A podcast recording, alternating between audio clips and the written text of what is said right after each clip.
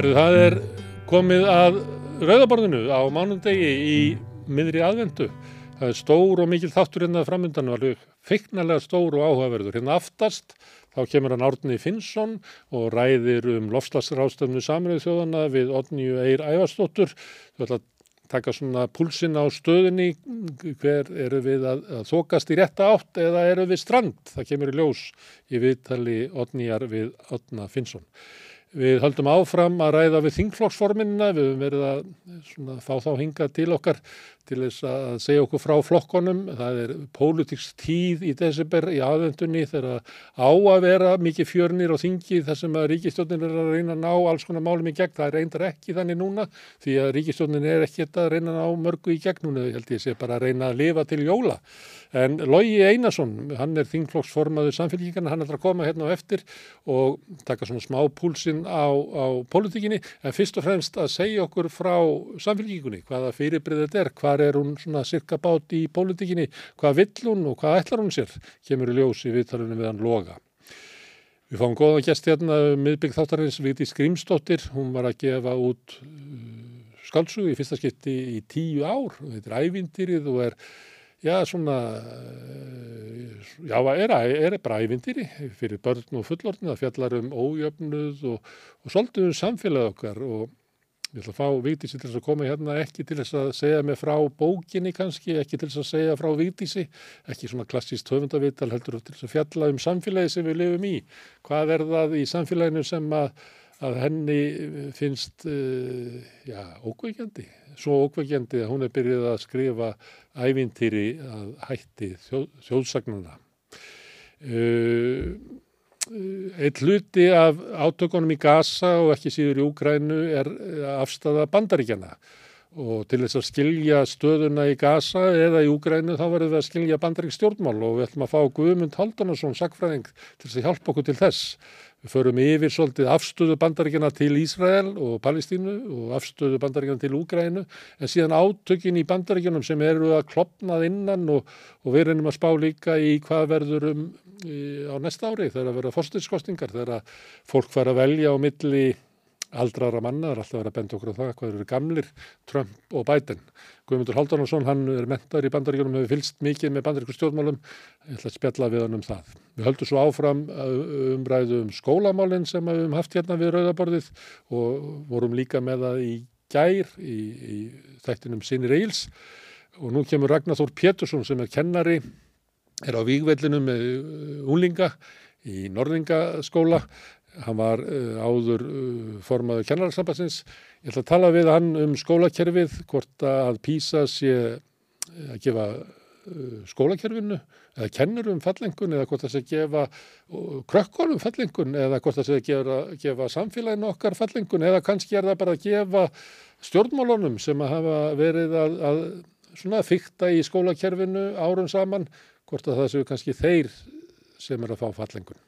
Þetta er prógramið hjá okkur í kvöld, hvernig ykkur til þess að hlusta, þetta er allt áhugaverð viðtöl, bend ykkur á að e, til þess að hjálpa okkur við að byggja upp samstöðuna þá getið læka síðunar okkur á Facebook og YouTube, þið getið dreift efnin okkar bent, vinnum og kunningum á efnið okkar, senda til þeirra eða fyrr, þið getið sótt efnið fyrir utan Facebook og YouTube, þá getið þið sótt að því á alla hlaðvarsveitur, þið getið hlusta á því útarpinu, við erum 89,1 hér á stór höfubarkasvæðinu, það er líka að sækja útarsendingunar okkar á spilaran, spilari.is eða hla, og þið getið hlaðið niður appi sem heitir spilarin, þá getið hlustað á útarsendingar samstöðuna hvers sem er í heiminum.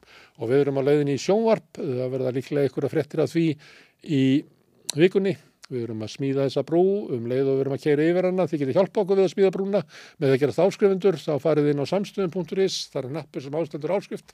Ef þið ítið á hann, þá getur skráð okkur fyrir 2000 krónur sem er lámas áskrift í dag sem að þykir vera látt verð fyrir alltaf efni sem við búum til hér. Þið sem að viljið geta borga meira og þið sem að kjósið getur látið áskriftina renna sem félagsgjöld inn í aldriðfélagið og það er alþjóðfélagi sem á og rekur samstöðuna og það er þess alþjóðfélagi sem eru að færa ykkur daskrána í kvöld við talum við Ragnar Þór Pétursson, Guðmund Haldanarsson, Vigdísi Grímsdóttur, Loga Einarsson og Adna Finnsson, gjör svo vel.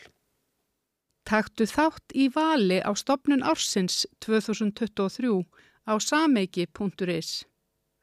Hlítur þinn vinnustæður verlaun. Sameiki.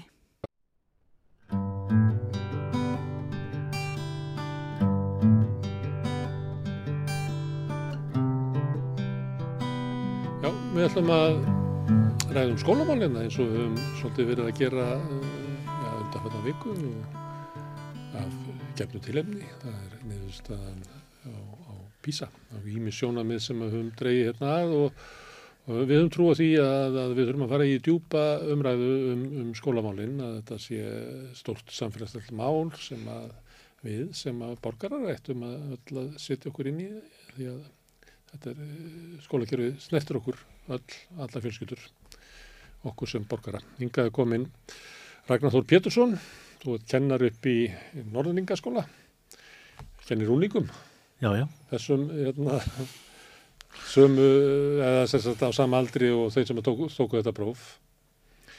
Það nú verið margt sagt um, um þessa krakka hérna í þessar umræðu, um að ja, stundum á helst merkjað að við séum eiginlega bara að missa þá út úr samfélaginu. Þeir geta aldrei orðið góðir og gildir samfélagsþegnar í líðræði samfélaginu að vera auðvitað að ljúa þeim og spila með þá. Já. Þú kannast þetta, þetta er já, já, kannski ekki með þessum orðum en þetta er svona ángið í loftinu. Já, já, það er sagt að sé mikið lók við líðræðið að, að þessi krakka geti látið plata sig Já. og stjórnmálmenn hafa mikla ráðgjur að þessu sem að ég hérna, skil ekki alveg því að, að best að þeir geti gett fyrir líðræðið að vera hætt að ljúa svona mikið Já.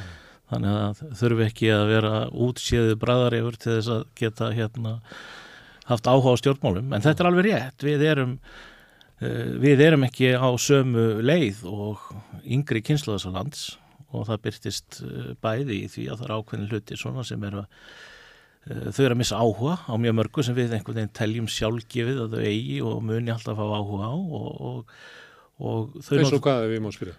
Til dæmis bara eins og stjórnmálum Mm. ungt fólk í dag er bara að missa áhuga á stjórnmálum og, og hérna og kostninga þáttaka er á niðurleið og, og hérna og þau upplifa Íslensk samfélag svona þetta hefðbundna íslenska samfélag kannski ekki sem spennandi íverustall íslenska bókmyndir, íslensk menning íslensk stjónvarp og, og svo framvegis Það, bara, vill ekki ganga inn í íslenska menningu.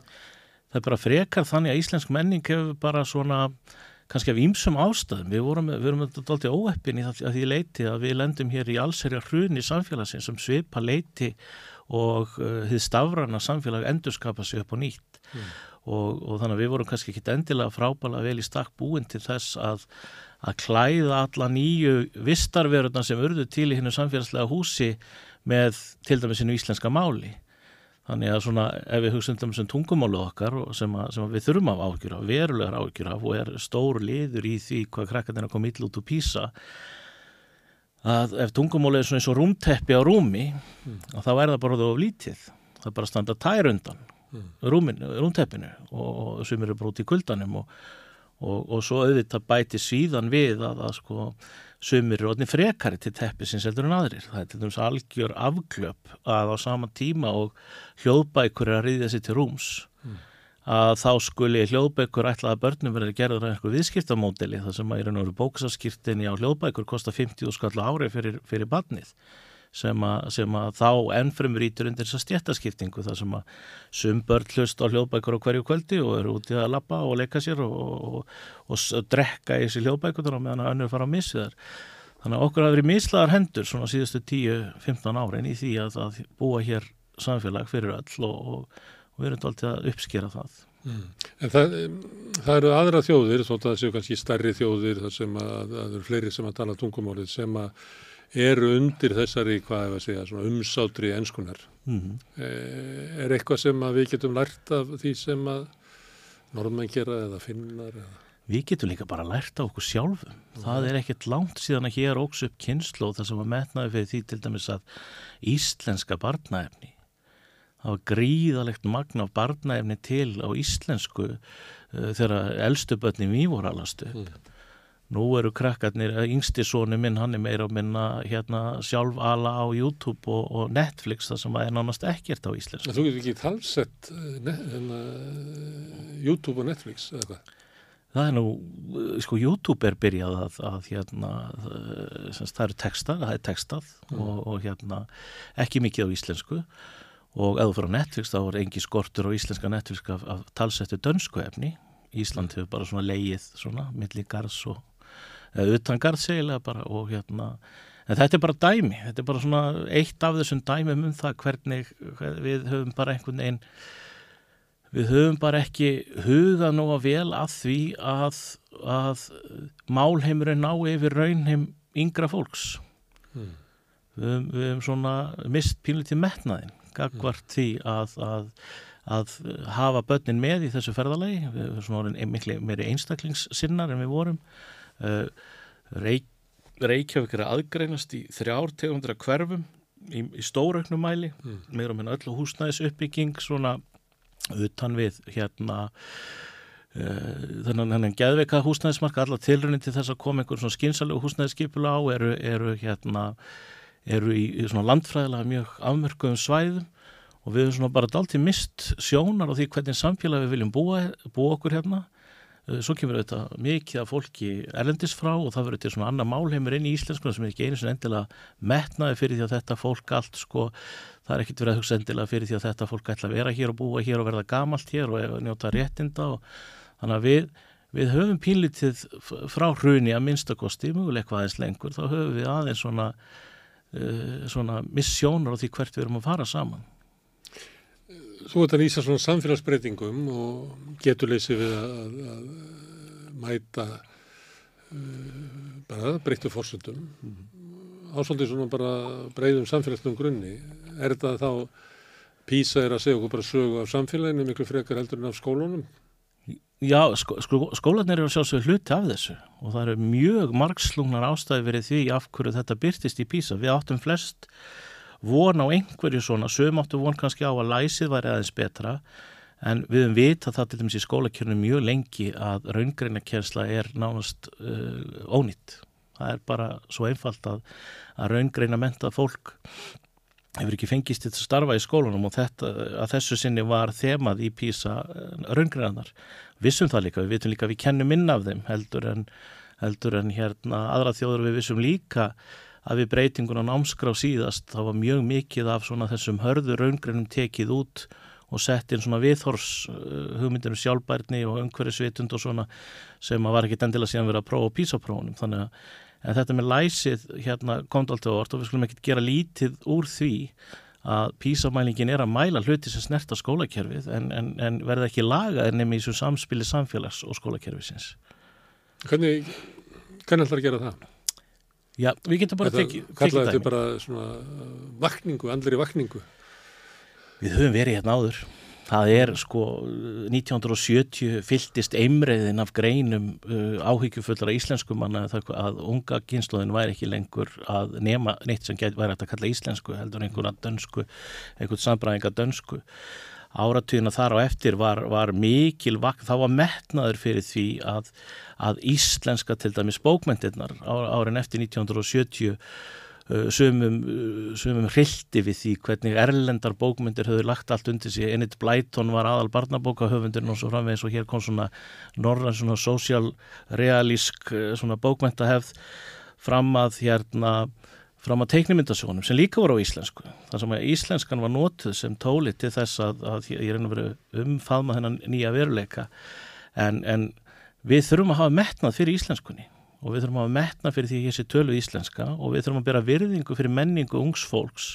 Það er ekki eins og þessi kynnslósur um að tala um núna hafi bara setið og horti í, í, í hérna neyra á gólf og, og álut og ekki verið að læra neitt og ekki kunni ekki neitt og viti ekki neitt. Þetta er vel gert fólk með, með flottar hugmyndir en það notar ekki verkværið íslenskuna eins og við höfum gert. Þess að íslenskan er ekki búið það sem þau eru Nei, á, á þeir... YouTube eða TikTok eða eitthvað. Þá þurftum við að fara að þýða þar eða, eða vera þar með íslensku. Já, eða, og ræða við um þessa hluti sem þau hafa áhuga á, á íslensku og við þurfum að vera þar, sannarlega og við þurfum að framlega efni og við þurfum að, við þurfum að fylgja þeim eftir og, og hérna og ef við höfum ekki áhuga á því ef við teljum, ef við teljum menningu ungsfólks ekki það merkilega að, að, og teljum okkar hluti sem fyrst og fremst að leiða þenni í okkar menningar heim mm. eins og hann var fyrir 30 árum fyrir þetta farsímana þá einfallega missuðu þau frá okkur og það hefur svo sem gerst fyrr þegar Frakland ætlaði að endurreysa sig eftir stríð og De Gaulle kom hér og saði, ég, ef ég fæði að ráða öllu þá skal ég taka þetta verkefni að mér þá var að komin í götubarda við unga fólkið eftir korter vegna þess að það saði einfallega að þessi skóla sem það ætla að bjóða okkur upp á eru bara ekki skóla eins og við viljum sjá þá við erum ekki aldrei að fara að taka hér og alast hér upp á ykkar fórsendum, við gerum það á okkar fórsendum mm. og að þýleiti er, er, er er jákvægt að við stöndum fram í þessari áskonum. Ég vona bara okkur byrja gæfa til þess að bregðast við að ábyrð en ekki með einhverjum klésjum og, og fyrsta sem þurfum að kasta út um gluggan er þessi ránkumundum það að umt fólk í dag sé ómögulegt. Sko, þegar ég var að aðrast upp að þá upplýðum við með þannig að við ætlaði að vera þáttakandi í íslensku menningu og þá þurfti ég að, að lesa Íslandikasugunar og Haldur Lagsnes og eitthvað fleira bara til þess að geta tekið þátt, hvort ég þurfti ekki að lesa biblíuna líka, því að það var, þetta var bara grunnurinn sem að Íslands menning byggði á og það er það sem að þú ert að lýsa, það sem að úlingandi verða að ganga inn í einhvern heim til að verða margtakir. Mm -hmm. Þetta er líklega, ég hef á tilfinningu að ég segja síðasta kynslan sem gerir þetta, ég býst við að svona, ef þú tala við fólk svona fært út að það sé ekki með Íslandikasúðunar eða lagsnes svona á taktinunum, eins og var eiginlega krafa á okkur, bara ef við ætlum ekki að vera hlignir út af borðinu, þá þurftum við að vera þessum. Þú ert að segja að þetta sé ekki leiðin að reyna að lokka unga fólki inn í okkar íslensku menningu. Einhver orða þetta svona við að þið varu verið að veita starfslun rítumöndanum um daginn, að við ættum að vera með starfslun uh, youtubera og tiktokera, að við ættum. Já, já. Það. Já, já, og við munum alveg, við vitum alveg hvernig breytingin var, við vitum alveg, uh, sko, nú er 40 ára afmæli, uh, sko, mikill að menningalega átaka um, um mentakerfið þú nærð rétt á undan því og ég kem rétt á eftir eða ég lendi inn í ringiðinni. Það sem ég raun og veru réttstjór uh, svona áhrifamikli blaðminn á morgumblaðinu síðan stuttir af, af hérna þingmönnum minn á þingir, endur og fleiri flokkum heldur en, en sjálfstæðiflokknum fóru bara í stríð gegn mentakerfinu á forsendu þess að Þar væri núna komin grein sem heitir samfélagsfræði mm. sem væri ekkert annað en undiróður, endalus undiróður undan þjóðar vitundinni og hvörtu yfir því að hér var ekki lengur kendur Gunnarsholmi og, og þekktir þú þekktir, þekktir ekki alla síslumenn og biskupa mm.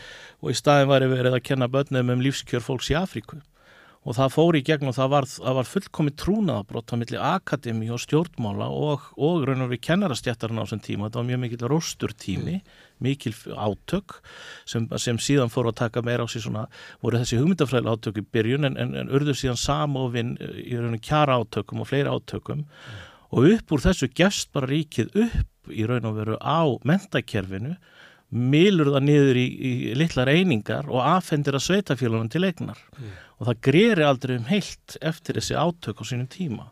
Þetta var gert í metabaláður og tíð Björn Spjarnasonar?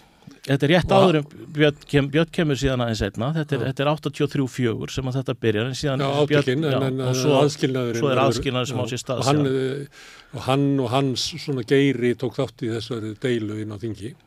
Já, já, og, og, og sko þess að greini. Þetta að, að brjóta uh, kerfi nýður og færa það svei, sveitafélagunum, þú möttu það að hafa verið eiginlega afleðinga af þessum átökum sem þetta voru. Já, ég raun og þarna, þarna hættir mentakerfið að hafa eitt samílegin tilgang fyrir helstu hag aðilum uh, í, þegar að þessu kom. Í raun og veru tvistrast þeir upp í það sem, og lítási sem anstaðarfylkingar og, og við vorum með þetta kerfisbreytingi sem slík var bara eftir módeli sem var verið að pröfu kér í Svíþjóð sko, það var ekkert verið að finna hana upp, þetta var bara tískan á þeim tíma, nú talum við miðstýringu nákvæmlega að það er tíska bara á bakvið það, mm. en þegar að þú ert sko, þegar það er ekki grundvallar sátt um tilgang mentakerfisins, þá endar það alltaf illa. Og sem dæmum núna, þá það sem að, sem er að tala um að það er bara endur ekki að samrænduprófin, þá verður þetta allt í lægi Samrænduprófin voru aldrei þannig próf að þau mældu þennan æðri leskíling sem PISA þá gerir. PISA er gott próf að því leiti að ef þú er komin í efstu steg skilning sem við erum með mjög lítiðum í okkar mentakerfi eh, að þá erum við komin í, í töluverða kröfu til þína gaggrinu hugsunar. Samrændaprófið var aldrei þannig. Samrændaprófið var aldrei upp fyrir fjórða, hæstalagi fymta steg þessum písamældi mm. og endurvekja það myndi ekki breyta nákvæmlega sköpum hlut. En málið er að þessi, þessi efstu steg, þessi efsta hæfni sem líst er í písa sem er ákveðin grundvallarhæfni sem liggur, eh, liggur til grundvallar öllum fögum í, í raun og veru. Hún í námskan okkar kallast líkilhæfni. Þar er henni líst og það er bara sérstaklega kapli um líkilhæfni í íslensku námskráni. Mentamálar Yllugi Gunnarsson þegar hann var mentamálar á þeirra tók ákverður um að fórna líkilhæfninni. Mm. Hann, hann sagði, sendi bara út bóð, þetta skulið ekki meta. Því að þetta þótt honum of að þarna væri mentakjörði of miklu mæla að, að mæla siðferðistyrk eða persónu einstaklings mm. í staðin fyrir einfaldari hluti. Þannig að það var stiltur fókusin á fyrir mjög einfalda frumstæðustu mælingar á læsi sem til eru, sem er bara hraðapróf á læsi mm. og mentakjörði gerði bara það sem að því var sagt og þetta er árangurinn. Og það sem vantar í mentakjörfi okkar núna er að kröfurna til nefnda eru of litlar. Það er verið að gera of litla kröfur um gaggrina hugsun og, og, og, og kröfurnar um læsi til dæmis verða yfirborskendar því að í íslenskun í bókment, það er mjög mikið svona bókment áhersla þar og hún ristir ekki svona djúft eins og líkilhæfnin. Mm. En þarna var bara mentakjörnu því var bara einfallað með pólitísku bóðvaldi stýrt í þessa, í grunnulögina. Mm. Þeir sem eru svona ílluga megin að þeir uh, kröfu þeirra í dag er að við þurfum að gera meiri kröfur, mæla meira, fleiri próf. Já, bara... Þetta sé afleiðingina því eins og okkur orða, það, þetta er náttúrulega bara eðlilega niðurstað þegar við gerum einhver kröfu lengur til krakkana, mælum ekki hefnina og og þau læri ekki heima og þú kannast við þetta? Já, já, ég, ég veit þetta er bara, þetta að vera ákveðt að fá písapróf og þennan þjóðfélagsóp vegna þess að þessi hópur er að fullir að hluti um, um eitthvað sem það er ekki hundsvit á já. og veit ekki um. Þú þeir að lýsa Krakkar hafa aldrei verið mældir meira Þú varst að lýsa mentlamálaráður sem hafa ekki hundsvit á mentlamálum sem allt í einu bara eins og þú lýsir þessu næstu þess að það bara vakna upp með vitrun um að leggja niður sko, all, allir, allir mentamálar á þeirrar vilja gera vel og, og, og þegar það kemur að mentakerfum eins og öðrum þjóðfélagskerfum þá geta andstæðar hugmyndir virkað aðlagandi og þú horfir á það frá ákveðnum póli. Mm. Ylvi var ekkit að reyna að skemma. Ylvi var ekki að reyna að, hérna, að gera börnin svona illa læs. En, en það er aðgerð sem gripi var til á sínum tíma var fyrirsjánlegt og var bent á að myndu aldrei döga og myndu aldrei virka vegna þess að mentakerfum er ekki tægt að stjórna svona. Börn hafa aldrei verið meira mælt heldur en síðan þessu kerfi á komið á. Hvert einasta barn er mælt tvísosinum ári með tilliti til lesturs. Hvert einasta barn er búið að fá, fá inn í mentor eða inn í, í námfús eða bara heim á bladi, línuritt þar sem að sést nákvæmlega hvernig barni stendur miðað við aðra. Því var lofað þegar þessu kerfi á komið á að 2018 myndum við ná ákveðinu mælanlegu markmiðum sem voru lögð fram af mentamálastofnun. Það var sagt Ísland verður komið hingað. Þegar að það gerist ekki þá var, var hérna sagt, já það er kannski ósangjart að ætlast til að svona langferð sé farin að skila árangri strax, við munum sjá þetta í næsta písa. Sem er núna. Sem er núna. Mm. Þannig að ef einhver er á þessari heimina. línu mm. og ætla að fara að segja, herði við hefur núna bara fótt tækverð til að gera meira af því sem við vorum að gera, þá þarf þetta fólk fyrst að gera upp fortíð sína og komast að því af hverju þetta virkaði ekki og ég held að það sé bara best að leifa þessu fólki bara að hafa alveg pásu frá mentakjörnu og leifa mentakjörnu núna aðeins að fá vinna í friði vegna þess að mentakerfi hefur verið eins og, eins og hefur komið fram e, námskráin sérstaklega er búin að vera hinn pólitíski vývöldunum mentakerfið. Það var, Þorgjörg Katrín var tilbúið með námskrá mm. þegar Katrín Jakobsdóttir kemur.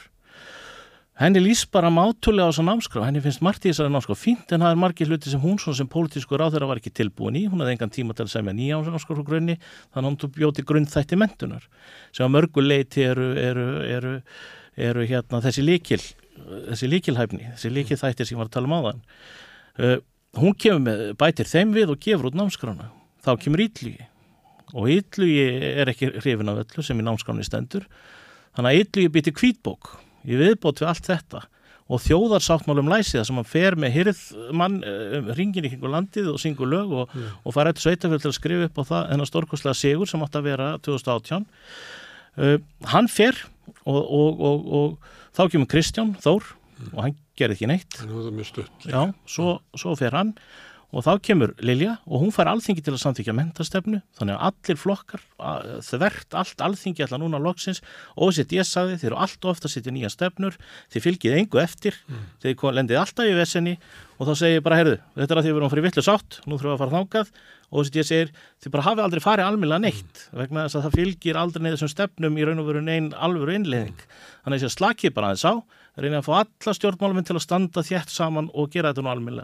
þannig að á allt alþingi kvittar upp á mentastefnu 2030, svo kemur ásmundur, gleimi því bara á fyrsta degi og fer í farsaldarmálinn og svo sitja hérna lukkurittararnir núna hver á kantinum, allir með nýju töfralösnina og ekkert að þeim er skila árangri vegna þess að mentakeri fær aldrei tækifærið að draga andan og bara gera það sem það á að gera sem er að vinna eftir þeim grundvalda lögum og reglum sem gildi í landinu, mm. námskráni.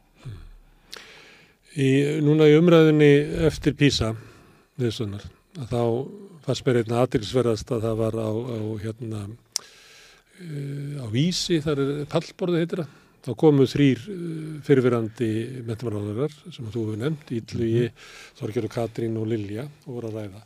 Það sem að mér fannst eiginlega kostulegast þegar þátt að hvernig sko afstæða þeirra, hvort þau verið sko gerundur eða, eða þáttakandur í þessari stöðu Þetta er mjög áhugavert að þau töluði elementakerfi sem svona ódælan unling sem þau hefðu lendi að þurfa að passa og hefðu reynda að siða til en ekki gengi vel.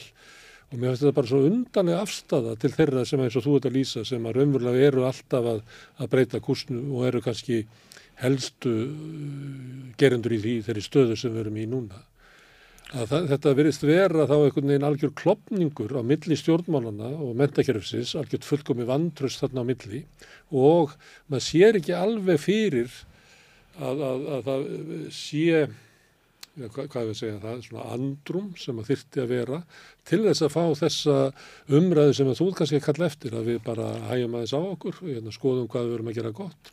Uh, Jón Torfi Jónasson sem kom ynga, hann saði að við verðum bara að metakerfun og kennurunum fyrst og fremst, við höfum ekkert annað betra þannig og við getum ekki byggt upp kerfi á vandrusti, við verðum að byggja upp á trösti og maður eh, auðvitað hljómar þetta sem svona það gáðlasta sem er sagt í umræðinni en maður uh, hugsa samt sko það er ólíklegt að þetta sjónminn ná í gegn vegna þess eins og þú ert að lýsa allar lukkurittarana sem eru á, á, á, á grindverkinu þá ser maður ekki einhvern veginn að, að, að það sé bara, því að fyrst þurfum við kannski að búa til sko einhverja sátt um hvað við erum að ræða og ákvaða vettvangi. Það er bara ekki Já. sátt um það.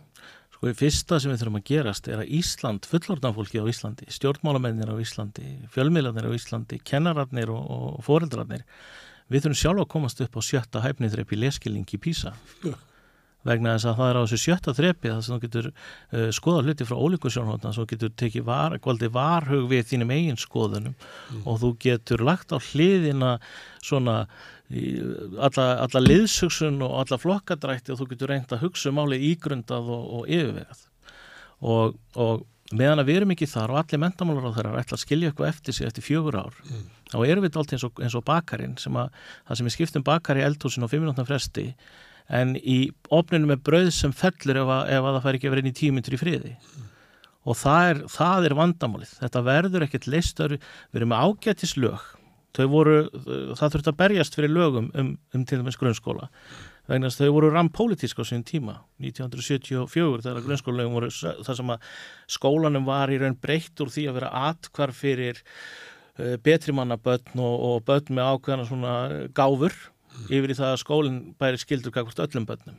Þetta var reysa breyting og hvertu mikið þeir sem að setja þessi lögum það að því þið síðan aldrei verið fyllt eftir alminnilega. Það er nú verið hefst þessi fyrirl. Við erum með ágætis grunnskólalögi í landinu. Við erum með vilja allt í kringum borðið að gera þetta vel. Það vil engin spilla þessu, það vilja allir gera þetta vel.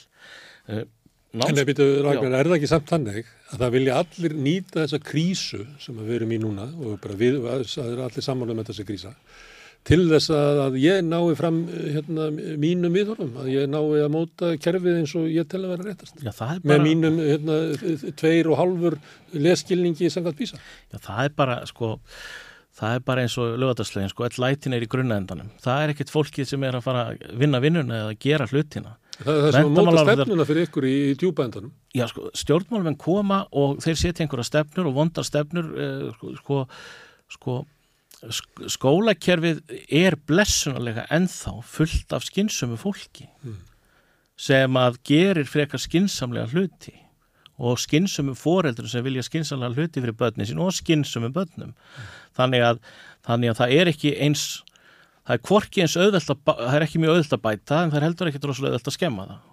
Það sem er auðvitað að hætta núna er að nú stöndum við á þessum mörgum og, og það er alvarleg, um, alvarlegt um svona efni að það er ef að þetta tækifæri væri, nýtt eins og hefur verið gert til dæmis í Afríku sunnan Sahara til að breyta mentakerfin úr eitthvað, í eitthvað annað mentakerfi, breyta því í, í fyrirbæri þar sem þú er bara með gerfigreindarverkværi og, og er með svona bara stöðlunar hugbúna þar sem þú bara einfallega skiptir út fólki fyrir, fyrir tæki og tól. Og það glittir aðeins í það. Og, og, og það er mjög alvarlegt hvernig kennarar hafa verið jaðarsettir í umræðinni hvað eftir annað ítrekkað og ég vil tek, teki sko debatt í þjóðinni, hjá þjóðinni um mentamál og það kennarar var allar spurðir þeim bara haldið til hliðar eins og Rúf hefur búið til svona þáttaraðir um metakerfið á hans að tala við kennara. Já, já, og hasarinn um kynfræsluna í, í Reykjavík um daginn þar sem voru bara stjórnmálamenn að rífast við, við einhverja hérna, ég veit ekki eins og alveg hvað hva, fólki á kalla þennan hóp. Já, og kennara með ekki láta íta sér til hliðar og láta, láta hérna láta eins og þeim hvað mentakerfið ekki við. Þeir bera þetta kerfi á herðunum og hafa alltaf gert, starfsfólki í skólunum gerir það og leiðið það áfram. Uh, það er mjög margt á réttir leið. Uh, við erum í stórkostleiri tilvistakreppu með tungumálið okkar og, og hvort að skólamálið sé mál ungmenna. Að einhverju leit er eðlilegt að, að hérna að uh, börn sko, séu lengur í dag að tilenga sér orðaforða heldur en áður, það er bara einfalda svo margt í gangi á íslensku, það er bara barn, æskan tekur alltaf lengur og lengri tíma en hún á ekki að gera það samanborið við Svíþjóð eða Danmörku. Og við þurfum bara að setjast niður bara og, og, og vinna úr þessu. Hverjir eru við? Þú segir að kennarar þurfi að gera það og mér finnst það svolítið vanta því að við, eins og hérna, þáttur í sig að vera að vísa í og það eru fleiri umræðu þetta sem við verið að fylgjast með þar sem kemur alls konar fólk og með alls konar kenningar og dregur alls konar tóralusnir upp úr sínu en svo ef ég reynda að ná hérna bara kennurum sem er að kenna og þeim sem að maður telur að hérna, gerst þekki kerfið að, að hver er það sem á að koma með mótvægi við hérna, stjórnmálafólkið sem að kemur með eitthvað, eitthvað stefnu, reynir að nýkja þessu eitthvað til. Hver er það? Er það kennararsambandið eða?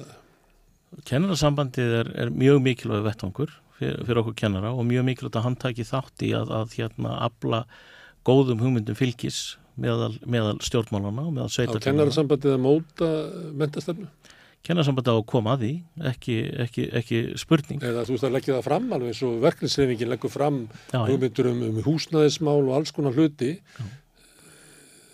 Sko, til, til allrar hamingju þá hefur ekki verið mikill hugmyndafræðilegur ágreiningur um grundvallar markmið skólakerfisins og meðan það er ekki mikill hugmyndafræðilegur ágreiningu þar og fólk er svona tiltölu að sammála um hugmyndafræðina sem að ég veit að kennararsambandið og, og, og sveitafjölögin og, og ráðherrarnir hafa svona í seinni tíð verið frekar uh, sam, samtaka Mm.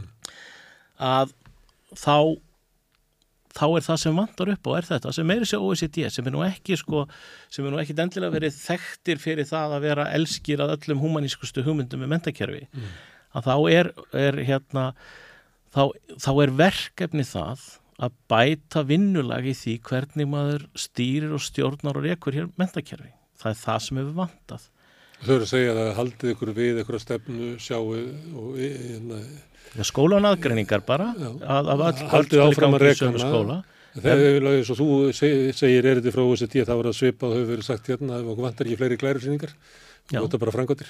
Og það er það sem er vandamálið. Ísland er bara fast í einhverju fari þar sem að stjórnmál eru því miður bara miklu leiti fróða Mm. þar sem að vandamál er ekki leist og svo þegar að þau blossa upp afleggingarnar af því að eitthvað, var ekki lagað að þá stökkva menn í, í sömu hugmyndafræðilegu skýringarnar af því hvaða sé sem vantar en raunverulegi vandin er aldrei leistur sem er sá og það er ekki nóg að hafa hugmyndið hvert þú vilt fara þá þarf líka að hafa færðina til að komast þangað sem þú vilt fara.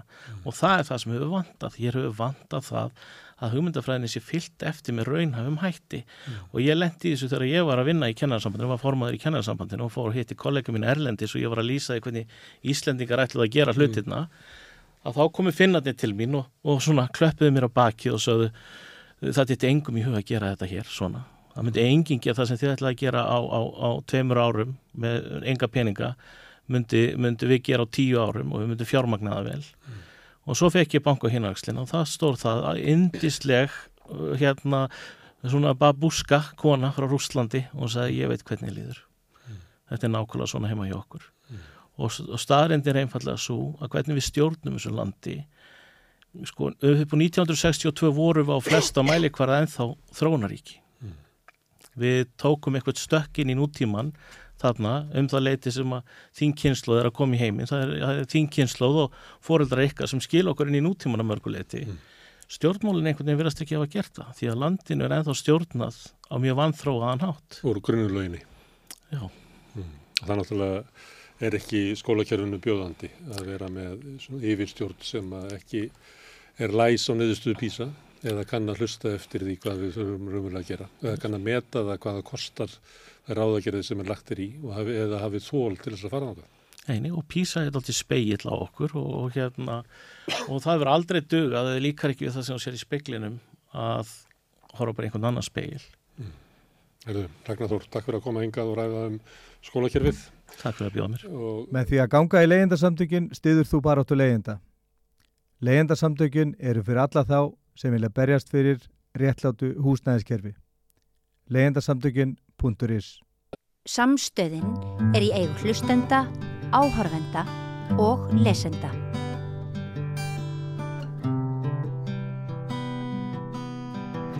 Já, við ætlum að fjalla um stjórnmál í bandaríkjónum, bæða því að að næsta ári verða fórstakostningar og svona ég veit ekki hvort að setja sig að línu sé að fara að skýrast en það eru að mótast einhver leiti en ekki síður vegna þess að inneríkismál í bandaríkjónum og var bara mikil áhrif á heimspolitikina, ekki síst uh, stríðið í Gaza eins og kom fram í atkvæðgreðslu öryggisálsins uh, öryggisáls samlingsþjóðana þar sem að bandaríkjaman beittu neitunarvaldi uh, um samþygtum um, vopnarlega þannig að, að bandaríkin hafa áhrif á allan heiminn og það getur skipt máli hvernig veður skipast í lofti í stjórnmálum þar. Til þess að ræða við okkur um stjórnmál í bandaríkjónum er hinga komin Guðmundur Haldunarsson, sakræði prófessor mentaður í bandaríkjónum yep.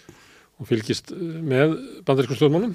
Já, já, ég gerir það. Ég bjóð þannig sex ár og, og hef hérna fylgst með, með síðan og síðan með þessum nýju, nýju, nýju tækni þar sem maður getur fylgst með og, og hlustað. Það, það er svo marga stundir sem maður hefur til þess að það sem maður getur verið að hlusta.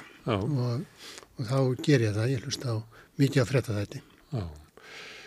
Sko með gasa að það væri svo sem hægt að orða þetta þannig að, að á meðan að bandaríkja stjórn stiður ríkistjórn Ísveils nóg eftir vott eins og við myndum segja í bandaríkjónum að þá mun þetta náttúrulega ekkert skána þetta ástand mm. þannig að líkilina því að það verði eh, fundir einhver leið til fríðar eða einhver varaleg lusna þessu svæði verður líklega verða svo að, að bandaríkin muni hafa eh, veikari stuðning eða stuðning með skýlirðum við Ísrael en það er bara ekki í kostunum. Mm.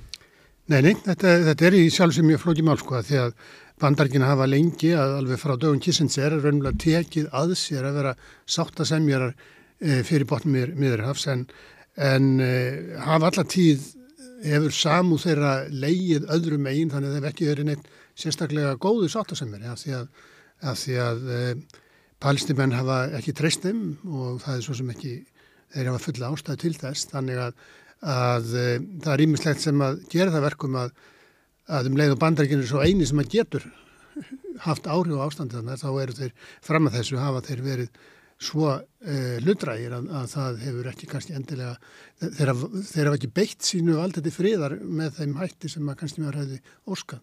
Og ég fyrir að verði, sé gert eitthvað samkomlaga fyrir þeirra tilstöðlan, mm. að þá raunverulega styðjaður í ríkistjórn Ísraels þó hún farir raunverulega gegn samkomlaga. Já, já, og, og hérna það má segja, og þetta er, þetta er mjög flókið máli, þetta, það, er, það er mikið að breytast og, og, og það er ímsar ástæði fyrir því að, að Ísrael á svona mikið stuðning í bandarkjönum, mm. ekki bara meðal, meðal demokrataðil en þá frekar meðal republikana.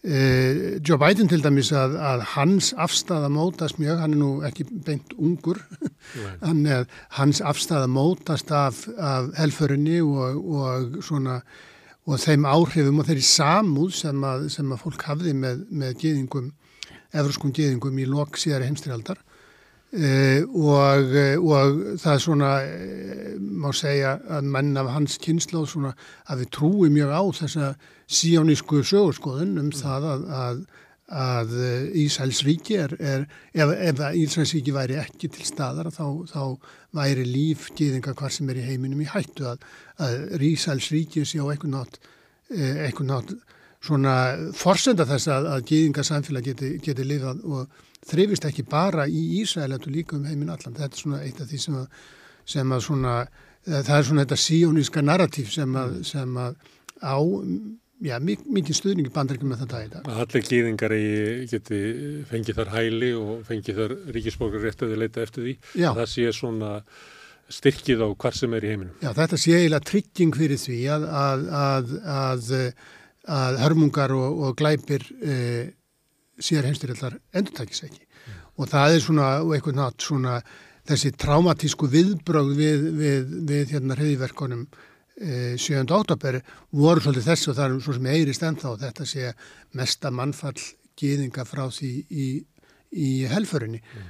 en að líka þessu tönnu saman er auðvitað, er auðvitað ekki sögulega e, þetta er ekki sögulega sambarilegt en, en það er til þess að tala inn í þetta, þetta narratív sem að, eins og segi er mjög stert í bandreikunum en þetta í dag E, sumir styðja Ísæl eh, vegna þess að, að já, það eru mjög sterkar, sterkir svona kristnir fundamentalistar e, í bandaríkjunum og þeir styðja Ísæl ekki vegna þess að þeir séu, séu hérna svona mikil, mikil gýðingavinir, það er mjög mikil landlæg antisemitismi meðal þeirra heldur fyrir ekkar, þetta er svona trúarlegt, þeir sjá fyrir sér að, að þeir sjá í biblíunni að, að þetta er svona, svona eiginlega svona fyrirbóði um það að, að að nú sé lokatímanir að renna upp og, og, hérna, og, og e, Kristur minni snú aftur til jarðar og svo framvegis. Mm. Þetta er svona einn og það maður getur ekki bara horta þetta sem einhverja, einhverja dellu sem að, þetta er auðvitað en, en hérna að þetta er, er skoðun sem hefur talsvert mikið fylgi í, í sérstaklega með republikana. E, Ísæl hefur líka auðvitað sterkan stuðning og tilvísun meðal gíðinga í bandaringum sem eru margir og, og, og margir í áhrifastöðum þó svo að kannski gaggríni á Ísæl er mjög sterk meðal gíðinga í bandaríkunum. Þeir hafa löngum verið svona í róttakari hluti, hluta bandaríkjumann en samt, ég minnist þess að ég var að tala við mjög þekktan bandarískan eh, prófessor fyrir nokkru mánu síðan, eh, róttakan en hann eh, var mjög svona, eh, hann var mjög hliðhóllur Ísæl, sko morðað þannig. Mm. Ekki allir því sem Ísæl var að gera kakrin og það, en, en sem sagt svona þessi eksistensialíska eh, tilfinningum Ísæl sem einhvern veginn og einhvern hátt svona heimili gýðinga, það var eitthvað sem var honum mikilvægt. Mm. Þú getur verið á móti þessum uh, hernaði núna og móti mm. á, samt verið fylgjandi í Ísæls ríki og allt Já. það. Og það eru auðvitað sko það sem er að gerast eiginlega í, í, í þessari umræðallir það er tvent sem að, ef ef við snúum okkur bara bandaríkanum hér, það er tvent sem er að gerast. Annars vegar er það að, að yngri kynslaður, sérstaklega bandaríkjumanna á, á, á vinstri kandun með mentara bandaríkjumanna, fólk á, í háskólum og svo fræðis, að þar er gaggrínin á Ísrael fer mjög vaksandi og, og ég heyrði viðtal við mannu dægin sem var að skýrta meðal annars að því að, að þeir sem eru fættir svona, já, segja, alast upp eftir 1973, eftir Jám Kipustrið þeir líti ekki lengur eins og menn gerðu áður á Ísæl sem, sem svona þetta litla ríki sem var að verjast allir þessum sterkun ákvörðan nú sjá menn, e, sjá menn hérna, það er eiginlega snúist við að, að Davíð er orðin að góliat fyrir botnum með hans. Ísæl er, er sterkar ríki með sterkar herr þannig að þessi svona samúð gangvert þessu litla ríki sem er að verja e, tilvist sín að, að það er, er að breytast og, og. Nú er líka náttúrulega, nú er anstæðingurum bara palestinumenn, áður voru akkurat, öll aðraðbríkin. Já, já, akkurat, það hefur flust hann í til og ekkert þess að, að í Jómkipur stríðinu þá síndu Íslandsmenn það í annað sinna þeir gáttu e, einir og sér e, nokkur veginn sigrað já, miklu, það sem að, að pappinu voru miklu sterkari, sterkari anstæðingar, miklu fjölmennari ríki. En síðan er fyrirbriði í bandaríkjónum sem að hefur verið kallað Ísrael lobby, mm. gríðarlega öflug svona lobbyistar sem að, að, að beita sér á hörku inn í stjórnmálunum og, og uh, ráðast að þeim stjórnmálamönnum sem ekki raunverulega stiðja stefnu stjórnvalda í Ísrael hverju sinni og mm. saka þá um, um geðingahattur og ekki bara í stjórnmálum heldur inn í háskólana og inn í fjölmiðlana og svolítið svona hatramur ákveðin hópur. Já, já, við sjáum þetta mjög ákveði núna í, í sambandi við þá bara málfrelsi á, á, á, á hérna háskólarsvæðum mm. þar sem að, að þeir sem að eru að gefa háskólanum fjö sem að hérna fjö sem að er mjög mikilvægt í rekstri þessara stofnana að þeir eru einfallega að segja, að draga tilbaka gjafi sínar eða, eða neita að gefa meira nema, nema skólanir ta, taki á þessu vandamáli mm.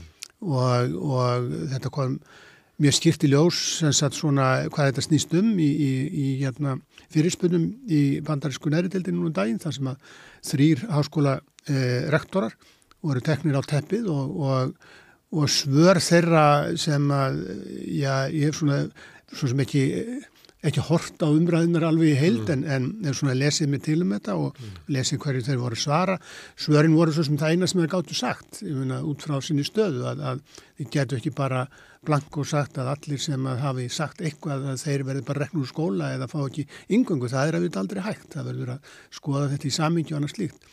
En, en vegna þess að þetta er spunnið og með þrýstingi frá, frá þessum Já, þessum eh, ríku einstakling sem er að gefa mm. sem að eru mjög á hvort sem að þeir eru gýðingar eða, eða bara stundisminn Ísraels, ég veit það ekki sko, að, að það er sérlega allur gangur á því en, en að minnskosti hafa þeir þá áhrifa núna hefur þá einn þessara þryggja rektora þess að segja af sér mm.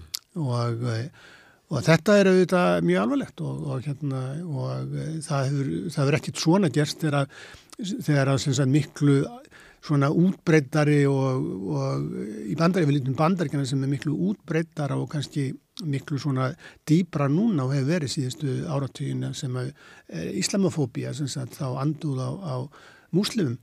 Það hefur aldrei, það, því hefur verið mótmælt og, og það hefur verið, verið svona reynd að taka á því en, en svona hefur aldrei gerst e, í þeim mm. tilvikum. Það hefur engið þrýsti hópur komið og e, hérna stór egnamanna og sagt háskólanum að því að því verið að reka hérna reka rektorinn vegna þess að hann hefur ekki gert náðu mikið til að koma í vekk fyrir Íslamafóbíu, það hefur ekki gert. Og drefur fram veikleika þess að kerfis í bandaríkjunum þessum að það eru henni ríku sem að halda upp í þinni aðri mentun sem er náttúrulega kerfi sem að kannski getur ekki haldið til lengra, lengra sko. Neini, það, það er miskosti sko, það er kerfi sem að, sem að heldur ágætlega þegar, þegar kemur að kemur að svona að, að tæknilegur mentun mm. en eh, og hefur, ég meina bandarískir háskólar, ég nú það, þekki það þetta mjög vel og eru alveg gríðanlega öfluga stofnanir, mjög hérna svona opnar og stofnanir. En, en eh, það auðvitað, hvernig getur það gengið ef að, ef að hægt er að þrýsta á þar í, í einstökum eh, pólitiskum hittamálum að það auðvitað eins og segir, getur ekki gengið til lengdar. Það er bara raunmjöleikin í dag. Já, það það. En þú eh, ert að segja að það sé svona, eh, það sé eitthvað sveibla, mm. það sem að með alveg yngri kynnslóða sé mm. minni stuðningur eh, við hérna, Ísrael og stefnu Ísraels stjórnar. Ertu að, að sjá það fyrir þér að þetta muni þá hafa þá árif á stjórnmálinn, þannig að, að, að bandaríkjastjórn muni hvað, innan tíu ára eða hundra ára breytum afstöðu sína eða bara þetta gæti spilað inn í komandi kostningar? það getur spilin í komandi kostningar og mm. það, er, það er ákveðin ótti hjá, hjá demokrátum vegna þess að, að það þarf svo litla sveiblu mm. og til þess að... Í örfáum ríkjum. Já, og, og sveiblan þarf ekki vera þannig að, að, að menn fara að kjósa Trump, þetta snýst ekki um það, heldur að fá fólk til að koma að kjósa. Mm og það er alveg ljósta í suma þessum ríkjum þar sem að mununum minnstur og sem skipta mjög miklu máli Þar eru allstórir hópar eh, kjósenda sem er af arabískum uppruna og þeir, þeim er ekki skemmt og, og þeir hafa látið í ljós að minnstakosti mjög ákveðnar evasendur um það að þeir ætli sér að, að hafa fyrir því að mæta kjörsta og það getur haft áhrif í, í, hérna, í, í þessum málum. En, en það sem ég held að e, sko við meðum ekki gleyma því og það segja þeir sem er að reyna að styðja stefni bætins til dæmis í þessum máli að segja bandarækjuminn séu að beita sér að, að alveg bakvið tjöldin að reyna að svona hemmja Ísrael, það er nú ekki genginni sérstaklega vel mm. og segja að þetta hefði nú verið miklu verður ef þeir hefðu ekki gert það Ljómar er svo rögvafki í ríkistjórnum Það má, það má en, en um leið Þetta er ekki alltaf góð rög Já, sko, e, sko þau eru að þýleitinu til sko, ef þetta væri þannig að þetta virkaði þannig Nei. að þá, þá segja, segja þeir sem, sem, sem, sem er að styðja, styðja Eh, stefnu bætens að, að ef að bandargemenn fara gaggrína í sel og, og til dæmis hefðu, hefðu tekið hérna afstöðu í öryggsræðinu ekki greitt neitunar, beitt neitunarvaldi sínu þá, þá myndu þeir missa þessi tök og Ísars myndu gera það bara hvort sem væri þeir myndu ekki hlusta á bandargin og ég meina, hún getur hugsa sér hvað sem þú vilt um þau rökan en, en, hérna, en það er að miskosti þannig að, að, að, og ég tek alveg undir að með þér að það er ekkit ríki sem að getur umlega haft þau áhrif þarna til breytinga annað en, en vandarík og þá með því til dæmis að hóta því að hérna, draga inn mikla hernaðstöning sinn við Ísrael tilbaka það, það, það myndi auðvitað hafa, það myndi ekki verða hrun í Ísrael en það myndi til lengur tíma hafa mjög mikil áhrif.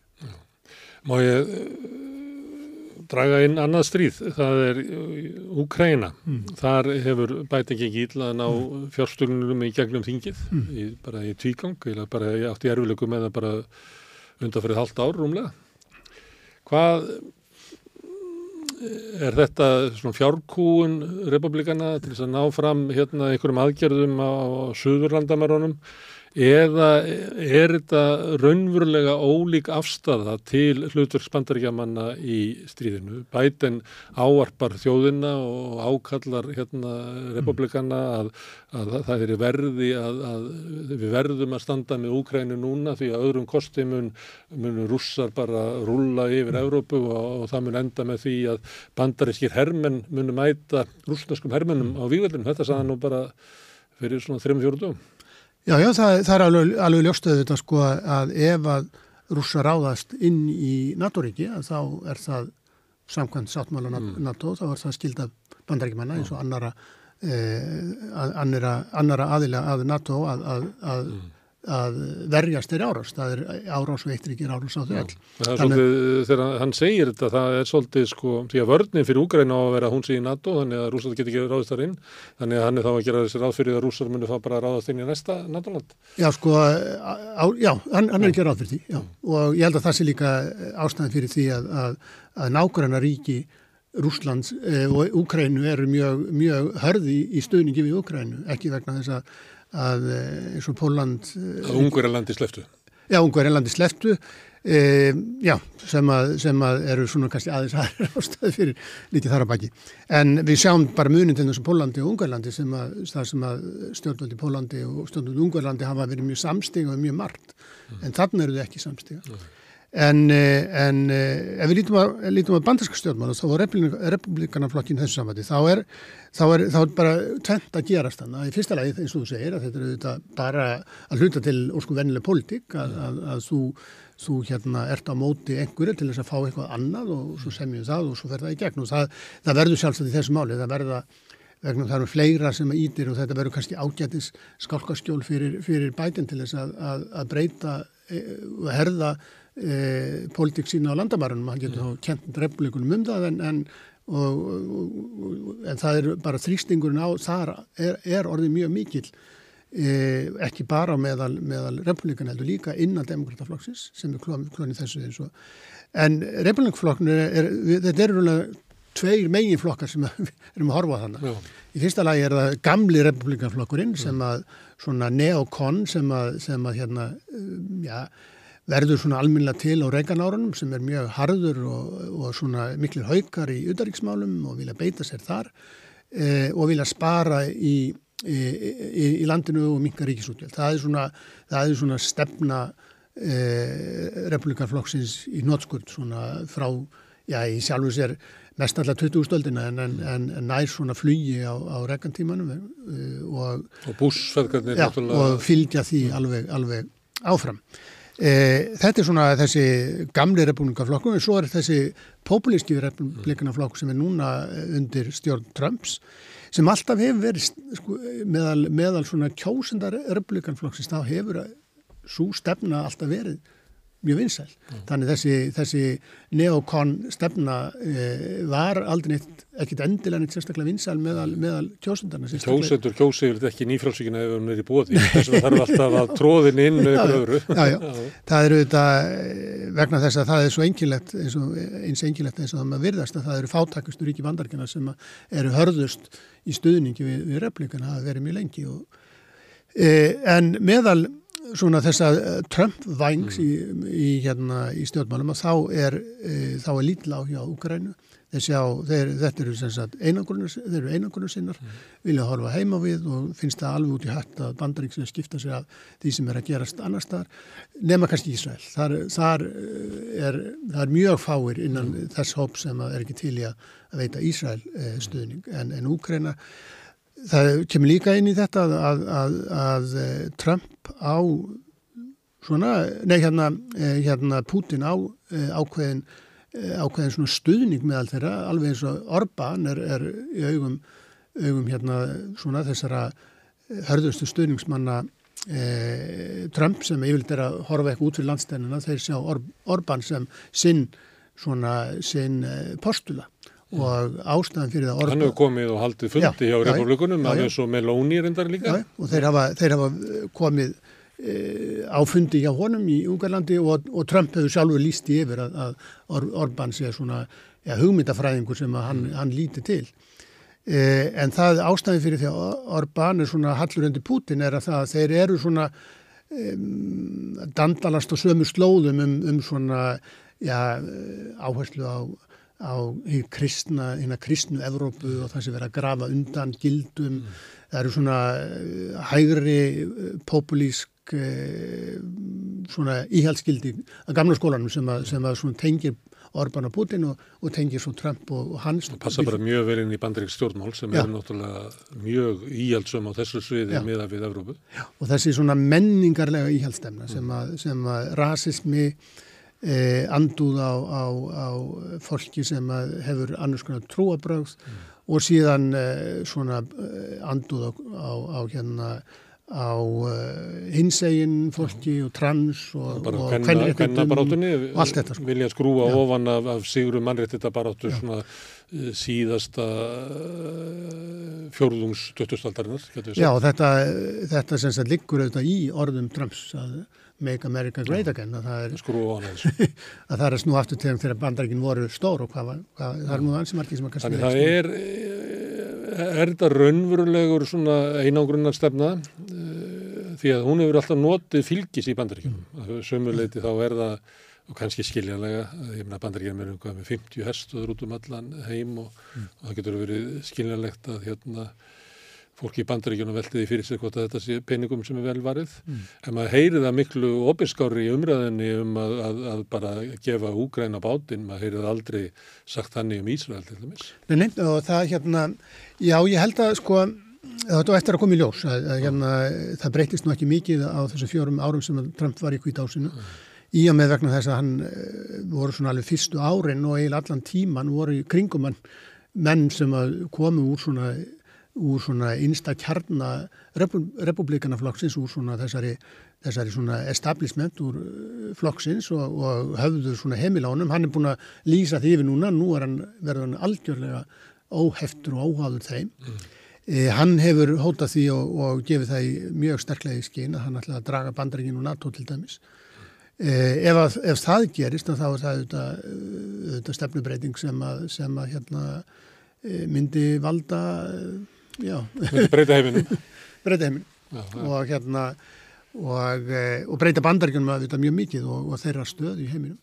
E, þá ég reikna með til dæmis að að eh, þeir láti saminu þjóðana líka finna það sko það, mm. það, og maður sér þetta svo sem í málflutningi manna sem eru svipað þengjandi hér á Íslandi að, að saminu þjóðanar eru ekki háðum hafðar E, alls vegar helbriðstofnunin er líka þykir okna fullandi þjóða. Bandaríkjafn hafa verið að veikja þessar stofnanir Já. Eh, bara kerfisbundið og ástæðan fyrir því að þjóðunar eru veikar í dag er líklega út af viljaleysi Bandaríkjana til þess að, að þróa það fyrirbrið áfram, þeir bara hafa engan áhafi þessi hópur. Já, sko eins að þeir hafa get, band, sem, þetta kom skýrt í ljós með hérna alls vegar glæpadámstólinn á sínum tíma, hvernig, hvernig Bandaríkin hugsað, þeir voru miklu stöðnismenn þessa domstóls en harnituð að domstofnin geti nokkur til að tekja bandarkaman.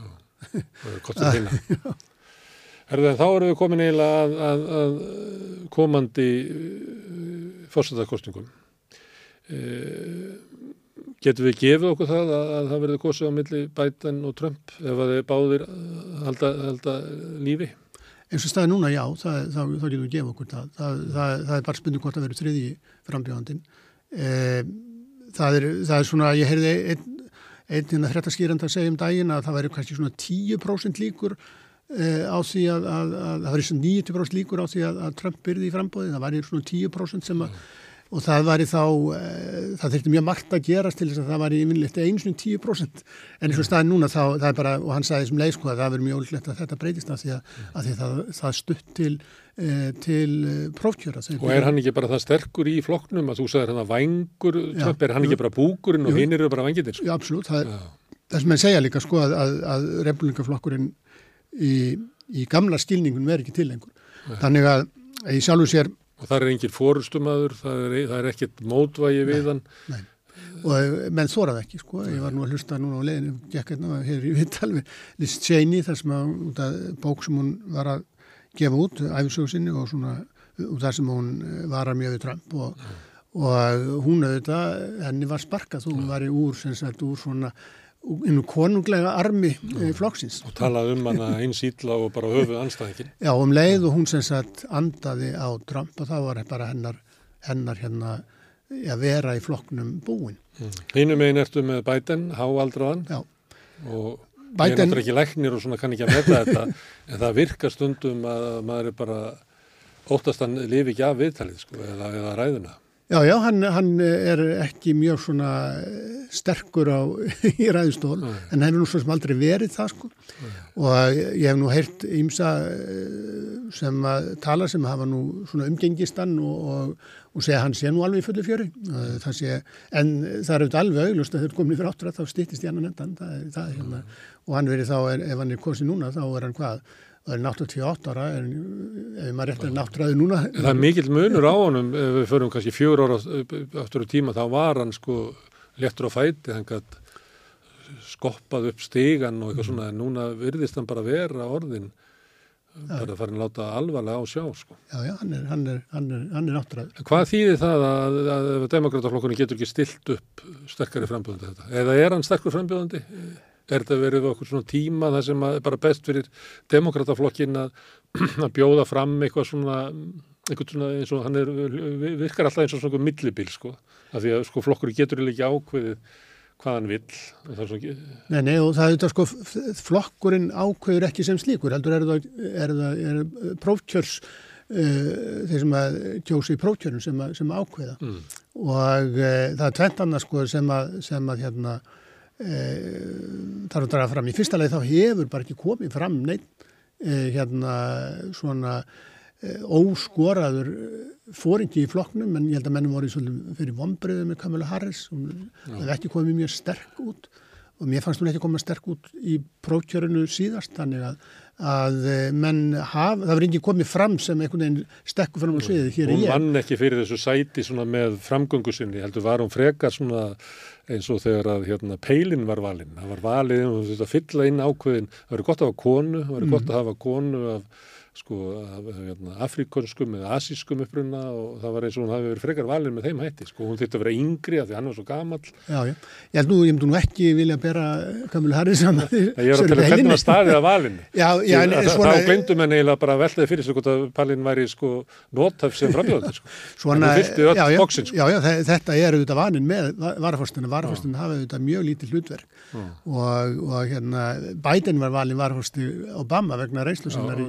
og, svona- og nýttist honum vel. Eh, ég held sko að, ég held að vandin með Biden er sá að, að ég held að fáir forsetar bandaríkjana, já ég veit ekki síðan hvenar, hafa raunverulega jafn árangursríkir eins og hann, mann getur verið ósamlega mjög mörg sem hann hefur gert en hann hefur samt gert miklu miklu meira, til þess mun meira en Obama gerði. Eh, í og með vegna þess að, að hann er auðvitað mjög flinkur í því að, að, að vinna með valdastofnanir, hann er auðvitað halin upp í þessu. Eh, hann líka er með þá skoðanir svona sem að höfða, hann er svona, já, eh, hann, sko hann er eiginlega fulltrúi íhaldsarmsins í, í, í flokknum en samt sem áður þá, þá, þá hefur hann í sinni pólitik núna eh, gengið lengra í svona, ég set þetta allt inn að gæslappa því að það er að tala um rótækni í bandaríkunum en kannski svona aldrei sérstak en sem að hefur þó miðað hvernig bandaríkstofnum hafa Þetta, verið. er- þetta er þekkt að stundu vera íhalsmaðurinn sem að getur náð fram róttakari stefnu heldur Mm. en róttakimaðurinn vegna þess að það er anstaða við hann, þetta er eh, Johnson hvernig hann Já, nær í gegn sko mannréttinda breytingum og, og baróttu við fátækt og fleira sem að kannski Kennedy hefði átt erfileg, meira erfileikum með að ná ekki ennum sinn flokk. Já, ég held að hluta til stafar þetta af því að, að Biden er já, demokratískur populisti líka, sko, mm. því að hann hefur mjög, hann hefur mjög svona mikla saman með verkalýsfélagum og hefur alltaf tíð verið svona, verið svona verkalýs sinnaður miklu meira heldur en, heldur en margir aðrir að fórstuminu flokksins, þannig að, en ég held að, sagt, ef að Biden var ekki orðin svona fjandi gamall, að uh, þá ætti hann nú, uh, já, þá væri hann nú mjög sterkur kandidat, sko. Og yfirleitt alltaf verða þannig að fórseti hefur ákveði fórskot. Já, já. Hann vinnur oftar en ekki, þetta já. það gerist ekki alltaf. Hann ætti engar sinns til dæmis núna áttræður ef hann hef, væri ekki fórsti. En við megum heldur ekki gleyma því að, að, að, að hérna, Trump er nú svo sem ekki nema þreymar árum yngri, þannig að hann er ekki svo sem mikil aldursmunni þar á. En hann er ernari, ég, Já, ég, sumi leiti, ekki, ég er ekki aðdánduð Trump sko, en ég verður bara að segja, hann er ernari í ræðu. Og, já, en það er sko, menn eru fannir að sjá svona í máli hans svona ímis elli glöpp, hörglega sama löndum, en, en það er kannski vandi með hann, hann er alltaf verið, hann er aldrei, já, þetta er alltaf verið orðsalat sem hefur komið út úr hann hvert þið var, sko, þannig að menn kannski sjá það ekki eins mikið. Nei, nei, ég, ég, þetta er auðvitað, áhyggja efni fyrir, fyrir demokrata, er hversu gamall bætin er og það og hann yngist ekki, hann eldist, Hann- hann, hann, hann- verður, já. hann verður ári eldri Já. þegar það verður kosið. já, og hann er, hann verður hvað orðið þá, er ekki 86 þegar lok annars e, þess að kjörðumabils, ef ég maður rétt, ég, Og þá skiptir máli hver er vara fórsetin. Já, já, það verður Kamala Harris áfram sko, því að, því að hún, er, hún hefur ekkert staðið sér illa. Hún- Kostingar geta snúist um það, hvort að Já. við viljum að hún taki við. Já. Að það verður örgulega notað ef það er eitthvað svona, ef að hún hefur ekki sko stert fylgi, Já. þá verður það notað gegn þessu frambóði. En, en í sé sjálfu sér, sko, stærsta máli þessum kostningum báðum megin er Trump. Þannig bæði motivasjón og eins og ég sagði áðan að þá er hérna, þá er bandarskars kostningar snúa svo mikið um það að reyna að koma fólki til þess að fara að kjósa. Og það er ekkert sem að fær menn ja, mikið til að fara að kjósa eins og, og þá bæði með og stuðnismenn móti. og á móti. Herðu, en uh, viltu fara í, í þessi kjördæmi sem að, eða fylki þar sem að verður harðast barist? Já, já, Nú það er- verið að byrja já. kannanir og þá eiginlega kemur í ljós að Trump stendur bara heldur betur þar sem að skipti máli. Já, já, það samkvæmt alveg konunum á hann bara, er hann bara í mjög góðum málum. Það er reyndar ekkert mikið að marka þessar kannanir en þá, en an, annað en það að, að bera að taka þessu svo sem alvarlega. Það er eins og mér segja, það, ef að það var ég farið til konunum þá var ímsir, ímsir orðið fórsta sem að, sem að, sem að síðan hurfu. Já, það er alvarleikin er ekki komin, alveg sama með skoðanakannir svo sem á Íslandi, að það er ekki fyrir en að kjósandinn er stiltur upp við að hann er að fara að kjósa, Já. að þá getur orðið svona á síðustu svona tveimur mánuðunum svona uh, sveifla eða einhverja breytingar Já. sem að, að það sem að alvarleikin eða áriðanleiki að taka ákvörðun kemur inn. Absolut, og það er alveg, en það sem við getum alveg öruglega er það að, að, að það er engin svona gríðaleg, hvað maður segja, gríðalegu spenningur meðal kjósenda eh, gagvart bætin. Það held að það sé alveg óvægt og það er það sem menn er að segja að nýðustöður þessar kannanar eru svolítið, eru það menn að segja að það, ég er nú ekki sérstaklega ánægð með bætin en þegar ég kemur að því að, að horfa fram á það að verði fjóður ánum drömm þá kannski er ímsins sem fara á kjörsta. Bætin var svo sem þannig líka fyrir fjórum árum, hann Já, var ekki drömm. En, en, en það eru alveg ljóst að það, hann þurfti, bætin þurfti að, að fá draga fleira kjörstað heldur nokkur tíman í sögu bandrækjan því að eh, sko, fylgi Trumps hefði, hefði duga til að sigra í allum postakonsum framtíð. Og hann var, gerði það eh, bæði, sko, hann gerði það nokkuð klókt, það var hérna hvernig hann náði svörtum í mm. Suðuríkjónum og hann vann þetta eins og hann er vanur að vinna, hann er, hann er uh, góður skipulegjandi í pólitík. Já, já. En eh, bandaríkinn, hérna, þetta er klófiðland mm. í alla kanta, Já. í stjættum og, og millistranda og, og bara alla kanta sem hægt er að hugsa sér, Já. í afstöðu, í allsem, í, í svona persónulegu málum og frjálslindis og, og en hvað, sko, við erum bara veltað fyrir maður, sko, hvað eru kostingattar þegar þú mætir, Já. þú veist, því að stundum veltum að fyrir sig að þeir geta bara saminast um eh, fánan eða eitthvað sko. Það er eiginlega orðið erfiðar og erfiðar að sjá það sko hver eru sko hérna, hver eru gildin? Ég fyrir að vera að tala um sko freedom eða eitthvað svoleiðis og þá er það bara fyrir eftir bara hver heyrir, hvað það þýðir sko. Því að það er eiginlega, hver er eiginlega sko samílu grundutur þessar þjóðar sko til þess að hún geti valið sér fórstu.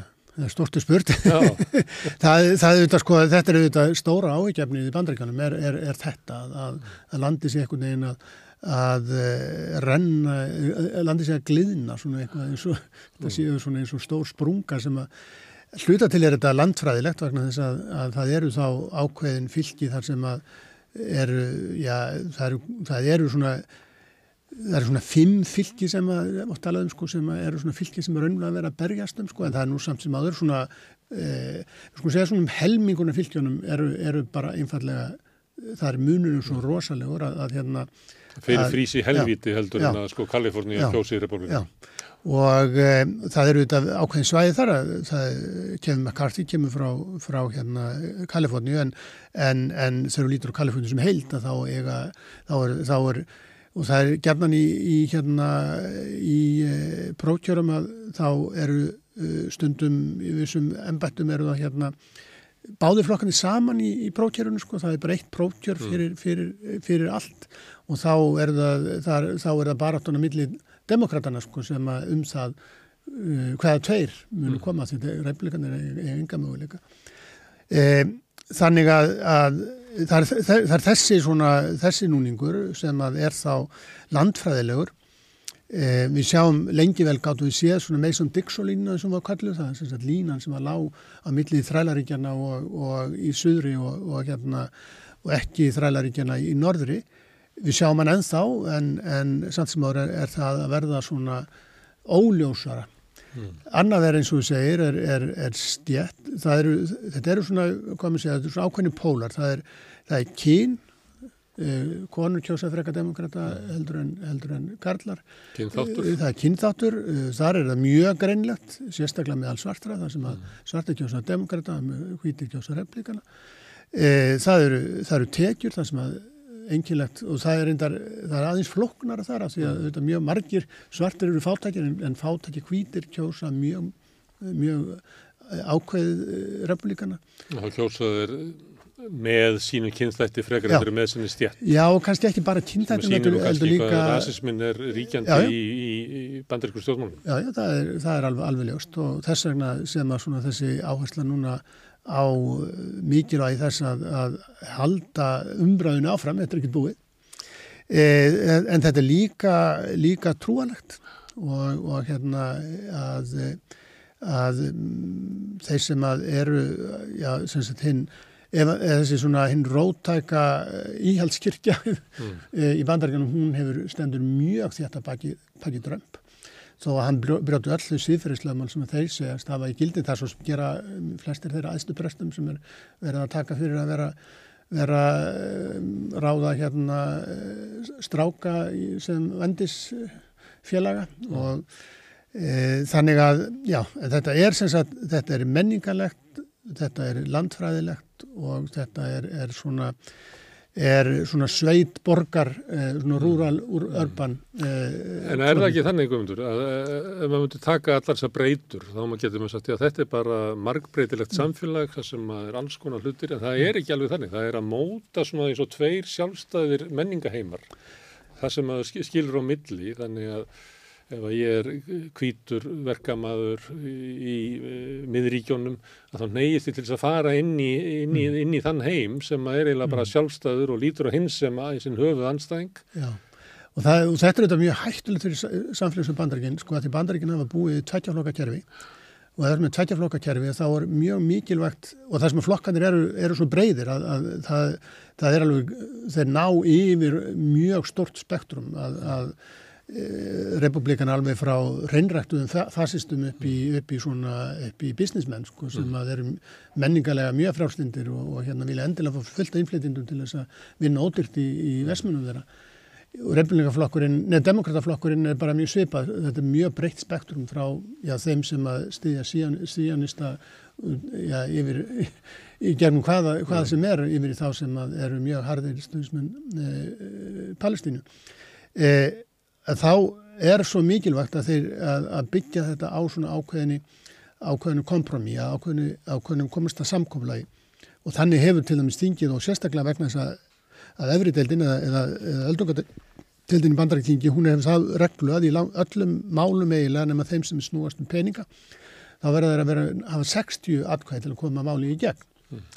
Og, og hérna, sem að síður það þegar svona mikil skipt er að það fer ekkit í gegn en það bara situr allt fast, þeir get ekki komið sér saman okkur skapaðan e, og þetta kemur meira að segja í þessu um núna, nú segjar að ö, ö, ö, þegar hérna e, fulltróðdeldin og völdugadeldin eru, eru sikur flokkurinn, er, republikanar eru með e, meirurita í fulltróðdeldinni og þá komir ekki einu svona fjarlögum í gegn sem að þurfa þá bara 50 atkvæði í völdugadeldinni en, en þetta eru komið líka í gegnum, gegnum, gegnum hérna, fulltróðdeldin og það eru mál sko sem að engum hefði dottið í hug að, að, að hérna, nokkur tíman að, að hugsa um að væri hérna annað samþykja og það er, það er að hækka svo kall skuldathakk sem snýst ekkert um annað en það að það, það er sem það eru, eru sett lög um það hvað e, ríkið má skuldsetja sér mikið og það er alltaf með svona vissum millibæli að hækka það því að já, ríkið er alltaf meira og meira í lán mm. e, og það er ekki þannig að að það sé að lega, láninu tekinn til þess að standa ströym af þeim kostnað sem þegar er búið sambyggja fjárlögum. Mm. Þannig að, að þetta snýst ekki um það að, að, að hætta við eitthvað af því að við höfum gefnaði heldur það snýst bara um það að borga eitthvað sem þegar er búið að ákveða að gera. Og raunverulega er hvoru flokkurinn að reyna einhvern veginn að stoppa hallaregsturinn því að báðir flokkarnir hafa raunverulega rekið á þessu og sumuleitið staða bandaríkjana í alþjóða hagkerfinu byggð á því að vera með sko hallaregstur að nýta sko það sem þið fá út úr að vera með alimsmittina. Já, já. Þannig að það er eiginlega innbyggt inn í kerfið já, og hérna gó, sérst, góðar í bandaríkjana og efnarslega styrk þeirra að keira þetta svona áfram. Já, já, þeir, þetta gengur upp að vissum markinu, þetta endalist getur þetta ekki gengið. Getur, þú getur aldrei endalist alltaf veitt meira. Ekki að sáti arafar og kynveri að fara að skipta á milli sín í, í öðrum annari mynd. Og hérna, en, en þetta er einmitt eitt af þessum, eitt af þessum málum að, að þeir get ekki náð Sko Trump hefur engan áhuga á, á svona mann, hann hann vil bara lækka, hann er alveg sem að lækki skattarna mm. nýrum öllu valdi og auki, auki útgjöldin, sko, mm. það finnst honum bara bestamál. Eh, en eh, hérna, republikan hef alltaf sagt að þegar, þegar þeir eru stjórnarstuð þá verður þeir mikil spartnaðaflokkur, sko, mm. þá vilja þeir fara að spara, eh, en þannig vil aldrei finna þá. Eh, en þeir geta, það, það er allir sambálum það, þeir eru úrskup einfand að leysa þetta. Það er, það er sára einfalt að leysa uh, þessi ríkisfjármál í bandaríkunum, það er bara að hækka skatana svolítið, að, hérna, að skatleggja innan ríku svolítið vera, það, það myndi þeir verið góðmálum sko, en það er ekki, það er bara verið gett að nefna það, þeir skattar getur bara farið einn átt það nýður og, og ef að tekjuna far ekki nýður með. Og tekjunar mörgluti geta það ekki meðan að uh, stól, svo stól hluti af útgjaldunum er bundin í almannatryggingum sem að eru ekki endilega best í heimi. Mm. en, en það er, það er social security kerfið er, er, er, er ósnertanlegt. Það er republikana hafa reynd að snerta en, en, en það hefur ekki farið vel. Þannig að mm. þóra það ekki. Sko, hérna. og ef þú heldur áfram að lækka skatta heldur áfram að eða miklu þá verður halli og hallin gengur bæðismarki en, en það getur ekki ekki endalust mm. Þá getur að önnu ríki hafnaði að hafa dólaran sem þessa uh, mynd til milliríkja viðskipta en, en Korki Biden niður Trump mun uh, lækna bandaríkin um klopning? Nei, ég held nú sko að, að svona ríki sem sagt læknist nú yfirlega ekki neitt, það er engin skamtíma lækning til, það er ekki meðal til sko. Þetta hefur nú gengið í ákveðnum, bandaríkinn hafa gengið þetta í gegnum mjög, já, tímabil sem verið jafnvel verri sem endur í, í, í borgarstriði. Þú þarf að fara þánga. Ég þarf að, til að finna svona, já. já það, er e, það er þannig. Og, og hérna, en e, e, það er ímsum sem að óttast að þá, við stefnum líka í þáttina eða, eða við stefnum, eða Trump fyrir kosin þá stefnum við í, í hérna innræði og, og hérna.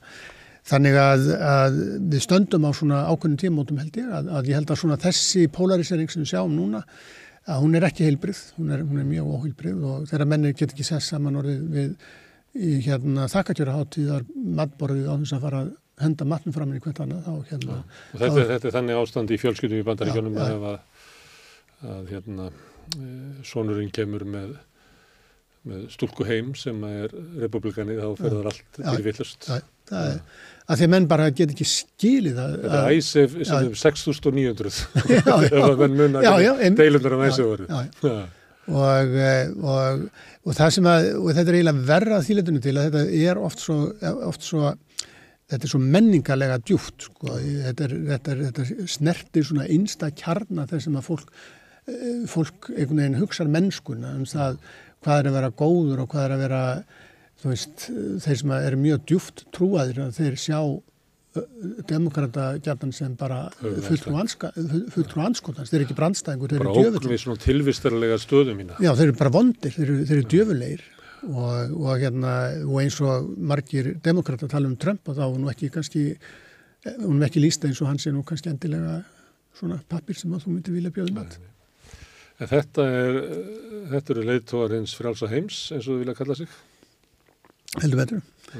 þetta er alvarlegt ástand fyrir okkur öll og, og þróunin í stjórnmálum í, í bandaríkjum sem að menn er að reyna að ná völdum í svona ástandi það menn geta klift af einhverja hagsminn út í heimi Já. í skyndingu. Ég held sko reyndar að, að ég held að, að það sem hefur gert auðvitað svona stjórnmálinn svona opbóstlega eitruð er, er Donald Trump að, að Biden er bara í sjálfu sér sko óskup venjulegur bandarísku stjórnmálamæður. Business as usual. Já, í sjálfu sér sko, þeir eru allir þessi kallar, þetta er allt sem að kallar sem að setja í þessu ennbætti, þeir eru allir ólíkir en, en þeir eru samt sem aður svona í stórum dráttum að þá er svona þeirra lífsín og eh, nokkuð, nokkuð álíka og það er, það er ekki svona, það er ekki tímin að hafa millar en Trump kemur með algjörlega ný elementin í þetta mm. og líka ný elementin í umræðin, hann hefur, hann hefur gert hana eh, svo svakalega að hérna og eh, sem að síðan tala líka inn í annað sem að, sem komið til ljós e, 7. janúar e, 2001 að, að, 21 að, hérna að það er svona þessi, þessi vopnægn sem að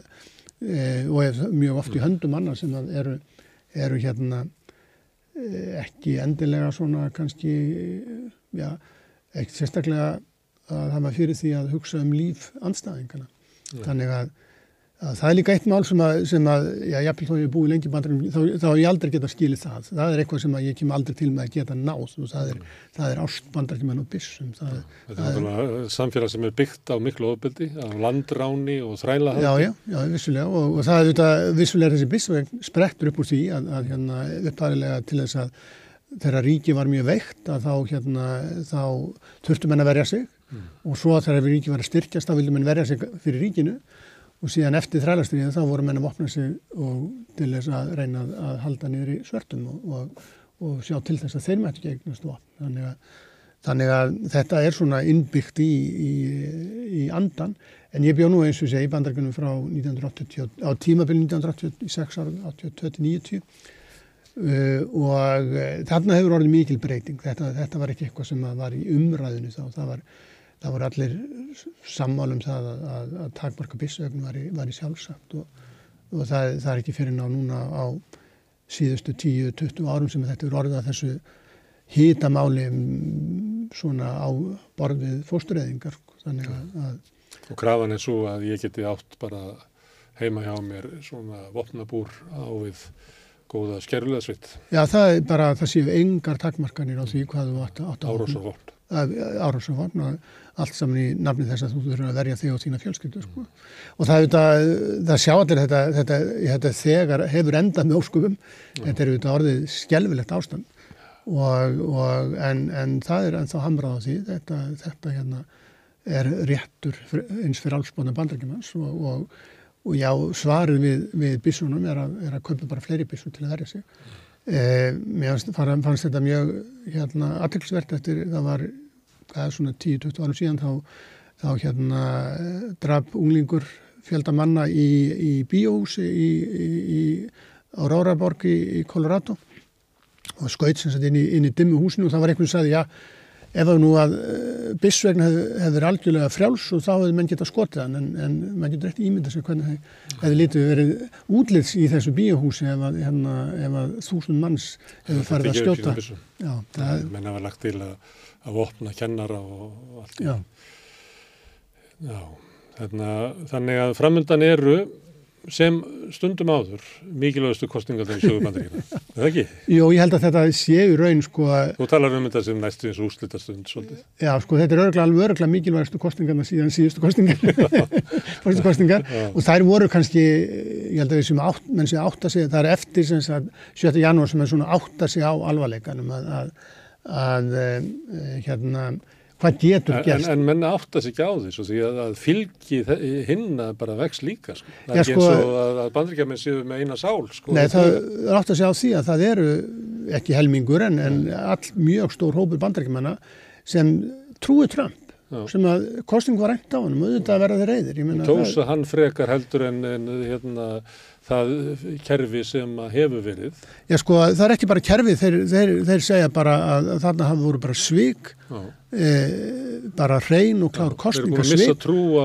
líðræðiskerfi í bandaríkina. Já það er bara líðræðiskerfi í bandaríkina getur bara virkað einn átt og það er að Trump eru góðsinn og, og minn sá sem ég stiði fyrir góðsinn ef það er ekki þá, þá er eitthvað, eitthvað og það er, sko, það er það sem að menn áttuðu sig á eftir, ég held að flestir eins og Cheney var að segja, sko, hún, hún kaus mm. Donald Trump í kostingun 2020 og, og hún sagðist nú ekki að vera sérstaklega stolt af því mm. en, hérna, en hún held samt sem áður alveg fram á það síðast að, að það myndu alltaf verða einhverju kringum Trump sem myndu svona tukta strákinn til sko en, en nú er bara Trump búin að segja að hann ætlir ekki að láta tukta sig til nú ætlar hann bara að láta slagstanda og nú ætlar hann að gera það sem hann langaði til að gera mm og eins og hann lísti því við sjálfur svo skemmtilega að, að hérna, hann ætlaði að vera hérna, harstjóri eða diktatóri í einn dag að miskusti en, en eins og menn segja þegar menn er búin að diktatóri einn dag Það er ekki dæmið um það að menn hafi gefið þau völd eftir Nei. að kveldi. Herðu, Guðmundur, takk fyrir að koma hengað og, og spjalla um bandaríkstjórnmál sem eru mikilvæg. Og við ætlum að halda áfram hér við rauðaborðið að reyna að skilja samfélagi sem við búum í og heiminn næsti gabli eftir Hvernig getur við réttlætt að um 63% eblingarkvenna eigi erfitt með að ná endum saman? Ebling stjættarfélag. Baróta fyrir betra lífi. Segðu það á samstöðinni.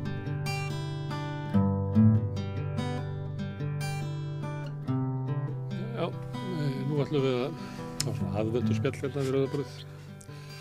Eh, Víti Skrimsdóttir er með skaldsögu í Jólabokaflöðinu. Velkomin. Já, takk. Þú... Ég vonu hún endist eitthvað fram í flóði, sko. Já. Þetta er leðilegt þetta að við að tala um bækunar svona kringum. Já, það er... Þessi sölufuru fyrir jólinn. Maður er pínlítið eins og porkon og hlaupum. Já. Með bókinu sína.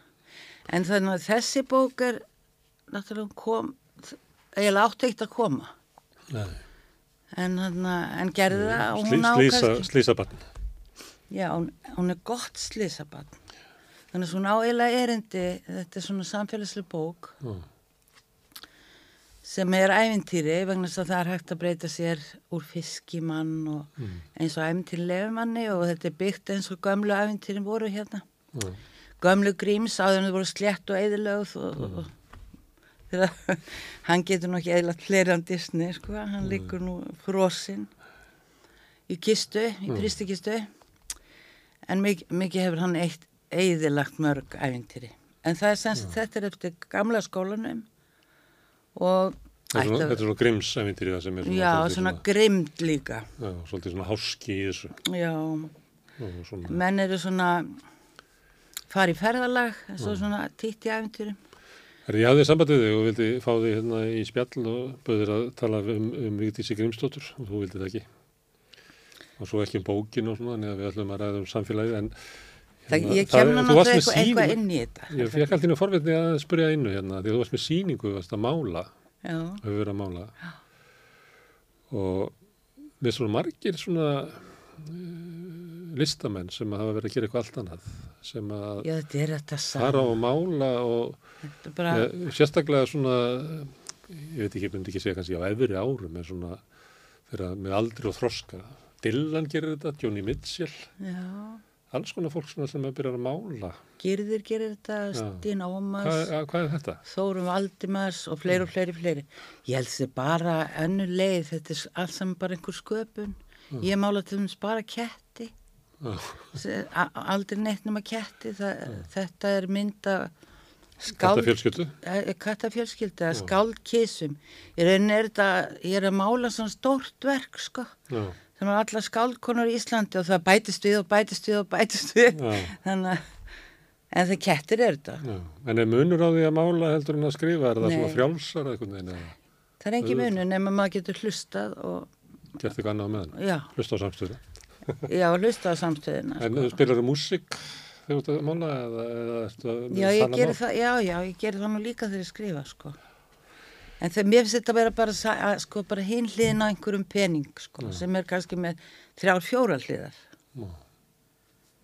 Og sem að þú ekki fengið að kynnast einhverjum að þessu hliðum. Já, einhverjum. Herðu, en þessi bók er um samfélagið að sömleiti og þetta er, þetta er samfélagið, það er ójöfnuður hana. Það er hérna, við erum, við erum að fara illa með fólk, það er erfitt að komast inn. Já, það er nú, þetta er, sko, ég fór til Afríku og var í sex mánuði, Já, hvert fórstu til að uh, Djibouti, það er hann að pingu lítið land. pingulítið miljón manns þar. En það er all stjættaskipting sem er hægt að hugsa sér, sko. Og, sko, og ofbúslega mikil fátækt og hræðilega mikil ríkidæmi. Og mér fannst stundum þegar ég var aðna á, á gangi að þetta, hvað við ætlaðum að gera til að koma í veg fyrir að þetta færi alveg nákvæmlega sér. Mér finnst leiðin liggja Þangað. þangað.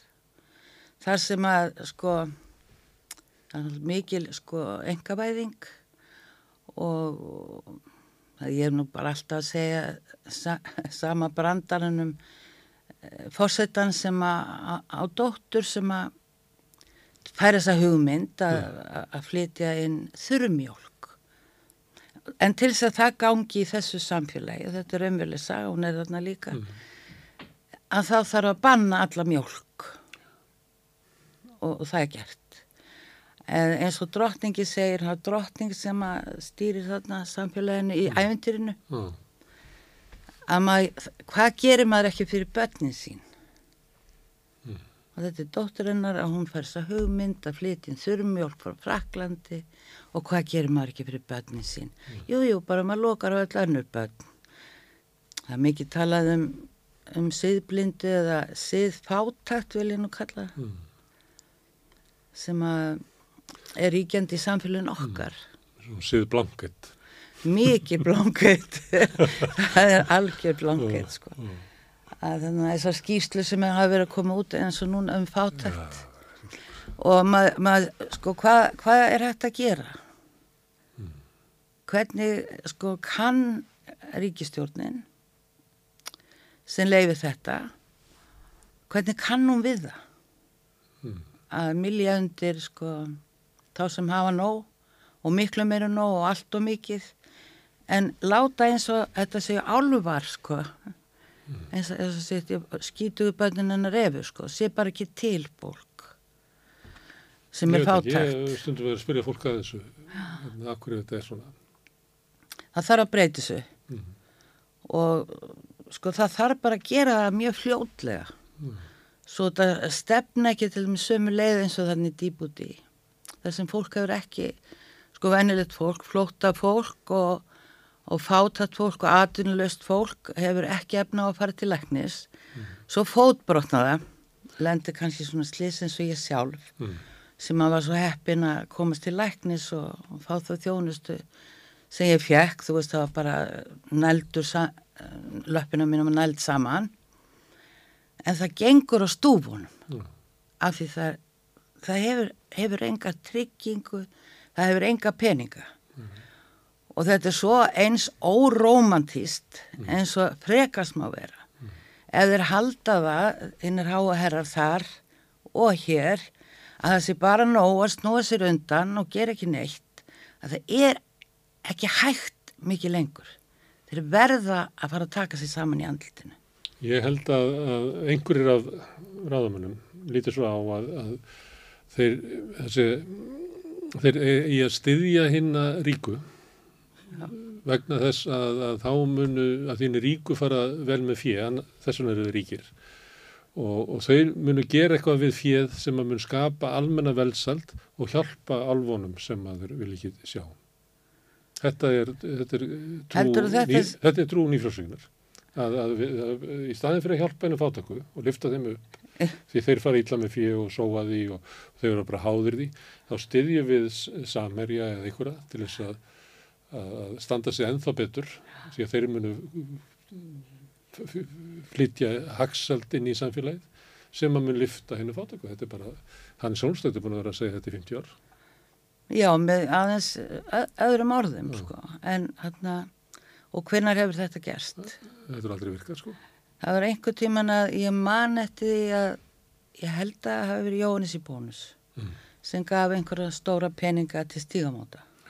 Það kom náttúrulega öllum blöðum. Mm. Það er vel hægt að gera þetta án þess mm. og það er margt fólk sem gerir þetta án þess en það voru að svona það voru örnugt að byggja upp samfélag þar sem að hlutur eins og að pötnum hans fá að borða áður en við fara að sofa og fara ekki í söng í skólan og er ekki stríkt að þau eru fátæk að láta það hverfa bara það er önugt að þetta skulle vera okkar samfélagi í dag mm. ég er nú búin að vera alltaf lengi í þessu samfélagi mm. þú veist, 70 ára og byrja að muna eftir mig svona fjara ára það har alltaf verið mikil stættaskipting á Íslandi mm. En núna er hún sko e og engum falin. Hún verður alltaf meiri og meiri. Auðafinn sapnast alltaf á færri og færri hendur. Mm. Og það, það segir sér sjálft að... að, að Þið vist þetta hafa vestnað? Þú finnur það á... Ég finn það á hennu sjötu á kroppi mm. og sásauka sem alltaf er svo sami að þetta er vestnað skóa. Það er eh, talað um 20.000 mann sem búa við fátakt og mm. Meir en 10.000, 12-13.000 sárafátat og er, er bara hægt að segja það er svo gott að hafa nýfjálfsíkina því þá koma uh, kallarnir eða strákarnir eða stelpunnar á, á hérna herstunum að henda auðrunum í fátakafólk. Það, það er annars að það en hins vegar er sko trúin svo að, að, að þeir munu auðga svo samfélagið með einhverjum hætti, ekki rétt að ölmusu heldur munu þeir bara lifta upp lífsgæðum allra. Þetta er já, trú. Já, og það hefur sann að segja einhver starfið ekki? það hefur ekki gert.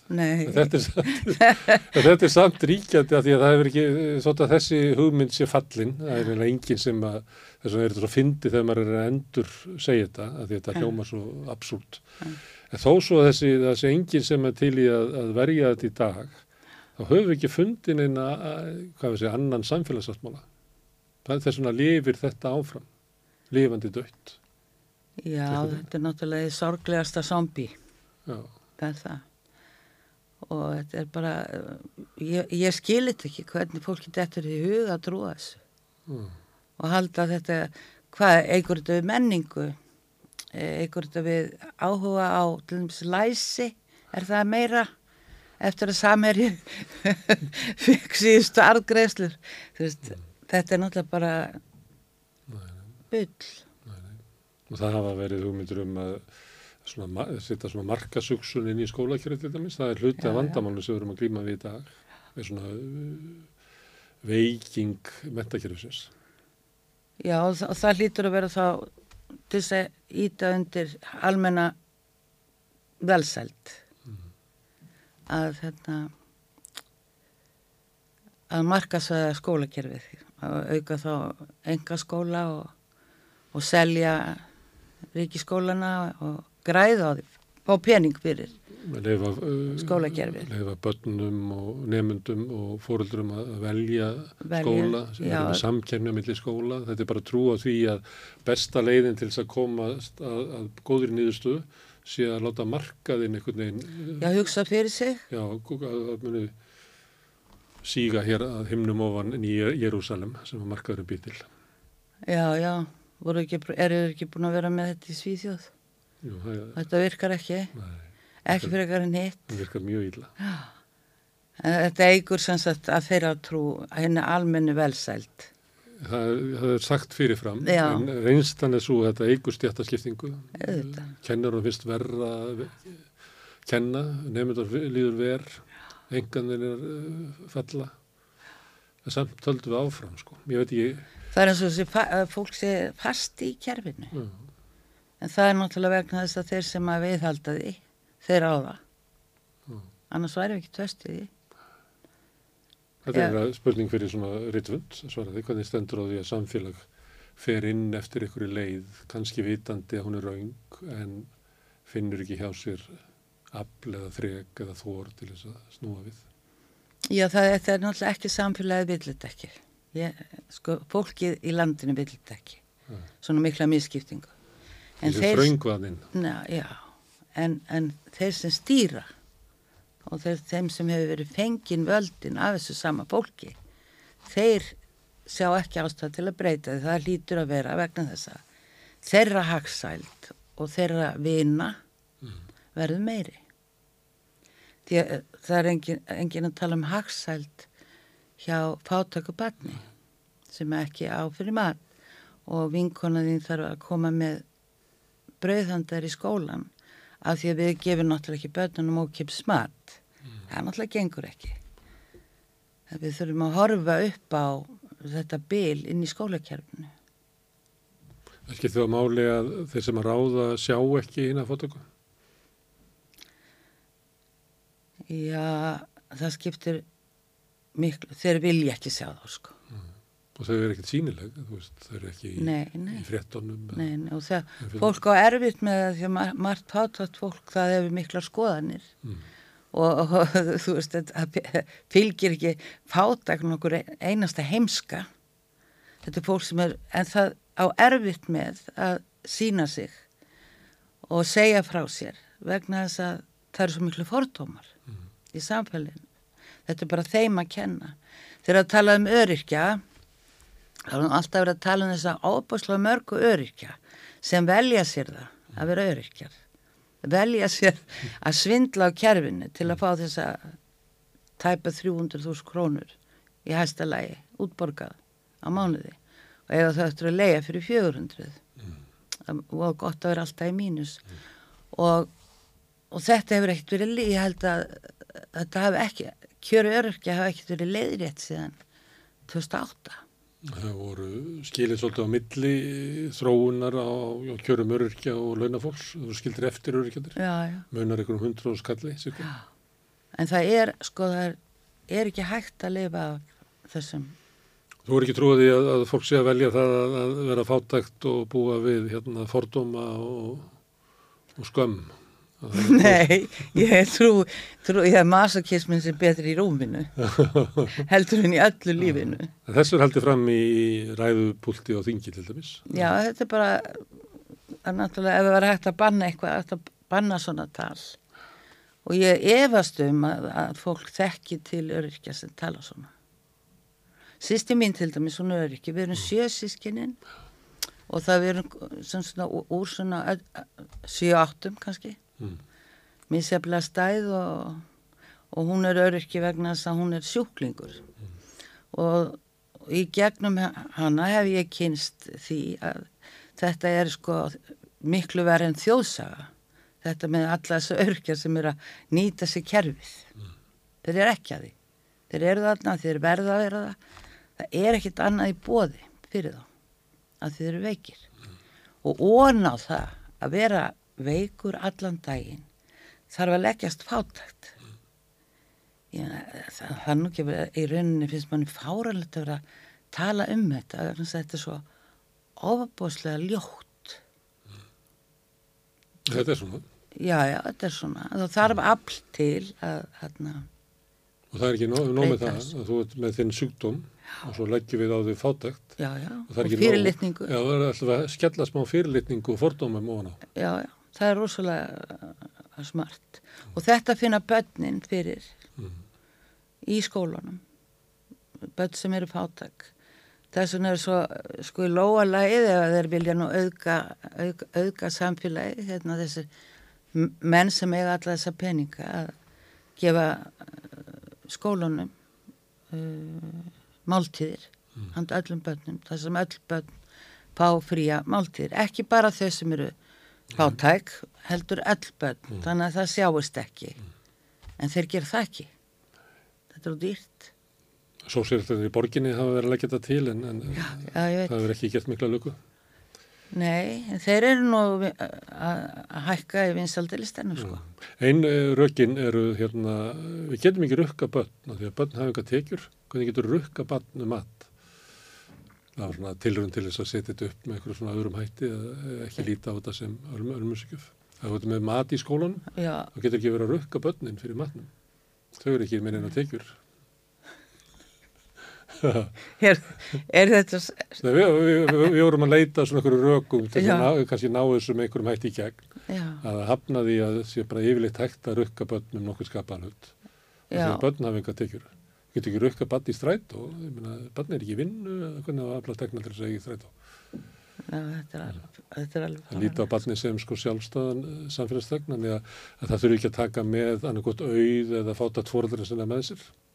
Þessi bara lítið á barnið sem sjálfstæðan einstaklinga. Allir, allir sjö ára í skólanum eru tekilausir þannig að við gefum öllum að borða. Já, já. já, það ætti að vera svo leið sko. að Þetta er algjörlega tekjulisir Vessalingar Já, þessi sjóra þú getur ekki haldið þeim frá he- heimili sínu í skólanum í 8 tíma þess að gefum að borða. Nei, það er svona þetta að barni mitt þarf að borða en ekki barni þitt. Mér kemur það ekkert við. Herðu, en eitthvað, eh, það er, það er einhver hörnun í samfélaginu sem að tengist hérna, þetta verður kallað nýfrjálsíkjan, en þú ert að vísa eh, að þú sett sjötug, hérna, var þetta skárra hérna Ég man eftir alveg fyrir geys- 50 árum? Fyrir 50 árum? Já, ég meina var meiri samkend með þeim sem að, það var, meiri, það var meiri styrkur. Já, Þú veist, maður man eftir þessum fundum sem maður var að fara á ég til dæmis bara gegn hernum. Já, Nú, nú, nú vilja svona ægilega margir verið í NATO að því það er svo mikið friðarsinni. Að NATO er, er svona friðarengill, hernaðabandalæð. Nú er, sko, já, já, það, ég skil það ekki. En það voru svona kraftmiklir einstaklingar, margir, sem að komu og, og rifust á pöllum og það sapnaðist fólk í sigtúnu og allstar til að hlusta og, og kraftur í köglana til að rífast við náunga sinn. Mér finnst þetta að hafa minkað. Það getur vel verið að nenningin er rífast sem ég, þó held ég það nú. En er það svona, Já, þeir þe- sem að reka andstöðuna hafi verið svona knarristari áður, Já, kraft meiri sko. Og það er sterkari og- sannfærðar um að það sé valkostur á móti þessu sem er verið að bjóða okkur upp á. Já, og bara, þú veist, talda í sín prinsip. Þú, eh, þú ert á móti hér og þú ert fyrir sinni, að það gengur ekki bara í, NATO. þú bara, það bara gengur ekki upp. Og þannig að og ef þú ert sósilisti eins og sumir grænir flokkar sem er að hverfa, að þá stendur við það sem þú segir, sko, eins og að hér eigi að ríkja jafnrétti. Og jafnrétti er ekki bara konur í valdastöður, sko. Jafnrétti er allstaðar, jöfnuður, já. En þegar þú tapar því þá líka ertu þurkast út, sko. Það lítur að gerast, það, gerast þannig.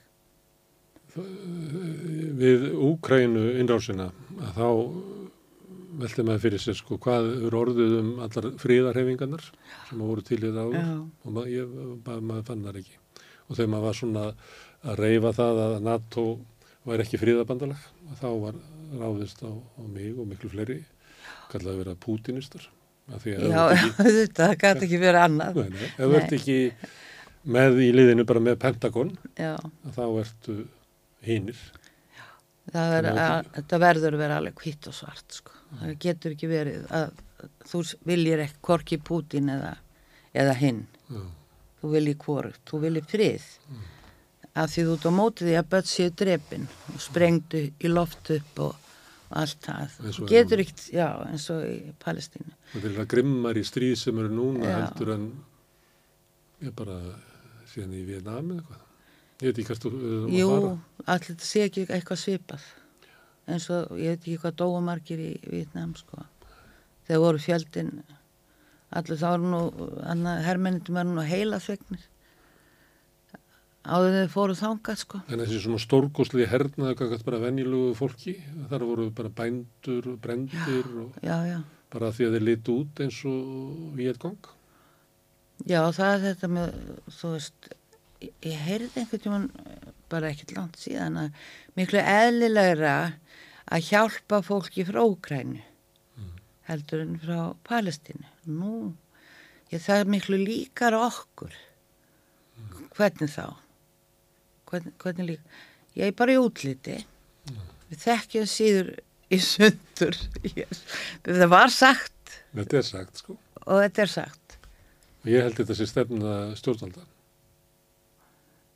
Ég, þeir eru miskust að styrkja þetta stríð og þeir afneita hinnu eða standa með Ísraelsmannum sem er náttúrulega alveg ótrúlegt að geta gert það.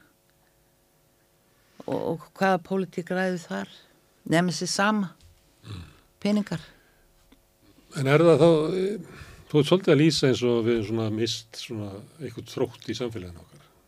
já, og það er svona dampin Og það er mjög alvarlegt vegna þess að ef þú missir hann að, að þá kannski, kann, veist ekki í hvað þú átt að grípa, ef þú ætlar að vera með anstöðu eða veist ekki hvar þú átt að gera það því að, Þetta er náttúrulega kannski leiðin er að hugsa hlutina eitthvað aldrei upp á nýtt.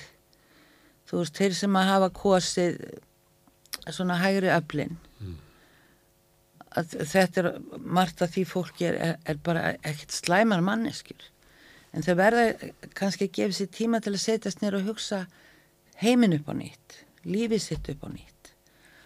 Og, og hvaða merkingu legg í orðin eins og óréttlæti, misrétti, fátækt þú átt ekki að þurfa að þekkja öryrkja til þess að vilja helst hjálpa honum að, fá almennilegt að borða sko.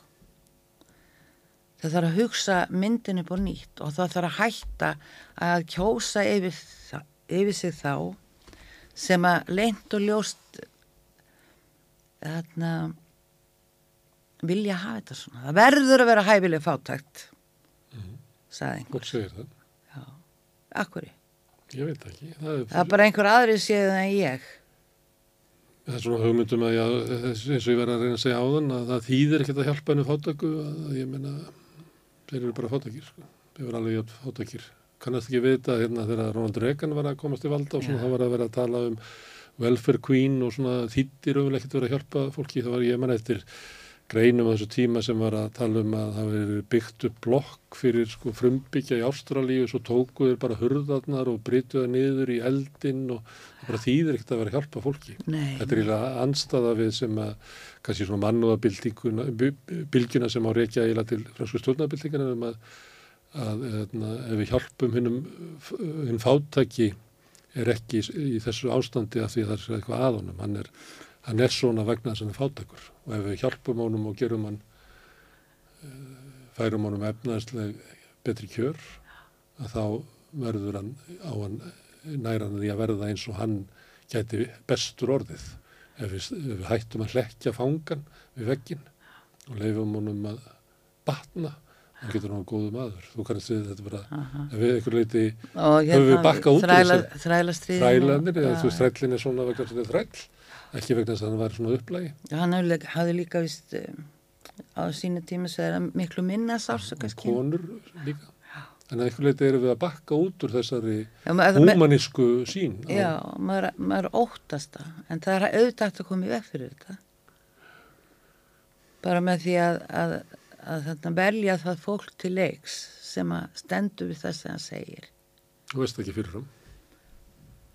Nei, en maður hafði á alltaf daldi, hann var alltaf hérna sem að græna grunaða.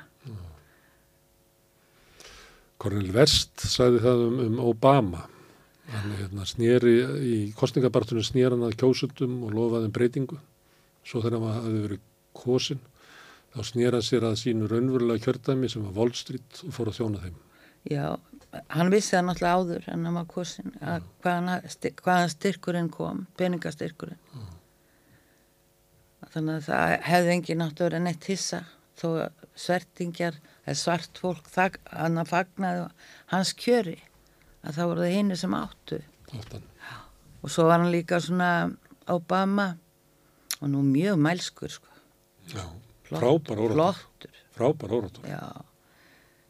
En hann var náttúrulega ekki dvoðalega svartur, fannst þið það? Það var alveg upp að kvítri móð. Já, já, já, já. Þetta er svona, og ja, En hann gifti sig til svartrar menningar. já, Konan hans var með Það var nú- báðar fætur í þeirri menningu. já, já.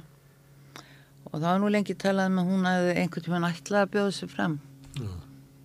Og missil, En- Hún, var mjög vinsar, ég veit ekki hvernig það er núna. ég veit ekki heldur, það ringi hana, spyr hana.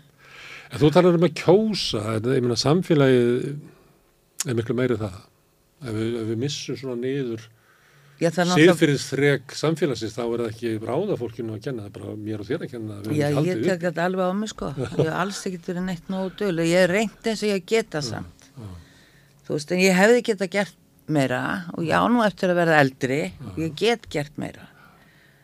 Og hérna, þess vegna var ég, ég, sko, fyrir tíu árum þá ákvað ég hægt að skrifa skáldsögur. En þegar ég var búin að vera þarna út í Afríku og horfa það sem að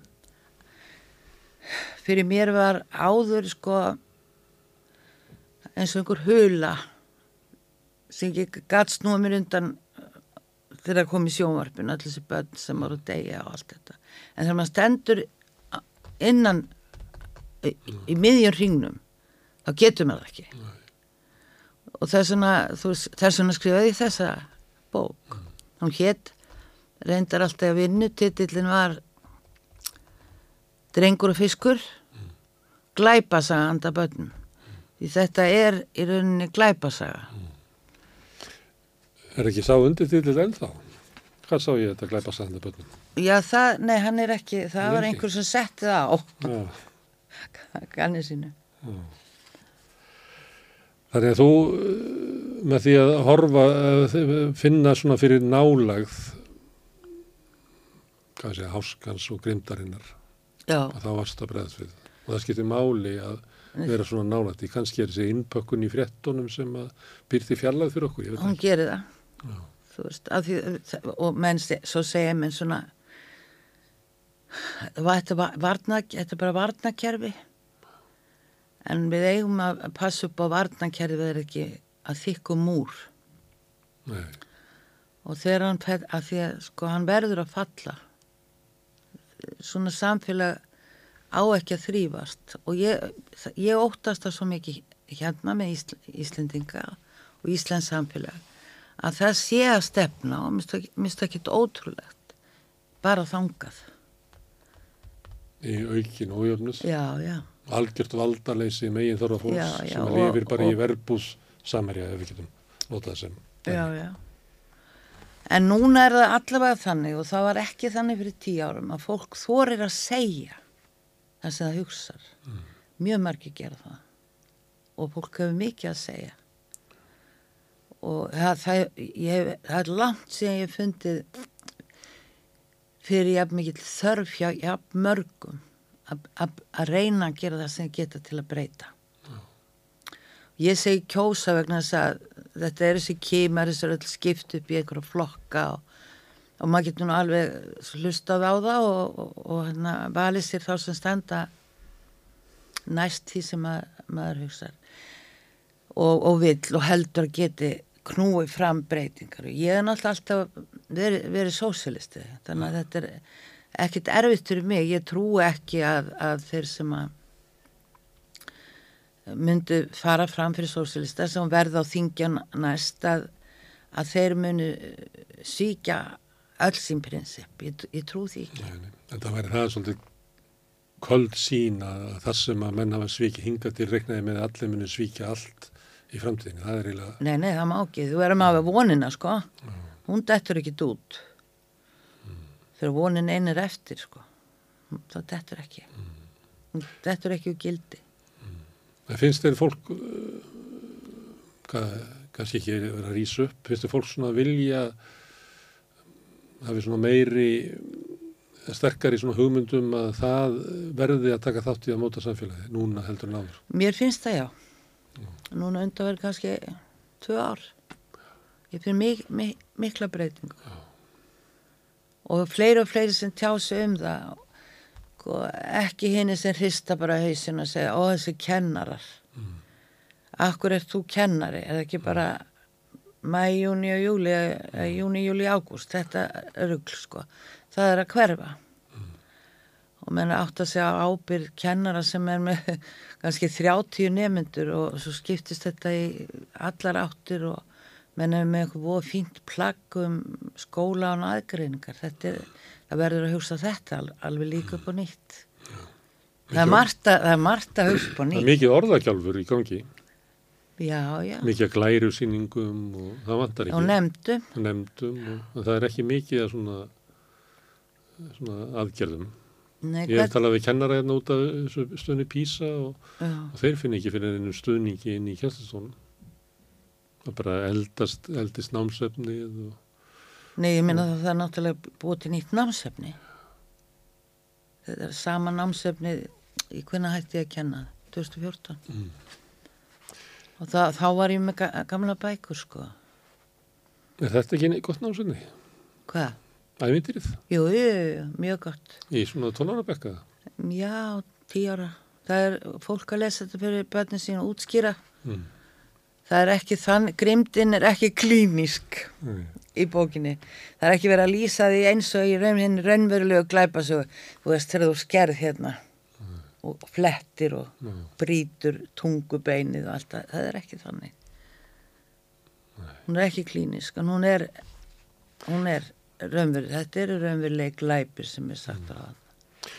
Ég ætlaði, ég náði ekki að lesa hana áður en þú komst og svo var ég að hugsa sko, er þetta ekki svona bók sem ég get sagt við dóttu mína sem er orðin 16 ára? Að ég las svo mikið fyrir hana þegar hún var yngri, hvort hún var ekki til að lesa þessa bók fyrir mig? Jú, bytt hann um það, bytt hann um að lesa hana fyrir þig. Við getum haft þetta á aðvendunni sem svona kvöld húslistur. Já, og það væri það gaman, þú er að láta mig vita þá hvernig, hvernig, sjáu þið bara speiklunanir í þessu? Já. Það aðtöða hvað hvað hún segir þegar prófin eru búin, hún er alltaf í prófum með svona já, já. Hérna, þessi tími, aðvendan er þetta þú ert ekki kristin, eða það? Þetta er ekki heiðin svona, Nei. ef eitthvað Hvað ertu? ertu? Ég veit ekki hvað það kallast Þú lifir andlegu lífi. Já, þú, við gerum það alls sko. Já. Hvernig ef ég myndi spyrja þig hérna, hvernig er þitt andlega líf? Uh, er það persónuleg spurning? Er nei, nei, það er allt í lagi með þetta. Það er bara mitt andlega líf er kannski blómlegast þegar ég er nálat vinum mínum. Eins og Jésu. Hann var líka í mest í stöði. Hann tók part í alls Jésu var náttúrulega þýlik fyrirmynd. Já. Manna á hann, sínum tíma ég minna að hugsa að hann kallaði til vitnistar konur, ég minna að það átti ekki eins og aðgæðsrétt og hann er náttúrulega hans kenningar að mörgu leiti eru sósilískar sko þó að það sé kannski ekki alveg eins og í bókinni félagi Jésu sem gerði allt vittlust á sínum Já. tíma en það er allt lagi að, að þarna feta reyna að vera nota hans kenningar í nýja testamentinu Já. það er bestu Ég nefndi hann bara því að ég held að hann hafi hugsað eins og þú að vera maður ykkar best andlegt hérna, líf í félagi með öðrum. Það var ekki mikið svona einn út að lappa nefnir náttúrulega í Getsemenni og hann var nú örvinglaður Já, og fekk enga niðurstöðu, hann var bara svo hamlet. Var, já, já, var, já, já, þegar, já, já, svo 40 dagarnir, sko, í eðimörkinu. já. Nei, nei, en hann var með vinnu sínum. Já, hann trúði Og hann- að Guð væri á millum okkar. Já, já. Þar sem að hinn sárasti kom til þar, þar var ég.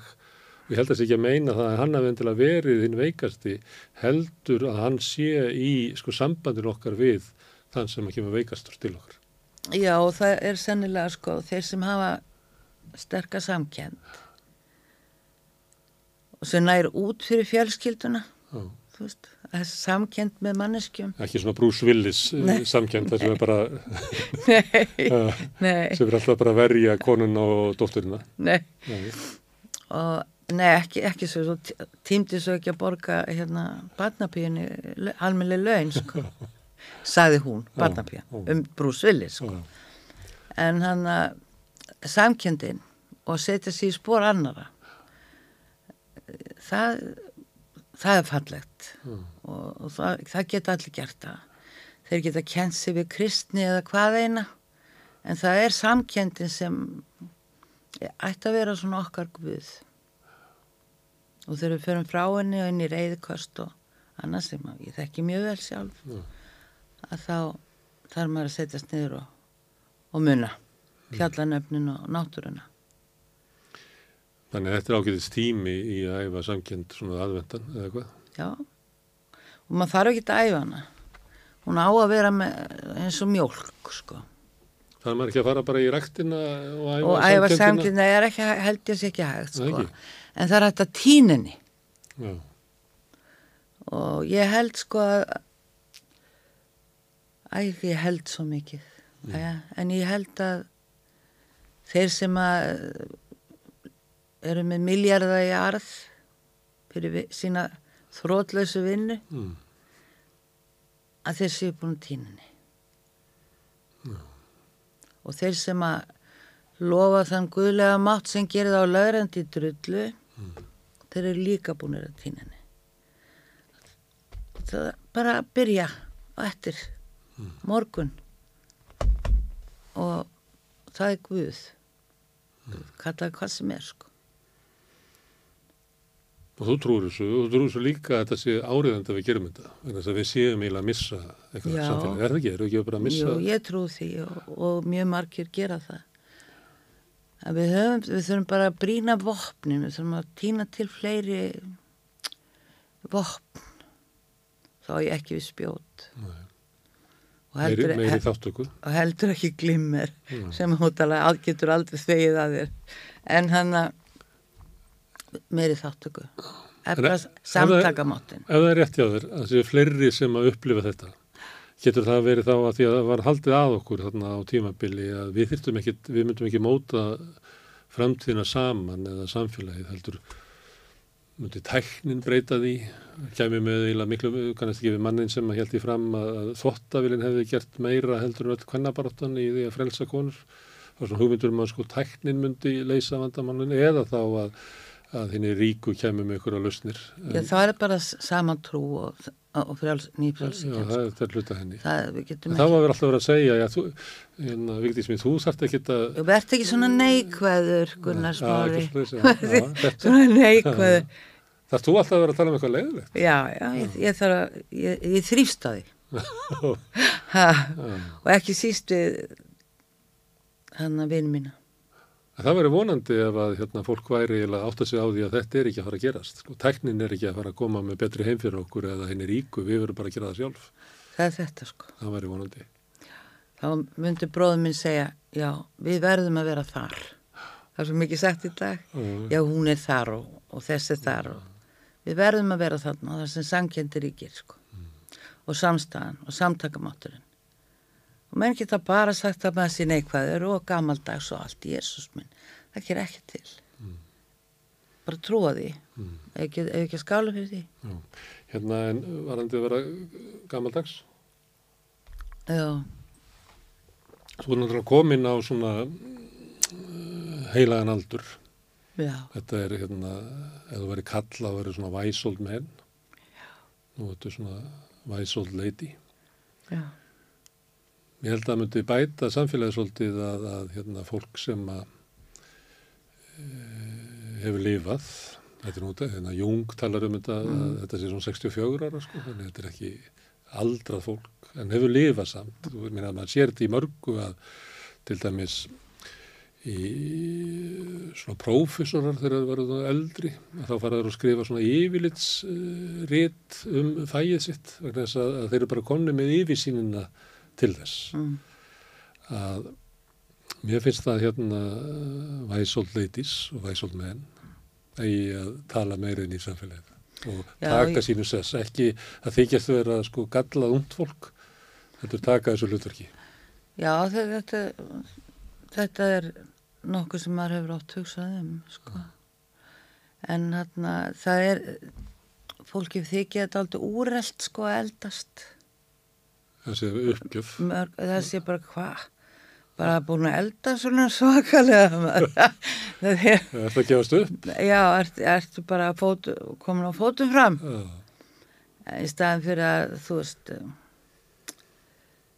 Já eins og þú segir þegar yfirsýnin er komin eða mm. kemur, hún kemur með hverjum deginum sko. að þá ætti vera auðveldar að miðlenni ef að heilin er í lagi yeah. til að branga með það sko.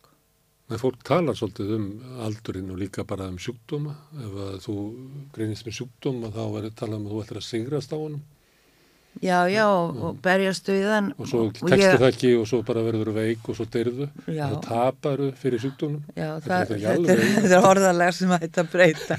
Það er hægt, það er ekki hægt að tapa og deyja. Þú tapar ekki þegar þú deyrð. Nei, hann vinnur líka alltaf, sko. Já, já. Þetta er svona lífsins gangur sem að, ég held að sínum partur að þið vera besturlandabúi að, að þarna fólk á að erfitt með að hugsa um þessu öðruvísinu ódöðlegt. Já alltaf fram í vinnu, hvað hef ég skilið eftir mm. mig og allt þetta sem að fólk svona nefnir mm.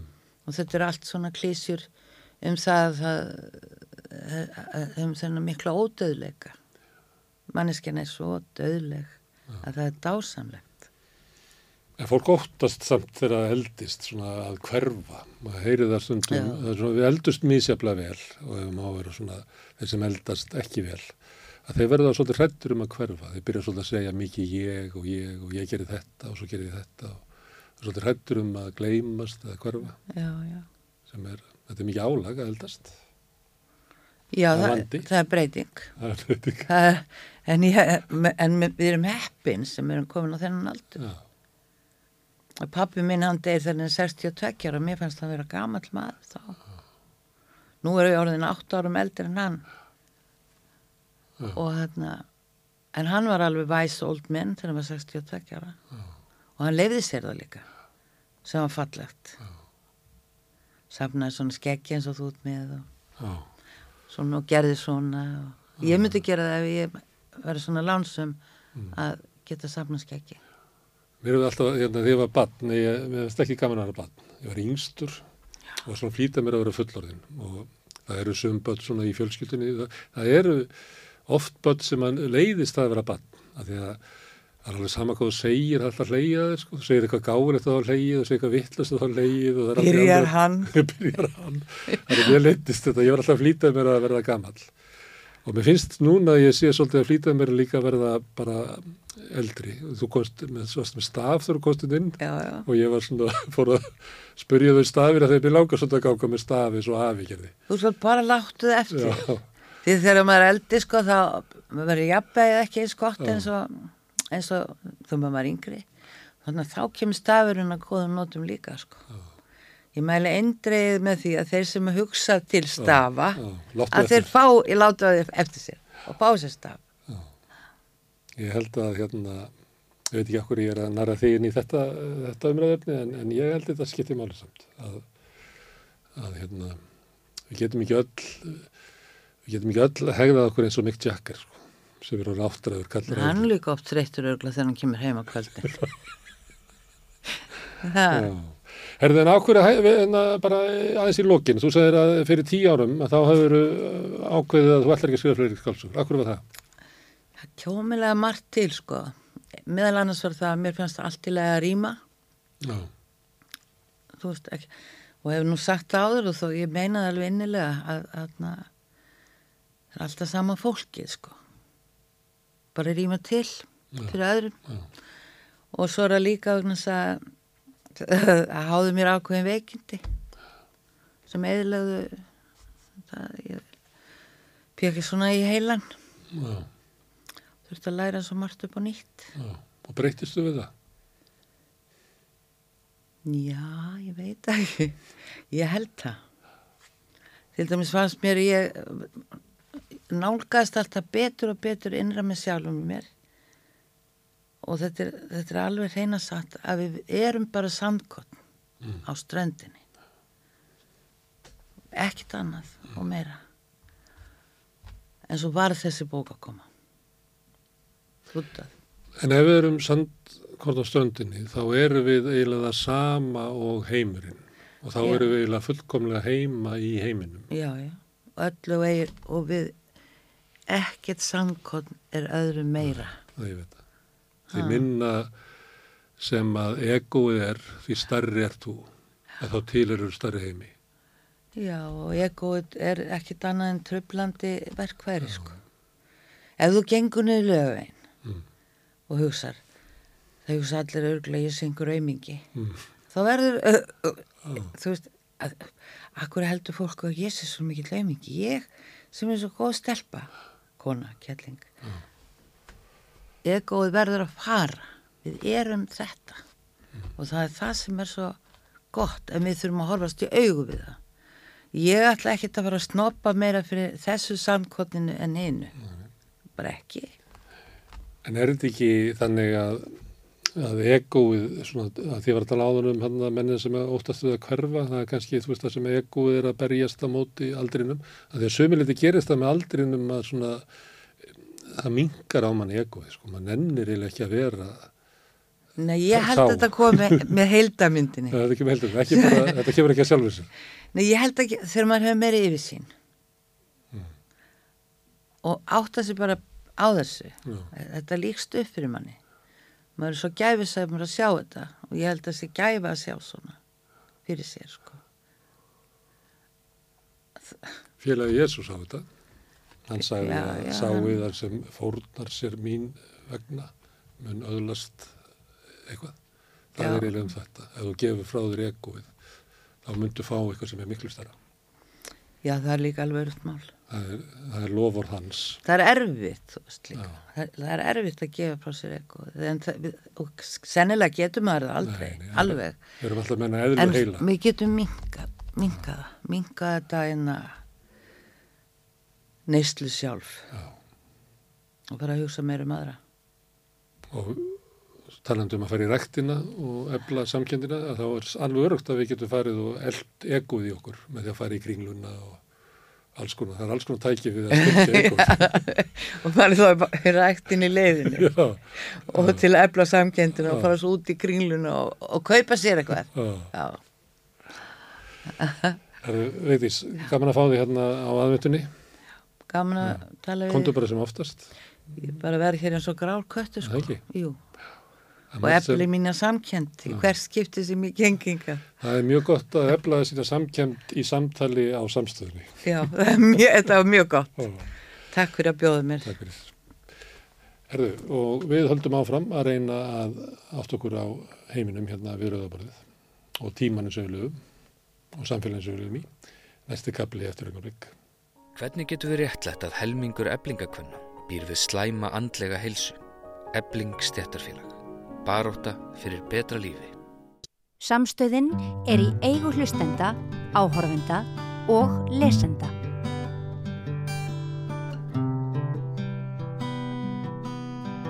Já, við ætlum að ræða um pólitík. Við höfum gert það hérna undarfærið að, að reyna að njóta þess að aðvendan er líka pólitíkstíð undir öllum svona eðlilegum eðlur ástandi, ætti að vera hörku fjörnir í þingi núna, að vera afgreða mörg stór mál, drífa því að klára það fyrir jól áður en að þingi fyrir jólafríðan. Það er kannski aðeins daufara yfir þinginu heldur að vera vönn. En við höfum fengið hingað formen þingflokkana til þess að svona segja frá sínum flokkum og nú er komið að Lóga eina sinni, samfélíkunni. Takk fyrir bóðið. Þetta er velkomin. Takk. Herðu, það er hérna, við erum að byrja á eh, stöðun í skoðanakonunum og það sé oft gælt um fjallanefni í pólitíkinni. Það verður að skoða þetta sem svona linnulösa slíka kemni. En þá er náttúrulega, eru þið eiginlega það eina sem er að frétta í skoðanakonunum. Það er samfélgíkin, já, ég segi ekki kannski svífi með heimindunglum en er, er með mun meira fylgi í konunum heldur en þeir náðu í síðustu kostningum. Já, já. Þrefalt meira held ég verið sér. Sko... Kanntu að eh, skýra þetta? Já, já, ég kann nú einhverja skýringar á þessu. Sko, í fyrsta lagi náttúrulega erum við samt algjörlega meðvituð um það að þetta eru skoðanakannanir og, og þú er heyrt þennan frasa oft væntalega. En við erum það. Eh, hins vegar held ég að eh, svo ákvörðun sem að Kristrún tók þegar hún tekur við að mér sem formaður að eh, einfalda svolítið erindið Mm. þó svo að öðru væri ekki ítt út af borði en að taka fyrir þessi risastóru verkefni sem að e, mælist jafnvel 70-80% stuðningu þjóðarinnar við og einbeita sér að þeim e, sem varðar bara velferð íbúana og, og, og hérna innviðin okkar, heilbriðiskerfið og velferðarkerfið. Og uh, sitja minni áherslu kannski á mál sem að kljúfa þjóðina þvert stór átakamál sem við höfum alltaf talað fyrir. Við getum líka tekið dæmi um mál sem að hún svona ítir aðeins til hliðar sem að kannanir sína líka að megin þóra almenningstiður eins og stjórnarskana eins og Já, ég meina við, er, anstaðan við kótakerfið. já, við, við erum þáttakandur í stjórnarskrávinnunni. Við höfum í rauninni enga aðra möguleika heldur en að bara gangast inn á það vinnulag sem að stjórnvöld og fósetsraður að setja upp hverju sinni. Það gerði við á síðasta kjörtöðabili líka. Mm.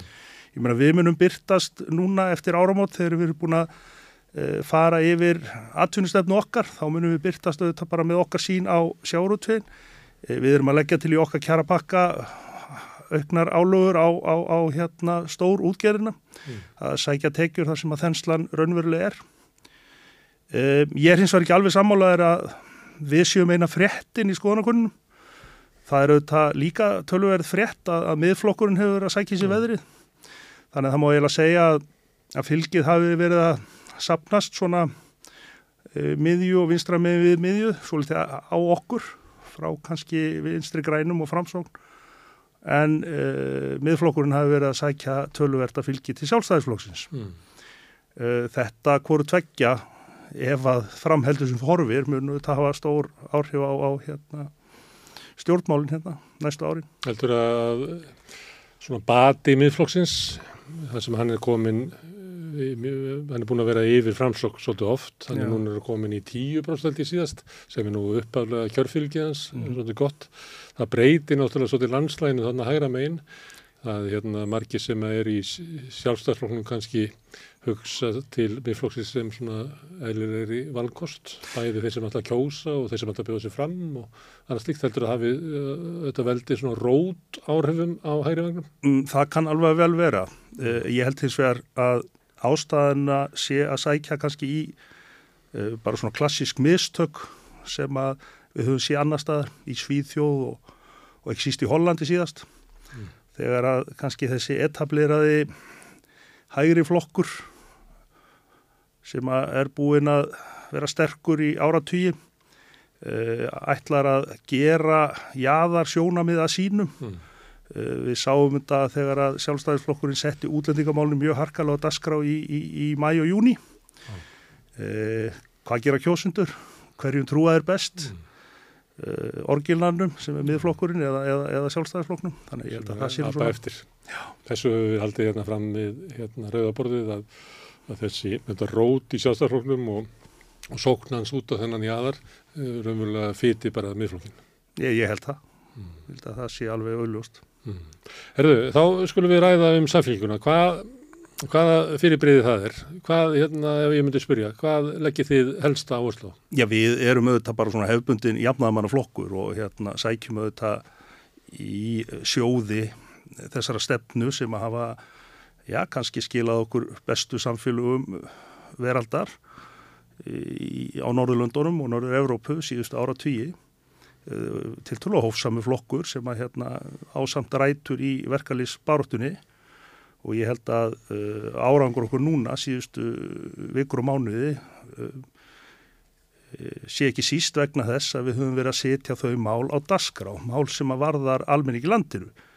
Uh, við búum núna við 8% verbolgu, 9,6% vexti og við sjáum ríkistjórn sem er svo ósamstæð að hún getur ekki tekið á ástandinu og, og, og, og lagt fram ríkisfjármála stefnu sem að uh, á sama tíma uh, mingar verðbólguna og hins vegar ver veikustu hópana í samfélaginu.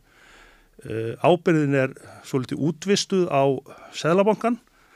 Sælabankin hefur auðvitað ekkert mörg vopn í sínu búri önnur heldur en þau að hérna hækka vexti og, og breyta einhverjum uh, skilmálum varandi lán og annað slíkt þegar það kemur að hérna vöxtu uh, og það er erfitt Sælabankin hefur ekki tækið til þess að verja hérna tekju lágu fyrir skaðsum í verðbólkunar Nei þvert á móti vegna þess að, að hækkandi vextir leggjast bara jæmt á alla og sérstaklega kannski þá sem að hérna eru uh, láglaunaðir.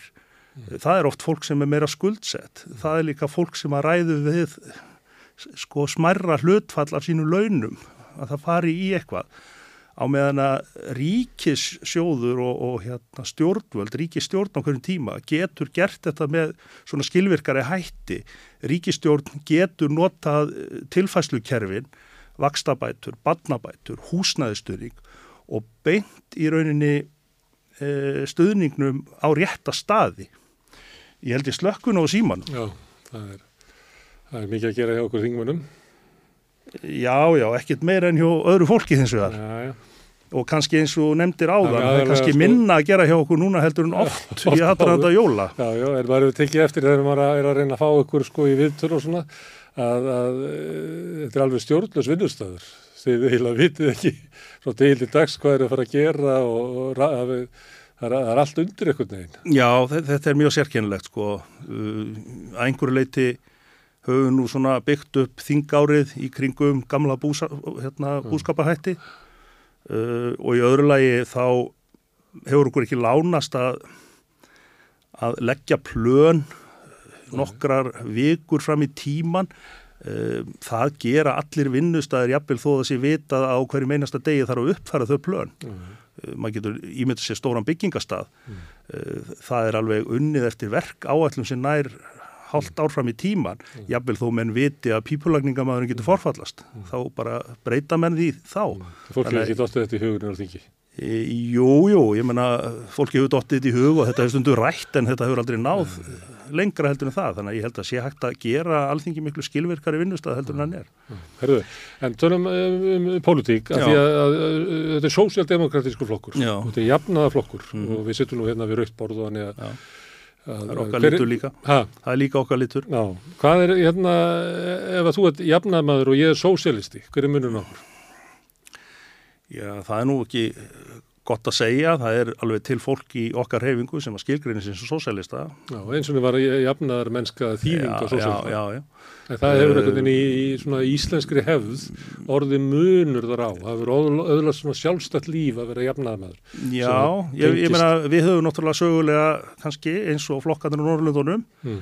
uh, svona aðhylst sko blandað hagkerfið þar sem að hérna þar sem við uh, viljum nýta bæði styrkleika engaframtagsins mm.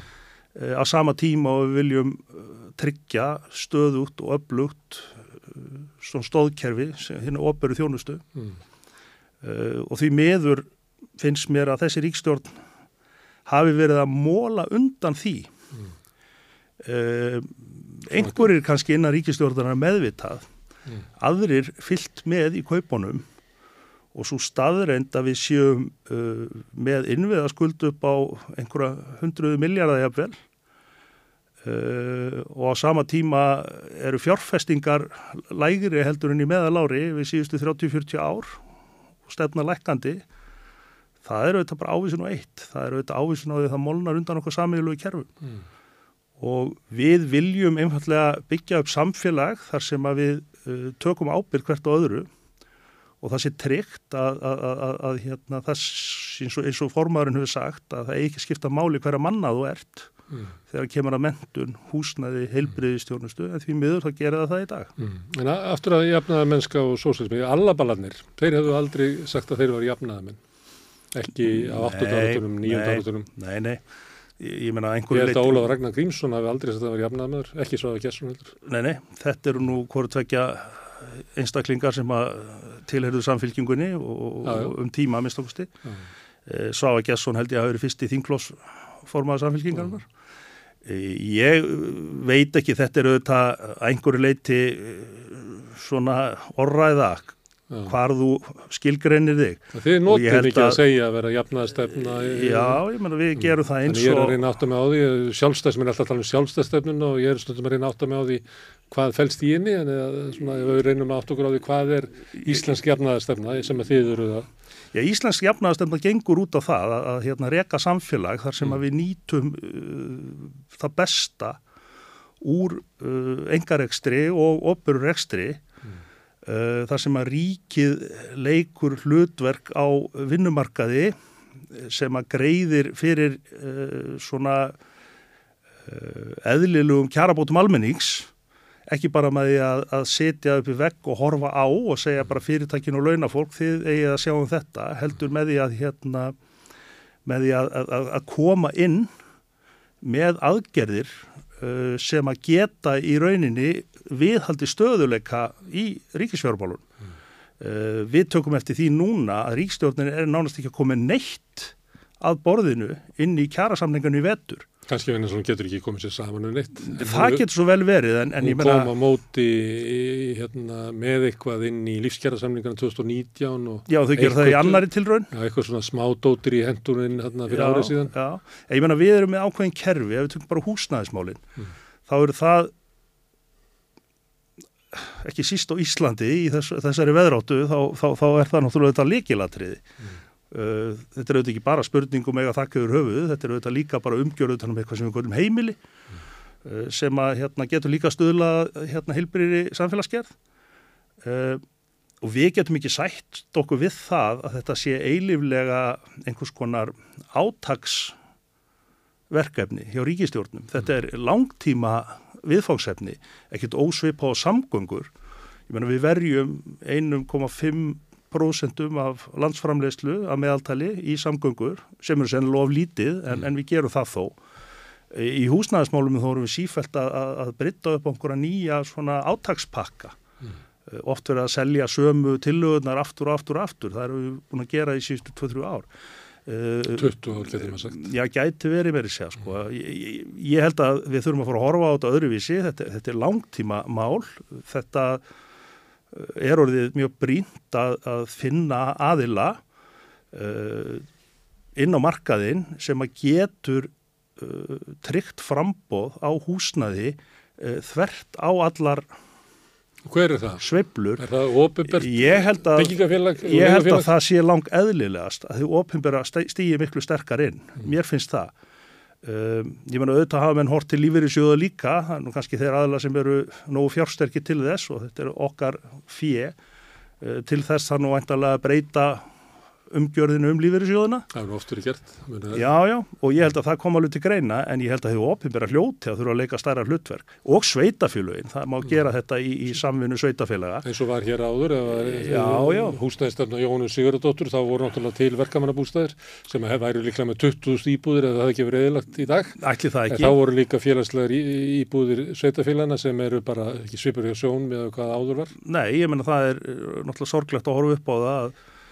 Alltaf sé ekki Reykjavíkuborg, Akureyri, Ísafjörður og einhver nokkur önnu sveitafjörður sem að sko eiga raunverulega eitthvað sem við getum kalla félagslegt íbúðar húsnæði sko, sem, sem einhverju nefnur. Frá því fyrir sko 40, 50 og 60 árum síðan. Já og, og, og mér hefur alltaf fundist það góð til greina mm. að, að, að, að það, það sé það séu einhverja skorður á því hvað sveitafjölu geta hreinlega að ferja neðarlega þegar kemur að félagslegu húsnæði 4-5% væri ekki óeðlega eign hjá sveitafjölugum. Þannig það er hins vegar ekki að varpa þessu öllu yfir á þau vegna þess að þau eru náttúrulega í flókinni stöðu.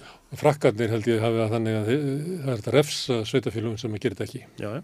Mm, það er svipað bara að taka að þeim sko, hérna, skuld og mikið, skuld og mikið í því að með oflítið að félagslega húsnæði. Herðu en aftur með þarna sósjaldemokrata sem var byggt upp bestu samfélag í heimi sem eru þá hérna sigur sósjaldemokrata á eftir því árunum sem að byggðu upp mm, mm. velferðarkerfin í, í Svíþjóð, Danmarku og, og Nóri. Þessi flokkar, ykkar sýsturflokkar, hafa svolítið sveikt frá þessari braud. Við höfum fjallað svolítið um skólamál hérna út af PISA. Þar hefur verið eiginlega markasvætt og engavætt skólakerfið en sósjaldemokratanir eru ekki að leggja til að fara tilbaka í sjálfisir. E, jú, þeir hafa nú einhverju lit verið að gera það. E, ég held að bæði í Svíþjóð og Nóri hafi til dæmis hérna, e, verið lögð heilmikil vinna á því að hérna, vinda ofan af þessari engavæðingu í, í, í heilbríðskerfunu varandi hérna, hjúgrunarheimilin.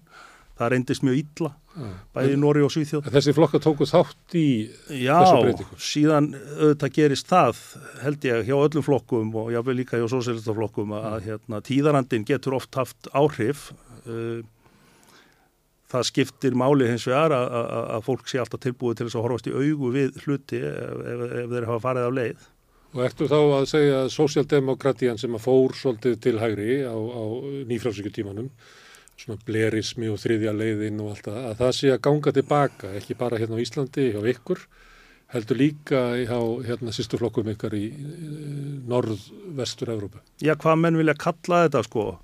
Eh, þá held ég að það hafa alveg verið augljóst að, að hérna upp úr 1970-80 þá gengum við of langt Já. og ég held að við séum svona að, að hérna, ég einhver leiti súpa segðið að þinn, í öðru lagi held ég að séum draga lærdom að því. Já, og verkefni ykkar sé að endur fæða sósíaldemokratinu inn í okkar stöðu? Já, ég menna við getum ekki hort upp á það að hérna Að, að, að öll okkar stóru kerfi, hvort sem er uh, á velferðarsviðinu, heilbriðismálum, skólamálum, uh, samgöngumálum uh, séu í stórri skuld við framtíðina mm. og að við séum á sama tíma í rauninni að grafa undan uh, tekju mótelunum en þeim hætti að við getum ekki náðu þessu tilbaka. Uh, það hefur alltaf verið einhvers konar feimni uh, á þingi við að tala um að það sé til það séu til tvær leiði til þess að sína aðhald mm. þegar að hérna, þú þart að gera það. Stundum eins og við erum núna að bæði vinstri og hægri segir að það já. gengur ekki að reyka ríkisjóð með halla í verðbolgu og ofþærslu Já, og þá segjum við það eru rauninni tvær leiði til að sína aðhald. Það eru auðvitað með því að draga úr útgjöldum en það er líka með því að sækja tekjur þanga sem að það er ekki verðbolgu skapandi og þar sem að tekjurnar eru sannarlega nægar. Og þar sem að þenslan er í ofanálag. Og ég ávoðlega bátt með að átta mig á því af hverju svona frænt fólk mitt í, í, í vinstri grænum eh, takk ekki undir þetta með okkur mm. uh, við leggjum fram núna kjarapakka til þess að koma móts við uh, vakstabyrði ungs og efna minna fólks uh, til þess að koma móts við fólk á mjög erfiðum húsalögumarkaði svo dæmis ég nefnd Uh, og við fjármögnum þetta og við gerum gott betur að við öllum tveggja króna fyrir hverja einu krónu sem við eigðum að því að við áttum okkur á því að það þarf að sína aðhald við aðstæðuna sem eru uppi núna mm. uh, ég er ekkert við sem að við fáum neitt af þessu samþygt og ég hefast reyndar um það og fyrir vikið erum við að horfa á það að í uh, aðstæðum þar sem að húsnæðisvextur eru konur yfir 10% að þá eru 5.000 heimilega dettutur vakstabátt kerfinu. Mm. Ég meina hvers konar uh, stjórn er það?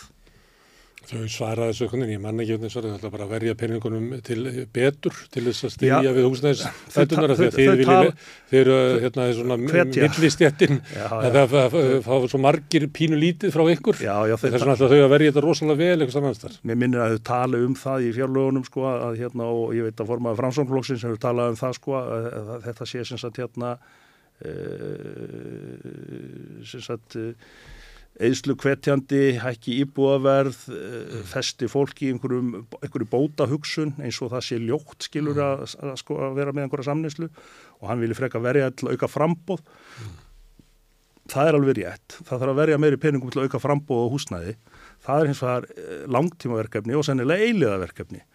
Á meðan að núna í vetur þurfum við að horfast í augu við það að ótrúlega mörg heimili og líklega ó, ótrúlegustu heimili eiga eftir að lenda bara í miklum barningi. Það er komin í bastl. Já. Það er langt upp fyrir það sem að þú getur ímyndaðir, þú ert að hugsa um láttekju í fjölskyldur. Þetta er komið langt upp fyrir Langt það sem er það. bara í bastli. Og nú erum við að sjá sem sagt hérna niðurstuðu PISA-konununnar að uh, félagslegir þættir hafa líklega aldrei haft meiri áhrif á niðurstöðuna heldur en núna. Uh, ættum við þá ekki einmitt að vera að styrkja í rauninni þetta félagsnega nett allara. Þannig að við séum sem sagt að, að lifta fólki nær hverju öðru. Er það aðeins meira að því að vera að vísa í sósjaldemokratíuna og, og við vitum að hún reyfist og breytist og þið talið um blanda hagkerfi. Ef ég kæmi hérna og myndi segja dragu upp blanda hagkerfi bara Ólf Palme, þá var hugmyndi svo að, að á, á atvinnumarkaði væri blanda hagkerfi, þar væru enga fyrirtæki, en það væri líka samvinnu fyrir, fyrirtæki og, og fyrirtæki sveitafélagan og ríkisfyrirtæki. Það voru kannski að tala um landsvirkjun og bæjarútgerðina og, og kaufélögin og svo var enga fyrirtæki. En í ofinbyrri rekstri, þá var það fyrst og næst ofinbyrri rekstur. Núna, ef ég talaði við sko, sósjaldemokratan í Svíþjóð, að þá er bara enga fyrirtæki búin að hyrða allan atvinnureksturinn og komin langt inn í heilbriðiskerfið og mentakerfið. Hvað er, hvað, hvað er blanda hagkerfi? Þegar það er svona ég- ólíkt ef við horfum yfir bara örf á, ég verðum kannski að tala bara um 40-50 ár. Já, ég meina, hvað kallaru allan atvinnurekstur? Ég er nú vissum að, að, að hérna, það standi skoðunu og horfið til svíþjóðar, sko. Ég meina, það eru þetta gríðarlega mikill atvinnurekstur uh, sem að helst í hendur við operarekstur.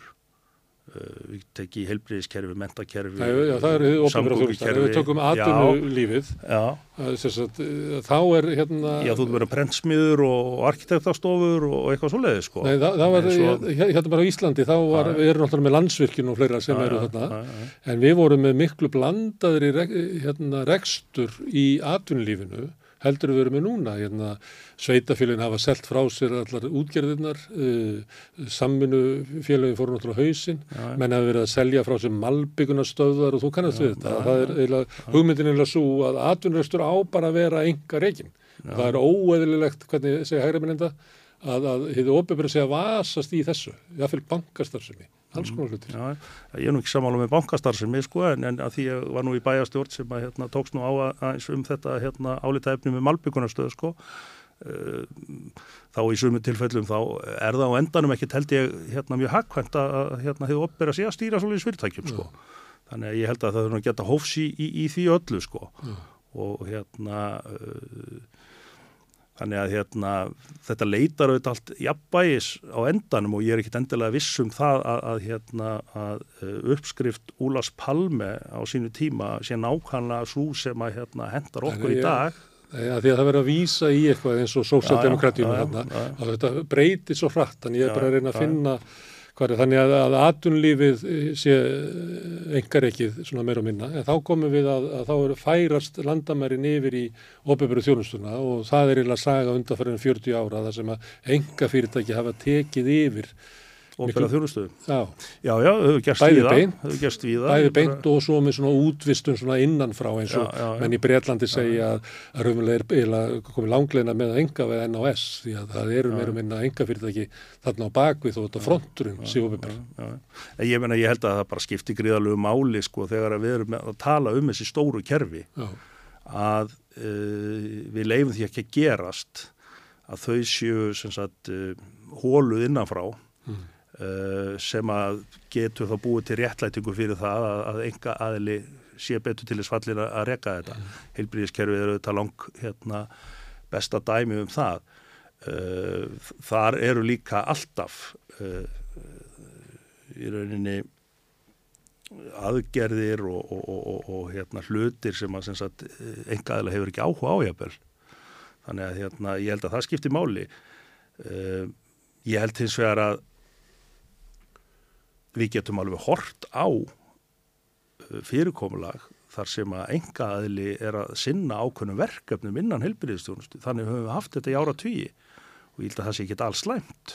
það er tallagna og Nei, ég er ekki að tala um tannlækna, ég er að tala um kannski svona einfaldari aðgerðir sem að hérna eru svona meira rútínuverkefni, það þarf auðvitað bara að gæta þess að sé eftirlit með þeim mm. og þau get ekki bara mjölka kúna eins og þeim sínist og það er mjög áhugavert það sem kemur fram hjá forstjóra tryggingastofnuna sem að hætti fyrir nokkrum árum. Hún gerir það með þeim orðum að það er unni á sama tíma og, og umsvið og fjármunni sem er verið að greiða út úr stopnunum hafi aukist sko um, um, um 10, 100 brósta þá hafi sem sagt fjárframlög til eftirlist þáttara haldist óbreytt eða lækka þessi tveir eða fjóri sem hafa hérna, eftirlit með þessum samningum það er náttúrulega óbáðlegt að það sé einhver krani sem hægt er að skrúa frá uh, við sjáum þetta jáfnvel núna líka á öðru sviði í fjárlögunum að á sama tíma og það hefur verið að bregðast við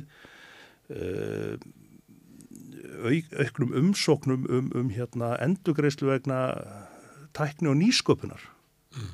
Þannig að það er, kemur viðbótu búið 1,6 miljardar til sjálfstöðu fyrirtækjana sem er að sinna mjög mikið og. Það er bara opigat sem að Bjarni bjóð til þess að maður fyrir ekki það svo peningara. En, en, en þá verður það að draga saman um held ég 300-400 miljónir uh, til ofinberu nýskupina rannsóknarna mm. sem er grunnurinn í rauninni fyrir hitt uh, þessi fyrirtæki þau munu fljótt finna fyrir því að ef ekki eru stundar opera rannsóknir á Íslandi þá er þau náttúrulega bara að kipa fótonum undan sjálfuð sér mm. þannig að það þetta passa upp á þetta allt mm.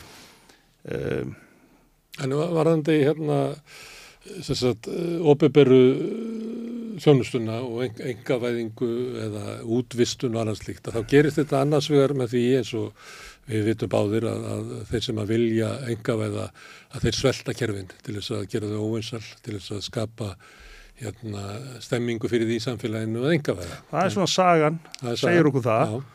og ég vil ekki trúa því uh, maður minnst okkast ekki ennþá mm. ég vil ekki trúa því að allir flokkarnir við ríkstjórn á borðið uh, stýrist áfram að þeirri hugsun Uh, ég vil ekki trúa því, þrátt fyrir allt, að vinstri græn og jafnvel svona félagslega taug framsvonarflokksins mm.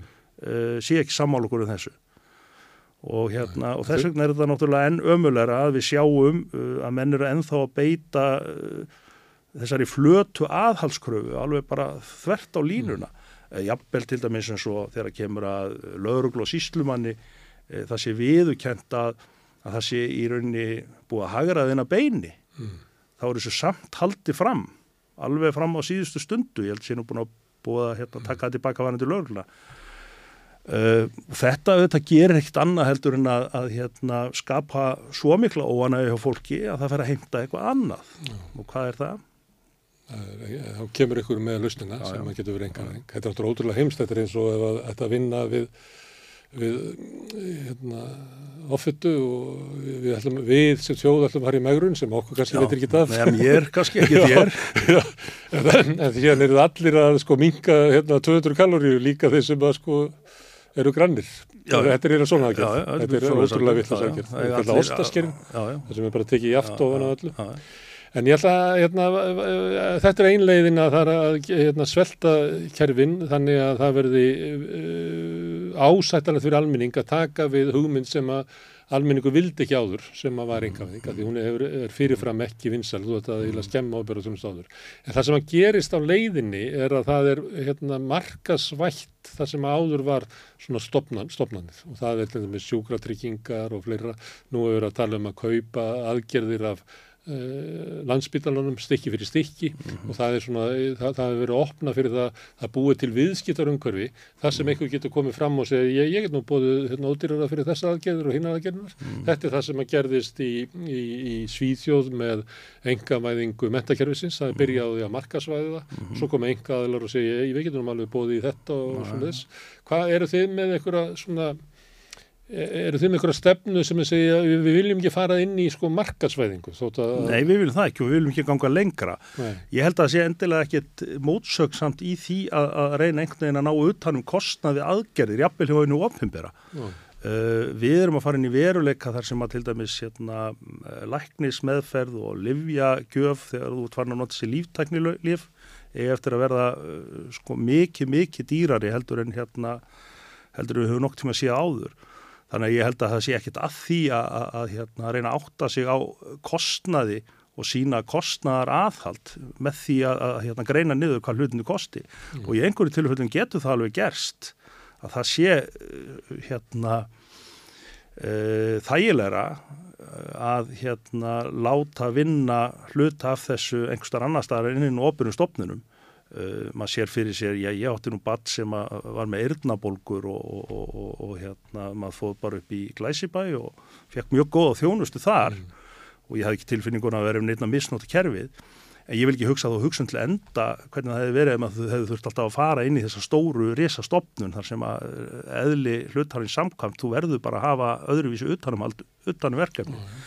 Þannig ég held að það sé ekki. En, en það, þetta er bara verkskipting, en, þetta er bara eins og skipting og helsikjæslu og stóra spítalan og sömuleitt eru við vandraðu með stóra spítalan vegna hann er áriðin öldruna heimili og guðmanns og hvað. En aðalatrið er auðvitað að það sé eitthvað utanumhald og eftirlit og, og, og hérna, ég veit ekki hvort það er rétt en maður heyriði það að að það væri eh, tvent ólíkt hvernig væri að þessu staði hér og til dæmis í Nóri að uh, þegar það verið að gera einhverja svona rútínu aðgerðir að þá dekkar í rauninni enga fyrirtækið kostnaðin við það ef það verði einhverja komplikasjónir og það gerist eitthvað og það þarf að fara með sjúklingin á spítala og opera kerri teku við honum Eh, ég óttast að hér á Íslandi sé þetta hins vegar þannig að það sleppi miklu fyrr og þetta sé bara komið í hendurnar á, á hérna hinn opera mm. og þá ertu búin að búið til sístem þar sem að þú í rauninni getur bara grætt öðrum veginn en hinnum meginn ertu alltaf í kostnaði. Það eru þeir sem eru með aðgerður út í bæ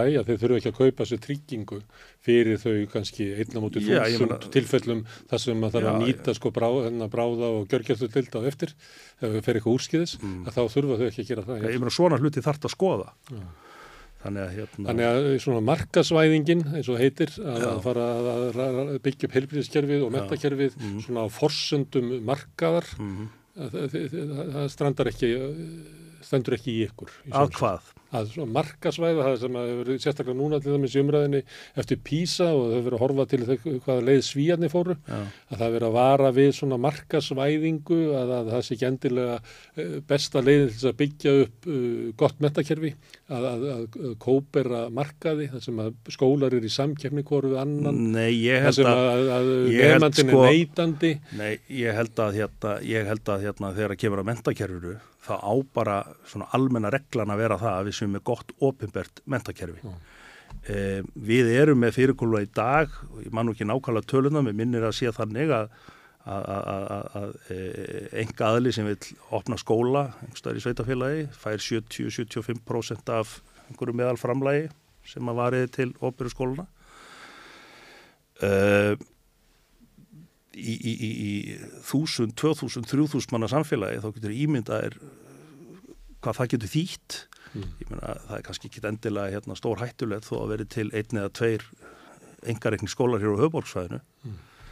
en, en í minni samfélögum þegar það er kannski hægt með einfaldri íbúðakostningu og að stofna fyrirtæki að hérna rusla bara út opera skólanum og svo er bara búin til engaskóla sem að getur svo haga sér svona með frálsæri hætti ég meina eitt af því góða við það þegar við vorum að alast upp mm. það var að við umgengust alls konar fólk frá alls konar fjölskyldum mm.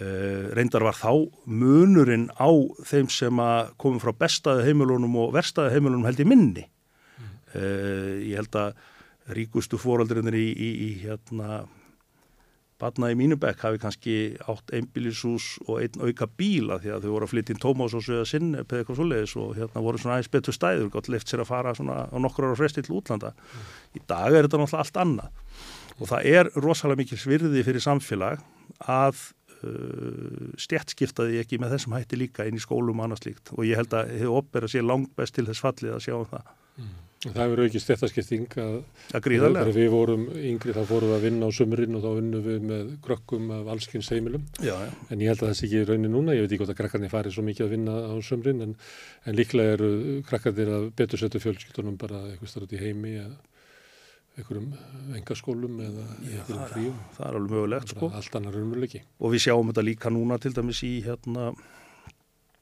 á hérna fyrirframgröndum arði síðustu 1-2 ár að það er sko það er einhverjir 60-70 miljardar held ég sem fara á milli, sem fara á milli. Og þar er að þar að veru 66 eða 7% sem er í efstu tekju tíundinni þannig að við sjáum alveg hvað er að gerast. Herðu, þið viljið byggja upp hérna grunnkerfi velferðaríkisins sem að hafa látið ásjá á undanfjöndum árum og við erum með mikla skuld þar. Já. E, til þess að fjármagna það þá þarf að, að efla hér skatteimtu til þess að eiga, eiga fyrir þessu. E, einfalda útlistunni getur verið það að ef við viljum fá velferðarkerfi eins og á Norðurlandunum þá verður það skatteimtu eins og á Norðurlandunum. Hvað hérna skuld okkar við í skattakerfið? Hvað þurfum við að laga í skattakerfinu til þess að það verði réttlátt? Já, ég menn það er nú sjálf stímislegt sko. Ef við horfum nú bara á stöðun í dag sko, þá er talað um og fjármálar þau tala bara um að það sé engin tekjuvandi, það sé útgjaldavandi mm. sem þýðir að hún ætlar að skera niður. Hvað er á að skera niður þegar allt er komið inn á beini? Mm. Uh, það mun einhver finna til þá. Það er nú ekki allt komin að beina, það er svolítið sóun í ríkinu líka. Það getur vel verið. Það er alls konar hérna, bara kringur ráðunitin og svona. Já, já, en það eru kannski ekki stóru tölun. Við myndum ekki fara að stranda nei. þótt að ráðunitin myndur sko fækka starfsfólkinu sínu nei, nei, nei, 20%. En það er ekki stóru tölunar sko. Korki þar eða utaríkstjónustuðin eða annar staðar sem að menn bera nú stundu niður sko. Mm. Eða ber stundu niður. Eða þessu sjálftaka fyrirtækja sem þú veist að nefna áðan um, um já, já. það eru gríðarlega ég, sko, ég er ekkert að halda því fram að það sé endilega sjálftaka. Ég meina vonandi er innistæða fyrir þessum endugræslu kröfum Ríkisendur sko nú kvarta yfir við að segja ekki að það var fyrir ég, ég, ég veit það, það þarf að hafa eftirlit með þessu nefnilega. Uh, en, en, en, en þú getur ekki tekið bara á sama tíma grunnrannsangnar og sópaðmyndi teppið. Mm -hmm.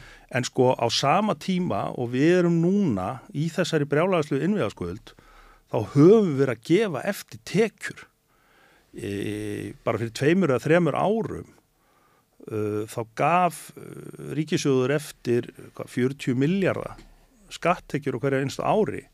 Og nú er ekki endilega að segja að það í sjálfu sér hafi verið slæmt að fara og breyta sagt, skattkerfi launafólks með einhverjum hætti til þess að hérna, til þess að hérna aðstóða þá sem er á leggstu laununum. En það hefur þurft að sækja tekjur á móti vegna þess að við erum ekki sjálfbæru kerfi þegar við getum ekki í rauninni haldið upp í fjárfestingastígi til þess að helst að halda sko helst til þess að vinna niður þessu innviðaskuld mm. en, en í allara vestalagi að halda í, í horfinu sko.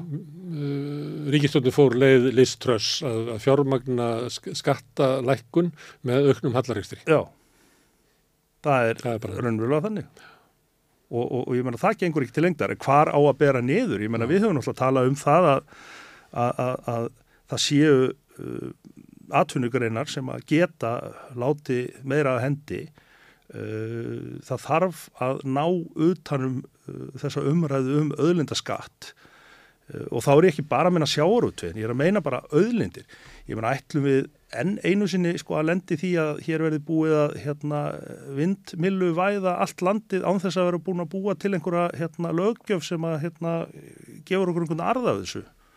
Ég von ekki, við gerum það í fiskaldinu og við gerum það í rauninni í sjáratunni líka. Eh, þannig að við þurfum auðvitað að ná utan um það og mér finnst þú alveg falleg í rauninni þessi samstaða, get ég eiginlega bara að kalla það, í Noregi um það að uh, arður af samílum öðlundum séu notar í þáu allra. Mm. Það er ekki deilt um það í Norri. Uh, það er rifist eitthvað um það hversu hár skatturinn á að vera og hversu láran á að vera. En jábel hægri flokkurinn í, í hérna Norri er ekki að fara að krukka í svona grundvallar atriðin kervisins. Við þurfum að ná þessari hugsun hér að þetta sé ekki bara enga réttur þeirra sem að fá að nýta öðlundna hverju sinni uh, hvernig arðinum að þeim er hérna varið að finna eitthvað svona eðlert hlutall ég held að það sé nú risastóri peningandir mm. Síðan auðvitað eh, er alveg öruglega nöðsynlegt að, hérna, fara bara inn í sjálf skattkerfið. Um, já, við erum að leggja til núna uh, þryggja próstastega hækkun á, á, á fjármastíkjuskatti uh, eh, svo aðgerð mun hitta að nánast öllu leiti efstu tekið tíundina fólk sem er búið að hagnast mjög mikið á því að hérna, gera bara út á fjármástekjur þannig að það er ímislegt sem við getum gert án þess að, að hérna, án þess að e, koma þannig við kaunin á nokkru manni að hann liggi sár eftir e, fyrst og fremst þurfum við Eigundu þessara fyrirtækja? Já, þú veist það er nú eins og stökka vatn og gæs er það ekki að, að, hérna, að, að hérna, gera sumum það að borga aðeins meira þeir gera sko. Mm.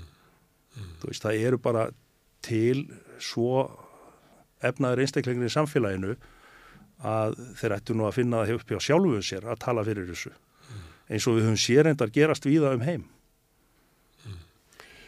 Ok, þið verið laga skattkerfið og svo komum við að grunnkerfunum, það er náttúrulega, það sem er brínast er kannski húsnæðiskerfið. Já, ég held að það sé nú kannski svona, ef fólk finnur mest fyrir því frá degi til dags, getur við sagt, sko. Mm. Þú getur látið að vera að keira inn Bárðardalinn eða út Vastdalinn, mm. en þú getur ekki látið að vera eiga heimengstaðar. Ja, þetta bara grefur en, undan lífskjörum tekjulegri hópa hérna. Algjörlega, bara gríðalegt óryggi og við þekkjum öll. Þetta verður mjög aðgallandi mál. Hvað, hvað er þetta á það? Já, ég held að við þurfum eins og innvegar á þessu sjálfu sem segir að við þurfum að, hérna, við þurfum að tryggja meira frambóð en við, höfum ekkert að tryggja meira frambóð til 5 ára eða 10 ára. Við höfum að búið til kerfi þar sem að hérna, þar sem að er unnið að stöður í húsnæðis uppbyggingu uh, linnu löst mm. þannig að, að, hérna, hún uh, anni í rauninni eftirspurn eftir að hérna, eftir að það komi stöðuleik hjá sístemið. Þetta tekur auðvitað langa tíma. Hver á að búa til meira výbúð? Já, ég held að sko almennimarkaðin getur alveg búið til íbúðu líka. Það gerur það ekki. Uh, Það er, er, búið að vera ljóst í tíu ára, það sko, vantar íbúður, það gerir það ekki. Sko vandamálið, það var það sem ég var að tala um áðan, sko. Galli, ég, þú veist, ég vann í þessum hérna geira í 20-25 ár og, og þar voru sem sagt efnaðas sveiflunar tvöfalt tíðari heldur um bara svona þessi stóri efnahagur. Uh og uh, maður auðvitað sér það og maður sér það núna að, að hérna, aðlar og engamarkað eru auðvitað ótrúlega fljótir að kippa sér höndum þegar að hérna, illa árar, ja, þegar það eru dýr fjármáskostnaður uh, ótrúlega fljótur að hoppa líka yfir að byggja fyrir þú opibera eða annars konar verkefni þegar það er meira upp úr því að hafa heldur en íbúrhúsnaði, bara eins og með ferðarþjónustinu, hótel og ferðarþjónustinu. Það sem er ofþensla, það sem að, að menn eru til í að bera hærri fjármárskostnað, þá eru bara byggð hótel en það er ekki byggður íbúr. Nákvæmlega, þannig okkur vantar inn á markaðinn aðila sem að getur í rauninni unni þvert á þennan hérna hmm. öldudal og það held ég að hljóta að vera því opera, sveitafélagin, lífið í sjóðunar einhverju liti. Hmm síðan auðvitað náttúrulega þurfum við að tryggja það að það sé nú búið í þeim húsum sem við búum til mm. og eins og ég held að Kristrún uh, Frostadóttir orðiða nú í nefndarálitinu sko að, að, að, að við erum hérna með um, mikið af vinnuafli fólki, oft erlendu sem kemur hinga til þess að halda gangandi þessu gangverki okkar mm. og það byrjið innar húsnæði en ferðarmennin sem koma inn og búi í íbúðarhúsnæðinu sem átt að vera mm. til íbúðar Þetta er auðvitað galið þannig að einhverjar leiðir þurfa að vera þurfa að finnast til þess að hérna, stemma stegu við þessari grækisvæðingu í kringum Airbnb. Mm. Þetta var alltaf hugsað til þess að einstaklingar gætu tilfallandi lekt út og það var eitthvað svona deilu hugsun í þessu. En þegar þetta verður orðin yðnaður, þá er þetta náttúrulega orðið vond fyrir allan íbúamarkaðin en þetta er líka farið að skekja samkeppnistöðuna í innan ferðarþjónustunnar þegar að hérna, þegar að hérna, sem sagt, hérna... Er mér borga fastanir gjöld af atvinnuhúsnaði en aðri íbúðurhúsnaði. Það er ekki fastanir skattar af atvinnuhúsnaði mörgusinu meiri heldur en íbúðurhúsnaði. Sexinu fleið, meira eða eitthvað. Er. Herðu, við fórum aðeins yfir heilbriðiskerfið og mentakerfið, það bara við skrönsum þar í gegn, en það er að, að því og sumleiti, ef við höldum áfram að tala um svona engavæðingu og annað slíkt, að í vegakerfinu þá er núverandi innviðar á að vera með hugmyndur um það að, að vera með svona engafrangvandir á, á brúm og vegaspottum hér og þar, mm. í gjaldtöku og, og, þá er líklega hugmyndir svo að ríkið hafi ekki peningin til þess að byggja þetta mm. og þess að vera að fá eitthvað enga fyrir þarna inn sem að við getum síðan tekið út eitthvað arð út úr þessu á leiðinni. Hva, hver er ykkar afstæða við þessu enga eh, veðingu veðakerfisins? Já, ég meina, okkur finnst náttúrulega bara grunnveðakerfið mm. eigi að vera sko hérna, samfélagslegur eign, eign samfélagslega eign og ég man eftir því hérna, hvað hétt nú fyrirtæki í gamla daga, hérna fastegn sem að seldi nokkur sveitafélugum þá hugmynd að að borgaði sig ekki fyrir að eiga nokkurt hús Reykjanesbær seldi allt sitt. ég man að þá stegur nú fram sko bæjastörris og Gunnar Birgisson og Kristján Þóð Júliusson og Akureyri sem að höfnuðu svo sögðu við fáum betri lánskjör. Akkur erum við að láta plata okkur inn í svona kerfi? Og ég held að það sé nú sam, sama hérna, gildi nú um, um vegamálina ég held að, hérna, að ríkisjóður og endanum getur nú bara fjármagna þetta betur heldur en þessir engaðilar mm. uh, mér síndist að minnstakosti í þessari tilröðin sem átt að gera þarna var það ekki austur og hotna fyrir Já. það er ekkert orðið úr því ekki það orðið því. Nei. En akkur Þannig að- getur, að ná ekki ríki bara að geta ráðið við þetta sjálft? Akkur erum Jú, við auðvitað, fátæk? auðvitað á ríki auðvitað, Nei, við erum ekki fátæk auðvitað á ríki að geta átt uh, gert þetta sjálft ég held að það geta alveg verið einhver undantekningatilfelli þar sem að sko þú áttu val um einhverjar aðra leiðir og það kemur einhver vegstýtting eða eitthvað þá geti verið í góðu lægi að, að leifa því að gerast með þessum hætti eins og er gert með kvalfjörðagöngin ég held að almennt sé í rauninni miklu betra að, að, að hérna grunn gatnakerfið okkar sé í eigu samfélagsins. Ég held að hljóti bara alltaf að vera þannig. Á það við um, um grunn uh, fjarskiptakerfið, nú var það selt til Fraklands. Já, ég held að það hefði verið betra á sínu tíma að menn hefði skilið þarna á milli. En Nú það er- er nú sem sagt uh, umræða sem að næra aftur til hvað 2005 eða eitthvað svo leiðis og ég held að við vindum kannski ekkert endur ofan að því. En ég held að það hefði alltaf verið betra, já. Það var þetta hérna. Já, Greiðslugáttin.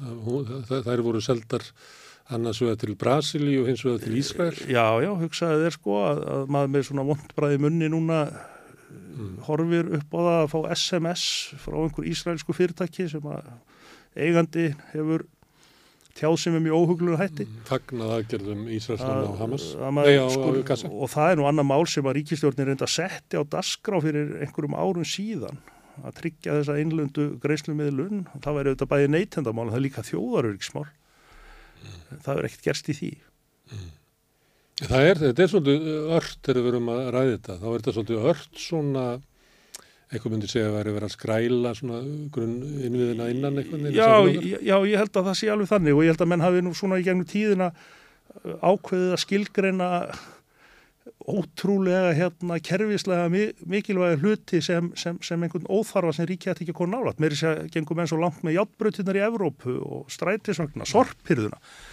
Þetta eru auðvitað ekkert annars konar fyrirbriði heldur en hérna hitaveitan og vatnið. Þetta eru bara hluti af, af, af hérna hluti af svona kerfislega mikilvægum atriðum í samfélagi sem hefur þróast úr miklu dreifbili yfir í svona borgarsamfélag og Ísland er borgarsamfélag þó að hérna þó að það sé stórt og sé búi víða þá meðum við ekki gleyma því að að búa 70-75% þjóðarinn á þessum stað Að búa 85% þjóðarinnar Já. frá borgarnesi já, til, já, hvítár, til hvítár, Selfoss- já, já, já. já. og ég meina í einhverjum skilningi held ég að það séu sko gallar á því kerfi að við höfum leift því að gerast með þessum óhefta hætti, það er sannlega verið betra að það væri einhver þunga með einum eða tveimur öðrum stöðum á landinu uh, en úr því þetta hefur gerst þá skiptir líka máli að við hérna, nýtum okkur kostina við það. Ég held að við getum fyrir vikið uh, farið miklu hraður í orkuskipti. Ég held að við getum raunverulega byggt upp hér uh, fyrsta flóks almennisamgöngur uh, það er loftlasmál en það má ekki gleyma því að það er fyrst og fremst félagsleg atriði uh, ég menna játbrautirnar og sporvagnarnir og strætó og í byrjun 20. aldarinnar í þessum líkilborgum í Evrópu uh, skiluð alveg ótrúlegum hérna, ávinningi löngu áður en að menn áttuðu sig á sko jákvæðum loftlagsmarkmiðum þá var þetta fyrst og fremst félagslegu stuðningur og hann er það. Er bæði stuðningur við einstaklinga og líka fyrirtæki því að fyrirtækin dafna það sem eru sterkir innviðir. Já, já, algjörlega. Uh, talað um innviði, voru þið fylgjandi sölu ríkisins á, á sínum hluti í Íslandsbanka? Nei, við lögum skekk því. Við hérna uh, held ég höfum orðað þannig að við hefðum viljað uh, að það væri, eh, við hefðum viljað sjá að það væri búið að taka ákvörðun um hvernig bankakerfi við vildum hafa til framtíðar áður en við færum að selja þetta. Mm. Uh, og svo tóks náttúrulega svo óhundulega til núna að, að við teljum það útilokað að hérna að það verði sagt uh, ráðist í sölu og afgangnum núna á næstu missurum. Og myndu þið þá vilja sjá uppstokkun á, á bankakerfinu að við værim ekki með þessi, þetta er um frek fyrirbriði, stundum er það þannig að það fer hérna, tvær krónur okkur um hundrað sem að velta um hagkerfið enda sem hreitn hagnaður á böngunum og það er eiginlega engin þjóð sem að lætur það yfir sig ganga nefnum íslendingar. Neini, enda tölum við um það núna sko, e, einn af þessum lötu sem við viljum nota til tekju öflunar að við viljum uh, stíga tilbaka og innhemta aftur bankaskattin eins og var lagður á fyrir nokkrum árum. Mm.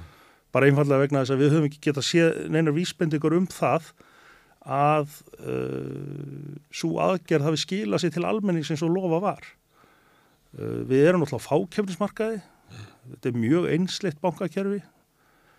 Uh, við höfum nú öll prófað að fara á milli banka og þetta er meira að minna sama súpan. Mm.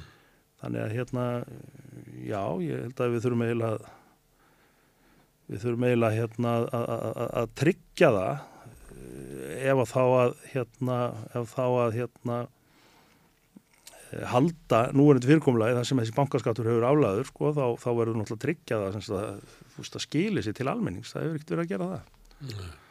Það er svolítið, við hættum að horfa á þetta við ættum að vera með bankakerfi sem er bara eh, þjónar vel eh, fólki og fyrirtækjum og hefur bara eins lítið álag og mögulegt er til þess að, að fólk og fyrirtæki hafa bara sér best Hingkosturinn er það að við höfum þetta bara eins og kapitalist dýr þarna út á markaðnum sem að reynir að soga eins mikinn hagnað og mögulega getur upp til sín en svo tökum við það bara inn í ríkisjóð sem mm. tekjur. Ja, ja. Hvort hérna kerfið hugnast þeir betur. Í, er það meina að taka það bara þú veist, er þá, er það náttúrulega fórsendan að... Svona eru bankandir reknir í dag, landsbókinu og þeir eru bara að reyna að græða eins mikið og hægt já, svo réttlætu við það með því að þeir borga svo mikið arðin í ríkisum. Já, það, er, fórsendan er þó allan að við eigum þá, væntanlega. Ég meina, við fáum þrátt fyrir allt arð úr landsbókanum, en hérna, en, en, en, en hvort að þessi leið sem að þú lýsir er endilega góð eða ekki. Verkefliðsreifingin er að óskattu því að landsbóknu verið breytið í samfélagsbóka? Já, ég held að það skipti alveg máli að við séum allavega með hluta bankakjörnum okkar sem er bara í þessari eðlilugu fyrirgröðslu starfsemi sko. Uh, og það hefur náttúrulega löngu verið talað um sagt, að skilja á milli fjárfæstingabanka og, og svona eðlilega og vennilega bankastarfsemi sko. Mm. það hefur nú hljóttum við sjafnan hljómgrunn en ég held að það, það er eitthvað þar sem við þurfum að skoða. Uh, maður veltiði líka fyrir sér hvað bankanir eru að gera. Þeir eru að hagnast samanlagt held ég 70-80 miljard á þessu ári. Mm. um, og þeir eru að fara að lenda í væntarlega nokkrum símtölum á næstu vikum og mánuðum þar sem að fólk einfallega ræður ekki við. Uh, kvartning bankastjóra, seglabankans og fjármálar á þeirra fyrirverðandi er bara að veist að fólk færi sér þó yfir í verðri lán mm. sem er alveg förðulegt líka vegna þess að það er líka verið einhvern veginn að leggja til að fólk sé að gefa eftir eignamyndun sína. Fyrir utan það að það býtur náttúrulega bara miklu verð þá stýritæki seglabankans En á sama tíma horfum við núna á sænsku bankana. Þeir eru einn af öðrum núna þrátt fyrir að það sé ekki byrjað vakstalækunarferðli selabankast þar. Þá eru þeir farnir að lækka vextina sína sko. Uh, hér er eins og það sé bara sjálfkrafa skrúað frá. Mm. Það virkar líka hinn áttina í Svíþjóða ef að hækkar um 1% stýrivextunir, þá er ekki þar með gefið að sko bankanir ekki sína vextum 1%. Nei, nei. Það er bara hannig. Þetta er nú, ég held að þetta er nú dan, dan, dan danski bank sé nú að leiða þetta hann í Svíþjóð. Mm. En við höfum engan danski bank hérna, við höfum ekki neina bankar um bara innlendarstofnanir og það er nú líka annað áhugjefni. Það var alltaf að tala um það þegar að uh, þetta bankasölu ferli hófst, það var alltaf að tala um það að það veri ákjósanlegt að að hinga kæmi svona erlendur stór aðili inn á markað. Menn hafa svo skýringar á því hverju það gerðist ekki. Mm. uh, og fyrir hvað fjórum-fimm árun sáum við einhverja skýslu þar sem að sko því hafi verið haldið fram en komið ljósa það var einhver sveitabanki niður í Þísklandi og Östuríki sem var áttan mm. Stærri bankar hafði ekki á að koma engaðinn Herði, ég nefndi áðan að, hérna, að, að því að samfélgingin er sett saman á mörgurflokkum á síðan tíma, Já. kannski er sakfræði vera að tala um þetta núna, þarna er allþjóðflokkurinn og allþjóðbandalagið og kvennanlistin og þjóðvaki og ég sagði það að, að allaballarnir hefðu á síðan tíma ekki kallað sig jafnaðamenn Ef við tökum auðarkistefnuna, þið eru, má ekki segja að þið séu bara með auðarkistefnu alþjóðflokksins. Mm, Jú, Þið eru fylgjandi NATO og, þið eru ekki, að byggja um það að heyrin fari burt. Þannig er þetta farið. nei, nei, nei, nei, nei, við höfum sko stutt uh, þjóðröggstefnuna sem að byggir Svo á, vestrænu samvinnu. já, já, sem, sem byggir á veru okkar í NATO og tvíliða samningu við bandaríkinn á samt ímsu öðru auðvitað. Vi, við höfum stutt það, já. En er þá ekki hægt að segja sem svo að, að samfélgiki sé raunverulega bara arfur alþjóðflokksins gamla? Nei, nei, ég held að það hafi komið mjög margt inn úr hinum flokkonum sem að hefur hérna, uh, að hérna breytt þessari reyfingu. Mm. Uh, ég er nú alveg viss um það að kvennalistinn þjóðvæki hefur haft alveg gríðarlega áhrif líka á hérna, á hérna sem sagt, stefnu samfélkingarinnar og uh, það má ekki gleyma því að já, þjóðvæki klopna nú út úr alþjóðfloknum á sín tíma líka sko. þannig að þetta er nú ennþá flóknara uh, mér finnst það eins og er áhugavert að, að, að hérna að það er að skapast miklu meiri samhljómur um uh, utanriksmál heldur en hefur verið nokk tíman vegna þess að já, ég get ekki sé betur heldur en að vinsti grænsu bara búin að gefa eftir þessa sérstöðu sína.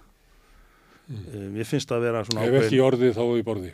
í, já, í borði og það er nú það sem skiptir mér mestu máli eða skiptir öllu máli á endanum sérstaklega auðvitað í ríkistjórn og, og mér hefur fundist það að svona mörgleiti hálf, hálf kjánalegt. Uh, þú veist, ég er ekkert að gera lítið úr þeim sjónamöðum þegar fólk vill standa utan hernaðabandalaga eða varnabandalaga og vill sko vinna málunum öðruvísi. En þegar að uh, þingmenn og ráþerar einhvers flokks uh, rétt upp hönd og, og telja burt sér frá stefnunni að okkar hagsmunni sé best borgið innan NATO hvernig óskupunum dettur þeim þó í hug að greiða atkvæði gegn því að einhverja aðrar þjóður eins og svíjar og finnar fá að komast ángaðin eins og gerðist í fyrra Mm. það er það sem ég skil ekki Greituðu atkvæði gegn því eða? fjórir af fimm þingmenn, já Þeir vildu það ekki. Nei. Er en þeir vildu sjálfur vera að nynni Já, þeir voru ekki með mér að þeir að rekja fram frumvarpum að Ísland gengi úr NATO. Nei, nei, en það er svona einhver svona ó- ósamkvæmnið þarna sem ég skil ekki bara. Þannig að ég held að þetta sé sko það sem ég er að reyna að segja og á kannski bara að segja beint út að ég held, þú veist, að uh, þessi hluti stefnuður sé bara eil orðin til heimabrúks. Já. Þau meina ekkert með því. Þetta sé ekki... Raunveruleg stefna þeirra. Raunverulegt mál á vestunundu lengur. Uh, Ég ætla nú að vera á, á Jú, því. það getur alveg verið raunverulegt. Það getur verið verið mjög getur verið- andúðin við getur á stefnu sem getur að penta okkur rekur í gerum NATO. það, það getur verið raunverulegt hérna, mál á Vesturlöndum. Já. Ég er að segja, það er Nei, raunverulegt vel mál inn í þessum flokki, tilteknum flokki. Og meiri segja, sko, sýsturflokkur þeirra í Nóri, SVAF, Mm. hann skipt um kúrs bara vegna þess að þau sáu það eftir innrásin í Úkrænu Mm. að eða breyttu um kúrs þar, þau stáðu nú utan hérna ríkistjórnar en þau gerðu það samt en, en, en, en mér fannst skrítið að hérna, að vinstri græn hérna skildi ekki gera það bara líka En síðan hefur svo sem eh, margt breyst þetta var á þau tíma þegar menn töldu það og töluðu sig upp í það hérna á Vesturlöndum að það væri bara skamt í það að úkrænamenn myndu vinna sigur á vývillinum með glæsilum stuðningi NATO en það bara hefur ekki gengið eftir. Nei, því miður þá Þannig að við sittum bara upp með þetta stríð sem er það, þarna. það, það, Ég held að stuðningur við það fari nú þverrandi alls þar og það hefur reynda komið fram í konunum. Já, Og auðvitað óttast stuðningur maður við það er með þess að lítill orðið í, í sko þinginu í bandaríkjunum. Þannig að Já, maður óttast það sko, maður óttast það að, að sérstaklega kannski uh, uh, ef að Trump sigrar að þá fjari ennþá hraðar undan þeim stuðningi, já maður óttast það og ég meina ég held að það sé skjálfilitt fyrir okkur sko. Vafki og samfélgingin eru hérna armarnir af, af uh, íslenska vinstrinu, klassíska. Lengsta var alltaf hinn armurinn, Ster, stærri, Al, alþýðubandalagið, sóstaflokkurinn var stærri en alþýðuflokkur. Já, Hvað heldur að valdi því að nú er samfélgingin stærri en Vafki núna? Af því að Vafki var líka stærri en samfélgingin í síðustu kostningum og þar síðustu kostningum, eða alveg frá 2013. já en ég held að almenningur líti ekki á okkur sem svona hinn raunverulega málsvara hérna þessara sjónamiða í dag Já. og ég held að Er það vegna þess að Vafki hafi tapað sínu trúveruleika? Já, ég, ég, held að, ég held að þessar áherslu breytingar sem að Kristján gerði hafi hérna svona eftir að higgja hjálpa á okkur alveg gríðarlega. Mm. Uh, í öðru lagi held ég að það hafi náttúrulega komið aðeins kusk á, á, á, á kvítflipa vinstri græna við að setja í þessar ríkistjórn og láta þessar hluti sem að beinlínis eru andstæðir stefnuðunar, reyfingarinnar, uh, ganga eftir, trekk í trekk. Mm þannig að ég held það já ég held þessi spurningu trúveruleika í ögnublikinu Þá komum við að hérna kannski svona lókonum að þessu sem er eh, hefur þú trúið því að ríkistjónin haldi velli út kjörtumöflið? Já, ég hef það nú. Ég hef það nú, ég er ekkit óskaðis en ég hef það. En ákverju? Já. Hún mun ekki gera mikið eða hvað? Nei, hún mun ekki gera neitt og það er auðvitað eina ástafanu fyrir því að það er svona rólegt í aðdraðanda jóla eins og þú komst inn á í upphafi. Það er að e, átökin byrtast ekkert inn í þingsal. E, stjórnaflokkandir innbyðis semja málin út á borðinu við sáum þetta síðast á voru og þau viðkjöndu það þá. Mm. og það er að gerast aftur þannig að það er miklu færri mál heldur en ella. Bjarni Benið saði nú ekkert um hann í haust að það hefur verið mistök að enda þingi með þeim hætti síðastlið vor. Já, algjörlega vegna þess að hann er að, að gera það aftur núna Já, algjörlega hann er að gera það aftur. Uh, þetta var svo augljóst eh, erindisleysi þessar ríkstjórnar sko, þið gátt ekki komið saman um neitt. Uh, ég held að skoðanakannirnar í augnablikinu spili líka uh, eitthvað hlutverk ég held þó að þetta sé það svona reynd og yfirvæða fólk sem að stýri þessum þrejum flokkum að ég held að það sé nú kannski ekki megin ástæðan. Ég held að líði bara óskaplega vel svona. En hvers svona stjórnmál eru það ef að sko fórustumenninir, þeim líður vel saman? En græsrótu þessar flokkar líður ekki vel kjósutur kjósutur líður ekki vel með þessa ríkistjórn hún komið niður í eitthvað 33% stuðning, þú sér bara að Vafki er að gangi gegnum einhver sko hryllilega tíð.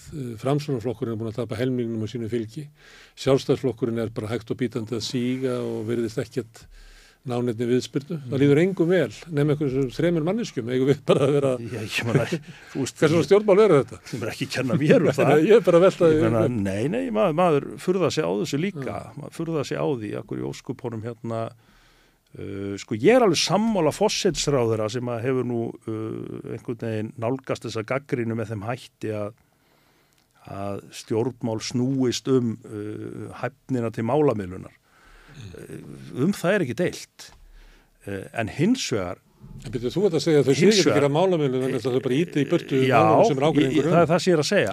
Að, að, að sko gefum okkur að þetta sé rétt hjá henni sem þetta er, við erum í fjölflokka kerfi en þú reynir hins vegar að finna samstarfsæðila þar sem að snerti hérna fletinir eru sem mestir mm. og flestir til þess að þurfa að gera færri málabilanir og, og mér fannst það alveg borðlegjandi alveg strax frá 2016 þegar þessi hugmynd kom nú fyrst upp sko að þetta bæri bara feyðina í sér. Vegna þess að það kæmu alltaf upp risastór mál uh, þar sem að veri grundallar ágreiningur millir flokkana uh, sumstaðar þar sem að skipti bara gríðalum miklu máli. Uh, við þóru til operakerfisins til dæmis. Þannig að hérna, þetta er auðvitað sjálfskapað ástand sem þau eru búin að koma sér í og það er ótrúlega uh, sorglegt einhvern veginn að svörin við þessari gaggrinni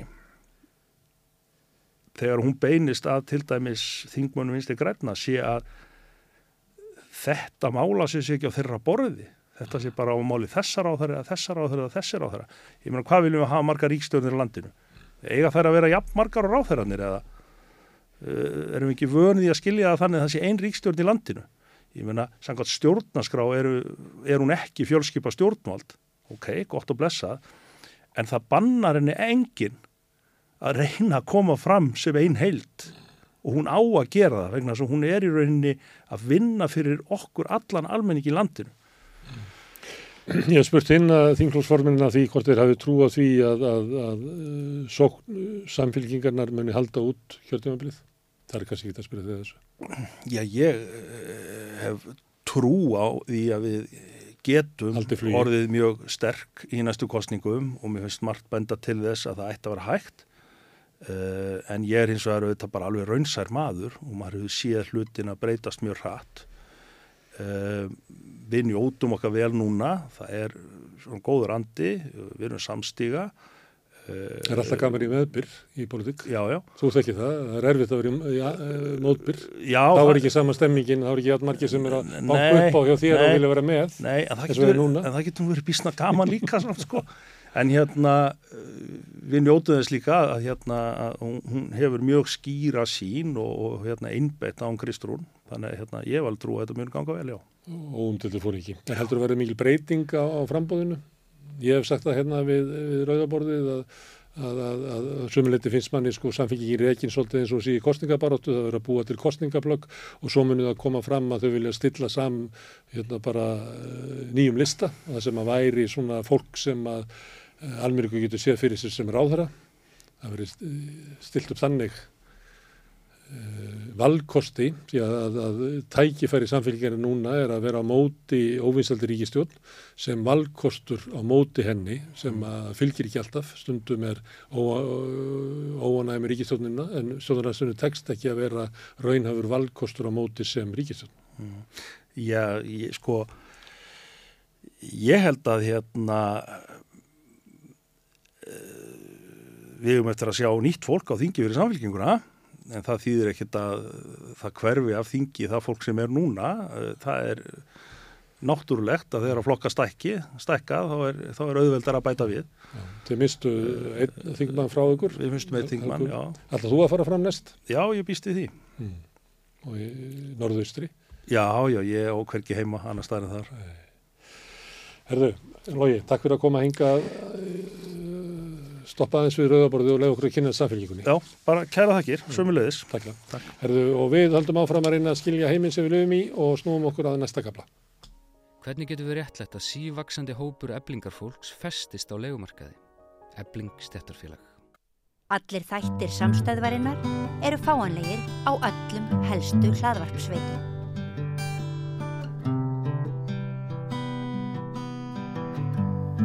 Komið sæl, verið velkomin að Rauðaborðinu, til minni komin góður gestur, landskunnur náttúruverndar uh, maður, Árni Finnsson, formaður náttúruverndar samtaka Íslands.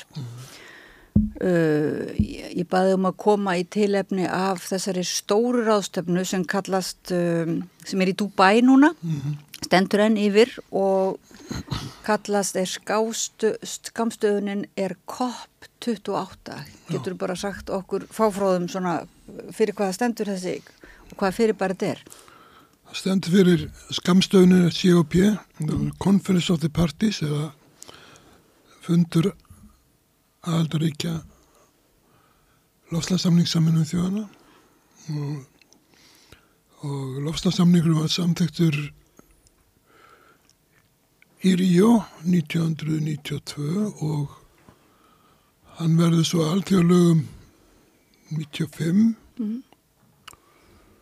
og þá er haldið fyrsta koppið, þegar maður getur sagt svo. Það var haldið í Berlín og fórum að þeirra ráðstunni heitir Angela Merkel og ég var ekki þar og, en talaði fólk sem var þar, það sem kannski skipti máli þar var að það var samtíkt að að yðinríkin, þessi efnu ríku þjóðir sem eiga að elda lostarsamningum, þau tækja á sig mestar byrðar við að draga úr losun, enda bæri þau mesta ábyrð á þeirri mengun sem er búið að losa út í andrumsloftið og, og það er fyrst og næst koltvísýringu þá sem að er frekar langlýf gastegund, þar sé að hún er í andrumsloftunum hundruðu ára mm. og og það var losun frá Kína mun minn en losun frá bandaríkunum til dæmis en til þess að fylgja þessu eftir var svo haldinn þriði fundurinn í Kyoto 1997 þar sem að samþýtt var svo kvöld Kyoto bókun sem gekk út af þetta sama þau ríki sem voru auðug hinn ríkin þau skildu taka á sig skuldbindingar um samdrátt í losun á fyrsta fyrsta skuldbindingatöfumbili Kyoto bókunarinnar sem var uh, tímabilið 2008 til 2012 og uh, þetta var nú ekki mikil samdráttur í rauninni. Þetta bandaríkin hafi verið með 6% og Európa með eitthvað aðeins minna 5,6 en um, vandræðin voru þau að það voru ekki engi ríki sem vildu íla, að fá ríki sem vildu íla ganga þessum skilmjörnum bandaríkin uh, já, sérstaklega bara þetta var náttúrulega samningur sem að öldungu til bandaríkting styrti að fullgilda og það var enga líkur því að Kjótabókun næði, næði þeim árakur í bandaríkjunum og þegar Bush yngri var fósitt árið 2001 að þá til þess að fljóta á lístandi yfir að bandaríkinn ætla ekki verið með Mm. og En Íslendingar voru þarna með og fengu, er það ekki fengu þessa frægu undan þá sína? Já, hún kom nú ekki alveg strax en, en sko, til að byrja með það fengu Íslandingar leiði til að auka losunum 10% sem var miklu minna heldur en að til stóða hálfu íslenska stjórnvalda. Ég held að uh, samningsumbóði sem að uh, Ísland fór með til Kjóta var að fá að auka losunum rífilega 60% það var það útræðingar sem gekk út að þessi inn í þessum 60% væri þá eitt álverð að minnstkosti. Þannig að umverulega undan þá hann, undan þá hann er fengin á þeim forsendum Já, að við þurfum að losa meira af því við erum með álverðin. að því við ætlum að byggja, ekki við, heldur vegna þess að ríkistöndin þá ætla að byggja eða fá náttúrulega erlend fyrirtæki til að byggja álverð Mm. sem er mjög orkufreg og uh, svo undan þá að eins og segi, fegst ekki. Ísland fekk 10% aukningu sem var mest allra ríkja, Ástralja fekk 8% mann ég. Og það var mjög sérstaklega þess að kól eru megin orsakar já, eru já, heim, það er elsniti sem veldur þessari losun í Ástralju og sérstaklega leiðum að halda áfram að auka það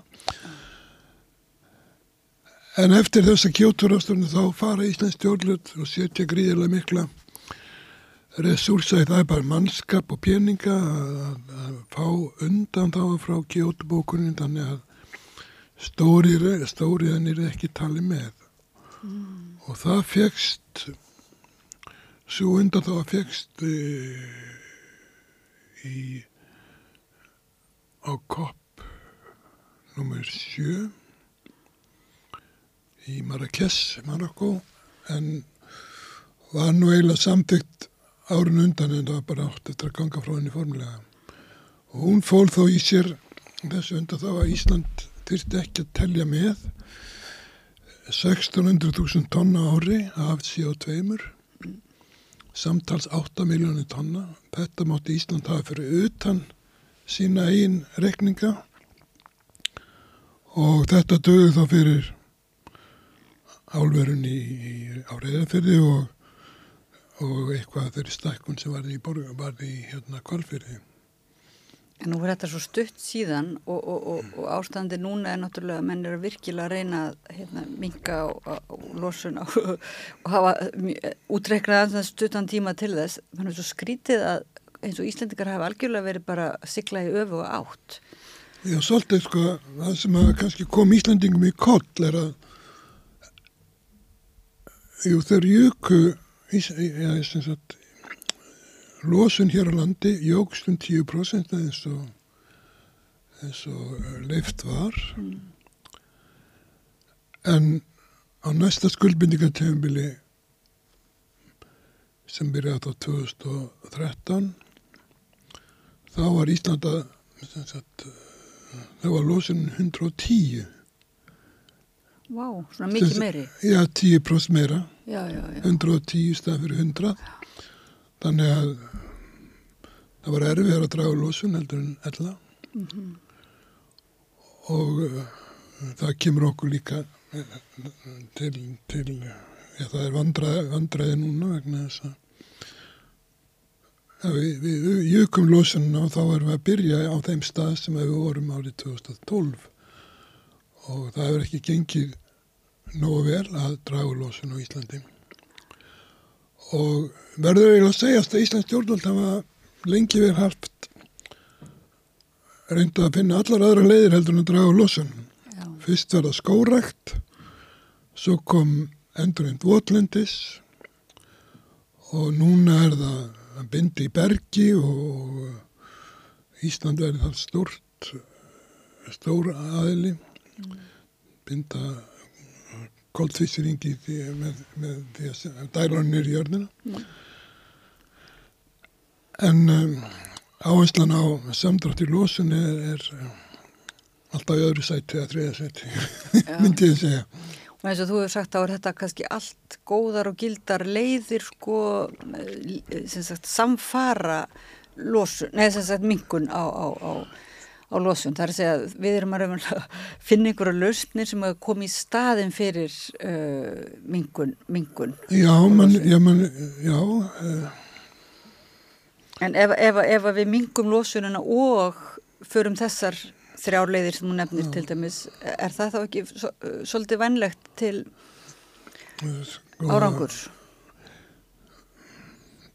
Er bara byrja að segja að Carpix er ágættist fyrirtæki og þeir eru örgulega það fyrirtæki öruglega að vinna í góðri trú og, og allt það en sko, og fyrsta vers í svona loslandsdagjörðum er alltaf að draga losunum Já.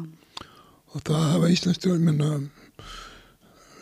umleið og við fórum að ná eða, ja, íslenskur efnagur fór að ná sér eftir hruni þá byrjaði bílum að fjölga ný og, og bíllegu bílum og það voru og lítið með aðgerði til að stemma stígu aukinu losin frá vegarsamgangun. Þannig að við erum þarna aðilar, sem sagt, þáttakendur í Ríó, erum... Uh, við erum með þessu öllu saman. Við erum með þessu öllu saman, en vantar ekki, eins og þú hefur stundum bent á það, vantar að lögfesta? Eða er, er það helst í vandin kannski? Vi, við skrifum undir einhver plögg en, og erum sam með einhverjum partíum, sem sagt, en erum ekki beinlinis að fylgja því eftir eða er ekki fyrsta atriði svolítið stort að lögfesta þessar skuldbyrningar eða hvernig morða það? Já, þær eru lögfestar þannig að Íslandi er aðilegað líka lofslagstefna Európa-sambansins mm. og Európa-sambandi hefur nú líst yfir og þetta er að setja þetta í lög að dragu lósunum 55%. Það er vísi ekki alveg svo mikið vegna þess að hlutaði er binding af kólumnis með einhverjum hætti mm. 1,5-2% en um, við, við, við, erum, við erum að fullgilda þessi alþingi að samtækja þessi þessa tilskipina frá Europastamöndinu en, en það tölur anstafið það á þingi þetta samstarfið Europastamöndi það er eiginlega svolítið femninsmál hér á landi vegna þess að já, er einhver flokkur í ríkstjóð sem er hlindur í örpusambandinu ég held ekki. Og þá svona svona og það eru þarna flokkar að þingi eða þingmenn sem að líta á það samstarfið örpusambandi í loslasmánu svona frekar neikvæðum augum sko. Já. en við gerum oftast það sem að þarf að gera en með hangandi hendi. Mm -hmm. það finnst mér vera kannski og fylgjuðu ekki eftir svona? Já en... það sem að er það er umhverjastofnustur reiknar út og og séti þess að stjórnmálmenn hafi tölunar en samkvæmt síðustu tölun þá eh, mingaði losun ekki á síðust ári Þannig að raunverulega það að við skulum vera uh, í samstæri við Evropasambandið og í þessu parti lofslagsríkjana þá það er eiginlega eina sem getur haldið okkur að ef, við efnið er ekki. Svona það þarf þennan þrýstingar ekki utan að komandi Jú, sumuleyti eru við allavega fórsettraður þegar hún flutti sitt sína ræðum daginn þá er hún sammála því að, að, að lofslasingi núna í Abu Dhabi samtykki að, að fasa út golfninselsniti, mm. jarðarnelsniti og en, en svona eins og segi það Hvernig var ræðan hennar svona?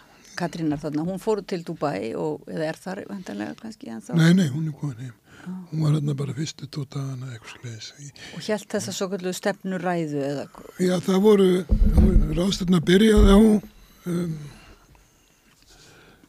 þjóðhengja eða leituafundi það sem að leitua komið bónd og lístu hvað stefnu þeir þeir uh, vildu fylgja á þar í þessum stefnur að það komi hefðilega fram að, að Európaríkin og, og mörg fleiri ríki vilja fasa út jarðanelsniti, vilja fasa út uh, bruna og olju og bensinni og gólum og gasi.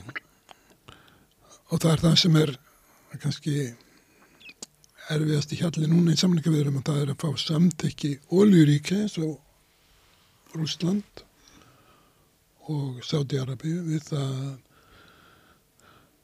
að framtíðin framtíð olju og gas bensins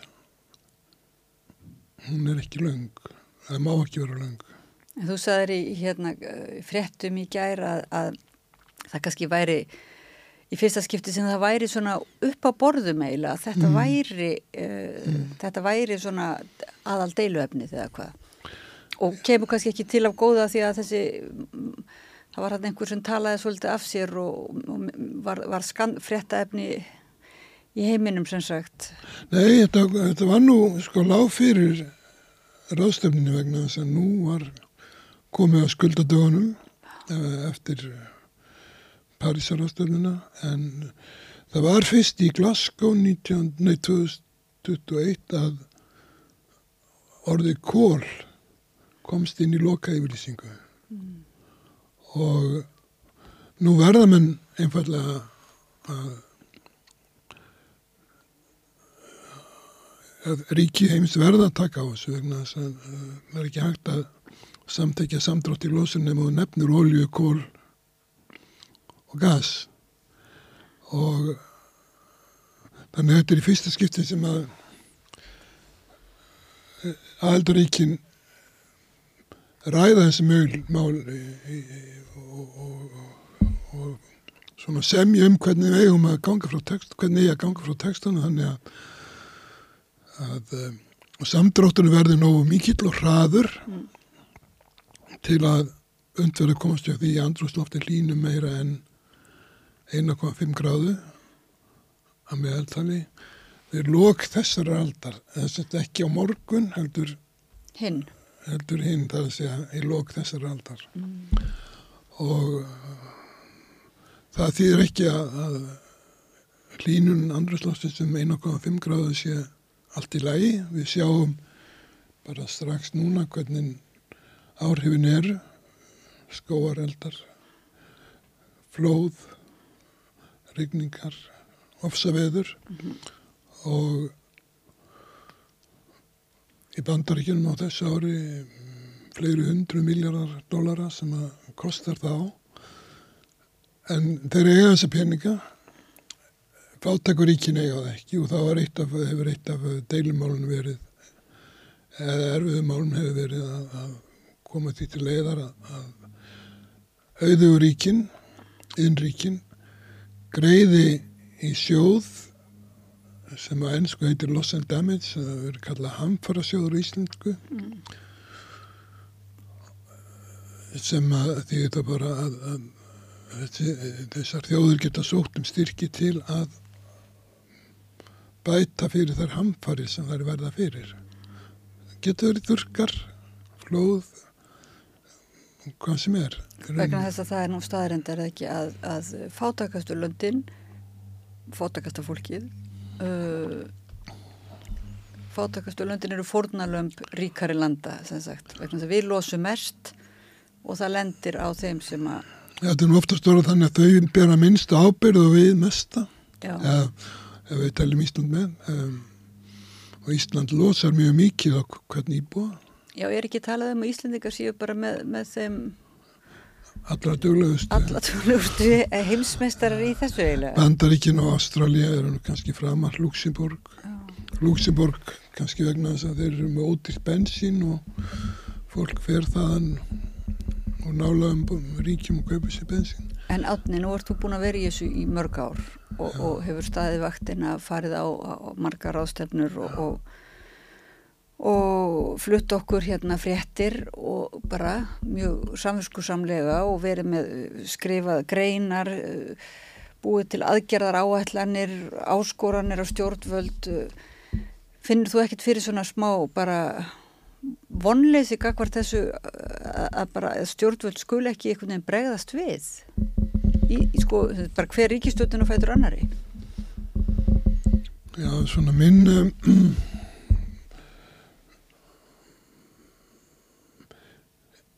það er nú þess að verðt að geta þess að á sínum tíma í upphafi tíunda áratug síðustu aldar í Ríu 1992 þá kom Ísland því til leiðar að samþuttu var texti sem fól í sér að, að það skildi gera samning, alþjóðlega samning um mengun frá mengunavöldum þrávirkra lífræðna efna. Ísland losar ekki mikið af þeim efna þannig að við svo sem vorum í góðumálinn þannig. Mm. Hvað er það fyrir ekki? Þrávirk? Það er svona eins og PCB, DDT, skortireitur. Já, díóksín, þetta er svona, þetta er verulega vond eitur, þetta Já. hefur áhrif á, á hormonastar sem er, og þetta er svona, þetta er, þetta er, þetta er fytuleysilega efni þar að segja að það leysast ekki upp í líkamannum, heldur það eru þar mm. til frambúðar. Mikið snirtiförum líka? Og, og... Nei, ekki svo mikið snirtiförum, ekki, ekki þannig, að ég held að það, það er nú ekki þólega. Þetta er í, þau eru ótæljandi þessi efni, Já. en, en það sem ég ætla að segja var að Ísland stóð sér mjög vel í þessu máli og, það varð samtæktur Stokkónsamningurinn árið 19, árið, já, 2001 eða 2002 og það var þá samningu sem Ísland hafði átt frumkvæða að það erði gerður. Við vorum ekki nógu stór og merkilegt þess að þetta er í kalla Reykjavík samningurinn eða eitthvað slíkt en, en svíðarnir sem voru treyið til að byrja með þeir sáu sér bæri á borði og, og þetta kallaði Stokkónsamningun. Það sem ég er að segja að við þurftum að vera svoleiðis í losnansmálunum. Sko við erum að sko það er eins og sem miklu meiri sofandáttur eða jafnvel anstæði aðgerri í losnansmálunum en, en samtilega svo að ef að klínun jarða fer yfir 1,5 gráðu þá erum við á mörgum þess að, að súrnum sjáar verði ekki eftirkræf heldur sjórin haldi áfram að súrna. Og þá er lífrikið í hafinu í mjög vondi málum myndi ég segja þannig að þess að súrnunin hefur það verkum að, að um, það voru kalkskortur mm. og skjeldir, sigdir muni ég að erfiðara með að, að, að þroskast með eðlum hætti og Og fyrir utan svo allt plast, plastið eins og fórsetin betta og það væri meira plasti en fiskum í sjónum. Já, svo er það uh, annað mál en mm. það er ekki klínun að kenna því sjálf og sér en gríðalt vandamál.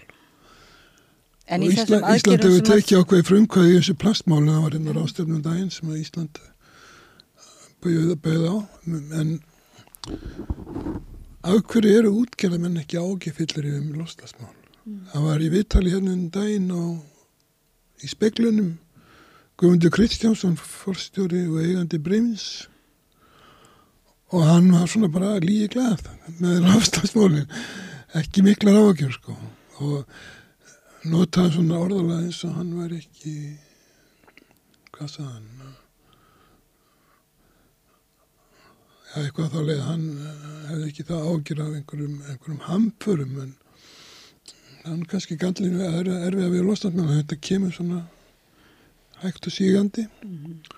og svo allt í henni gerist eitthvað eins og núna þessu ári og síðasta gríðarlega mikið af af uh, hittametunslegin og En þetta er náttúrulega einhvers konar ekki bara svovanda hátur líka afneitun afneitun á orsakasamingi og, og þótt að þeir sem að efast um lofslagsbreytingar að þær séu að mannavöldum að þá einhver hluta, einhver stórun hluta að þá, þótt að þeir séu minni hluta að þá samt einhvern veginn virðist þessi áráður hafa haft þau áhrif að uh, jáfnvel einmitt stórir uh, hagsmunnaðilar einmitt þess að þú segir, þeir, þeir neyta að horfast, að virðast ekki að horfa á þetta augljósa orsakasamingi Nei og kannski ekki heldur ferðamanniðinaðurinn Nei, já í ferðamanniðinaðurinn Nei, það við erum alltaf Til dæmis skemmtifæraskipin, það er nú alveg talað um að þau séu gríðarlega mengandi. Það er það. Uh, og það væri eitt atriði bara til þess að banna uh, viðkomu skemmtifæraskipa eða banna það að þau séu höfð í gangi í fjörðunum er það ekki? Já, uh, sumstar eru komin upp tengi fyrir ramagn fyrir ás, þannig að skemmtifæraskipin þurfa ekki að brenna ljósaverunum í, í höfnum en stærstu skipin þau það kostar mjög mikið að búa til að koma þeim í samband og það er tafist að hvað eftir hana hérna í Reykjavík. Og svo, svo er bara mengun frá samlega gríðarlega menn þetta er á við orkunótkun í Mósilsbæi Já, eitt svona skip, já, já. En svo er, hefur þú líka og þið í náttúruvendasamtökunum tala fyrir því raunverulega bara að vera í farabróti og skipta út sagt, að, að skipaflótin sé ekki kerður á svartólíu og það væri strax mikil, mikil bót. Já, um, og eitthvað svona sem manni, það eru nokkur atriði sem að, sem að því nefnið sem manni finnst eins og sé bara frekar, auð, frekar auðvelt að hindi framkvæmt Þetta með svartólíun er ekkert mál. Það er náttúrulega fáskip hér sem að mér er sagt að fiskiskip brenn ekki svartólíu mm. en Ég held að heimskip og samskip gerir það. Þó að sé ekki alveg hérna í landi þá er það vissum hafsæðum sem er brenna svartáliðinu er, er, er ég upplýstur um. Það komur reyndar um bara síðustu viku og þar síðustu upplýstur ykkur með einn skip alltaf að taka sig ávarandi losunna og draga úr henni eitthvað. Og það er gott en, en fyrir Ísland er það bara hæðarleikur að banna svartóli innan tólmínra vandelgi og þá er ég ekki bara að tala um brunan, heldur líka fluttning, þannig að skemmtiförðarskip sem brenna svartóli, þau ætti þá ekki, fengi ekki leiði til að, að, að koma inn fyrir tólmínur. Mm. Þetta er hæguleikur. Við erum búin að söða í fyrst Guðmundi Inga Guðbrandsinni og núna í Guðlegi Þór Þórðarsinni og, komið lengi svör. Hvaða fleiri svona atrið hefði þið verið að söða í gegnum? Ég man eftir einu atrið sem var að reynsa upp netadræsur til þess að uh, bara selir og kvalir festust eftir. Svo er það alltaf kvalveðarnar. Ég held að það sé á svona réttri leið eftir alltaf fleiri tonna netadræsum í hafinu hérna í kringur landi sko mm. og á þess að blamera íslenskan sjáurútveg þá, þá eru svona stórar, tvær stórar plastegjur í kyrrahafi. Mm. Það er að segja plast sem eru einhvern veginn sópa saman í hafinu og mynda fljótandi egjur og það er talið 80% af þeim egjum síðu plast sem komið frá fiskiskipum. Og, og íslenskum vel? Nei, nei. Nei, bara fiskiskipum, já. Já, kyrrahafi bara. Þannig að já, já, já. þetta er vandamál það er komið eitthvað kjærfið sem að hvetur uh, útveginn til að koma með, með uh, netadræsir í land mm. eða troll sem verða ónýtt en ég tekki það ekki nú vel til að segja hvernig árangurinn hefur verið það verið en En átni ef að þú væri, þú, ég veit að þú náttúrulega ert ekki sko pólitískur þar að náttúrundarsamtökin eru sko svona þrýsti hagsmunasamtök náttúrunar en ef að þú myndir vera umhverfisar á þeirra í, í nokkra daga, Já. hvað myndur þú svona, myndur ekki finna gamla lista og bara hva, hvað myndur þú segja væru bara augljósustu atriðin sem ætti að gera? Banna svartólíðina landtilginar það er að segja 12 míla. Fyrsta atriði. Við getum ekki banna svartólín um 200 míla efnaðarslagsug til þess þarf samtekki alþjóða siglinga málastofnunarinnar í London mm, mm. en þetta getum við byrja og það væri mjög sterkur svona það væri mjög sterk ábending getum við sagt eh, til annar ríkja mm. í norðskautsráðunum sem eru Ísland, Noregur, Svíþjóð, Finnland Danmörk, Kanada og Bandaríkin og svo Rúsland mm -hmm. og við verðum verið æmeri syklingar um norðuslóður og við svo hefur það minga núna talvörtagna þess að skip sykla núna ekki um norðaustulegina sem að rúsa ráður ríkjum og það er kannski rúsandi fyrst og fremst sem hafa lagst gegn svartolíu banni ég skil ekki alveg okkur að Guðlaug Þór slæðir sér ekki brjóskassan og segir ég ætla að banna svartólín og tekja mm. tól míla menna hann hann hefur gott ja, hann hefur held ég fullt lefið til þess Já og kannski þórið sem þarf en sko hvað heldur, ég meina það er vallagt að segja að, að menn séu ekki upplýstir sko náttúruvendarsamtök eru búin að, upp, búin að upplýsa stjórnvöld. Er þetta ekki meir og, meir og minna hagsmun, hagsmunamál og, og til dæmis það að uh, lögsaga næri ekki yfir stórfyrirtækin? Það eru stórfyrir, hagsmunir stórfyrirtækja sem að uh, kannski Já, þá ráða mestur í eimin almennt, bara í lofslagsmálum eða hvað? Jújú, jú, það er alltaf oljufyrirtækja annars en, en sko hagsmunni Íslands er ekki neikvæðir sko. þetta hefur ekki ég hef ekki tróð því að, að minni brensla olju hafi neikvæð áhrif á Ísland, alls ekki Nei, getur ekki verið að séu einhver, einhverju samningar við, hérna, við oljufyrirtæki sem að Það er svolítið erfitt að spá þetta með hagsmunni en þess að, að sko ég einu sem eins og einn vinn minn sagði við mig, ég var að spörja hann um fulltrúa bandarækjana í lofslags málum, þetta var fyrir mörgu tíðan og, og, og ég spurði hvort það var ekki tengdur einhverju ólífélag eða eitthvað svolítið, hann sagði nei, honum er bara alveg sama og ég held að það sé kannski vandin að stjórnmálumönnum er oft bara alveg sama. Já. Þeir áttast ekki á þessu, það er mjög fáir ég myndi segja að það væri frekar fáir þingmenn alþingi sem eru mjög vel aðsýr í umhverfismálum.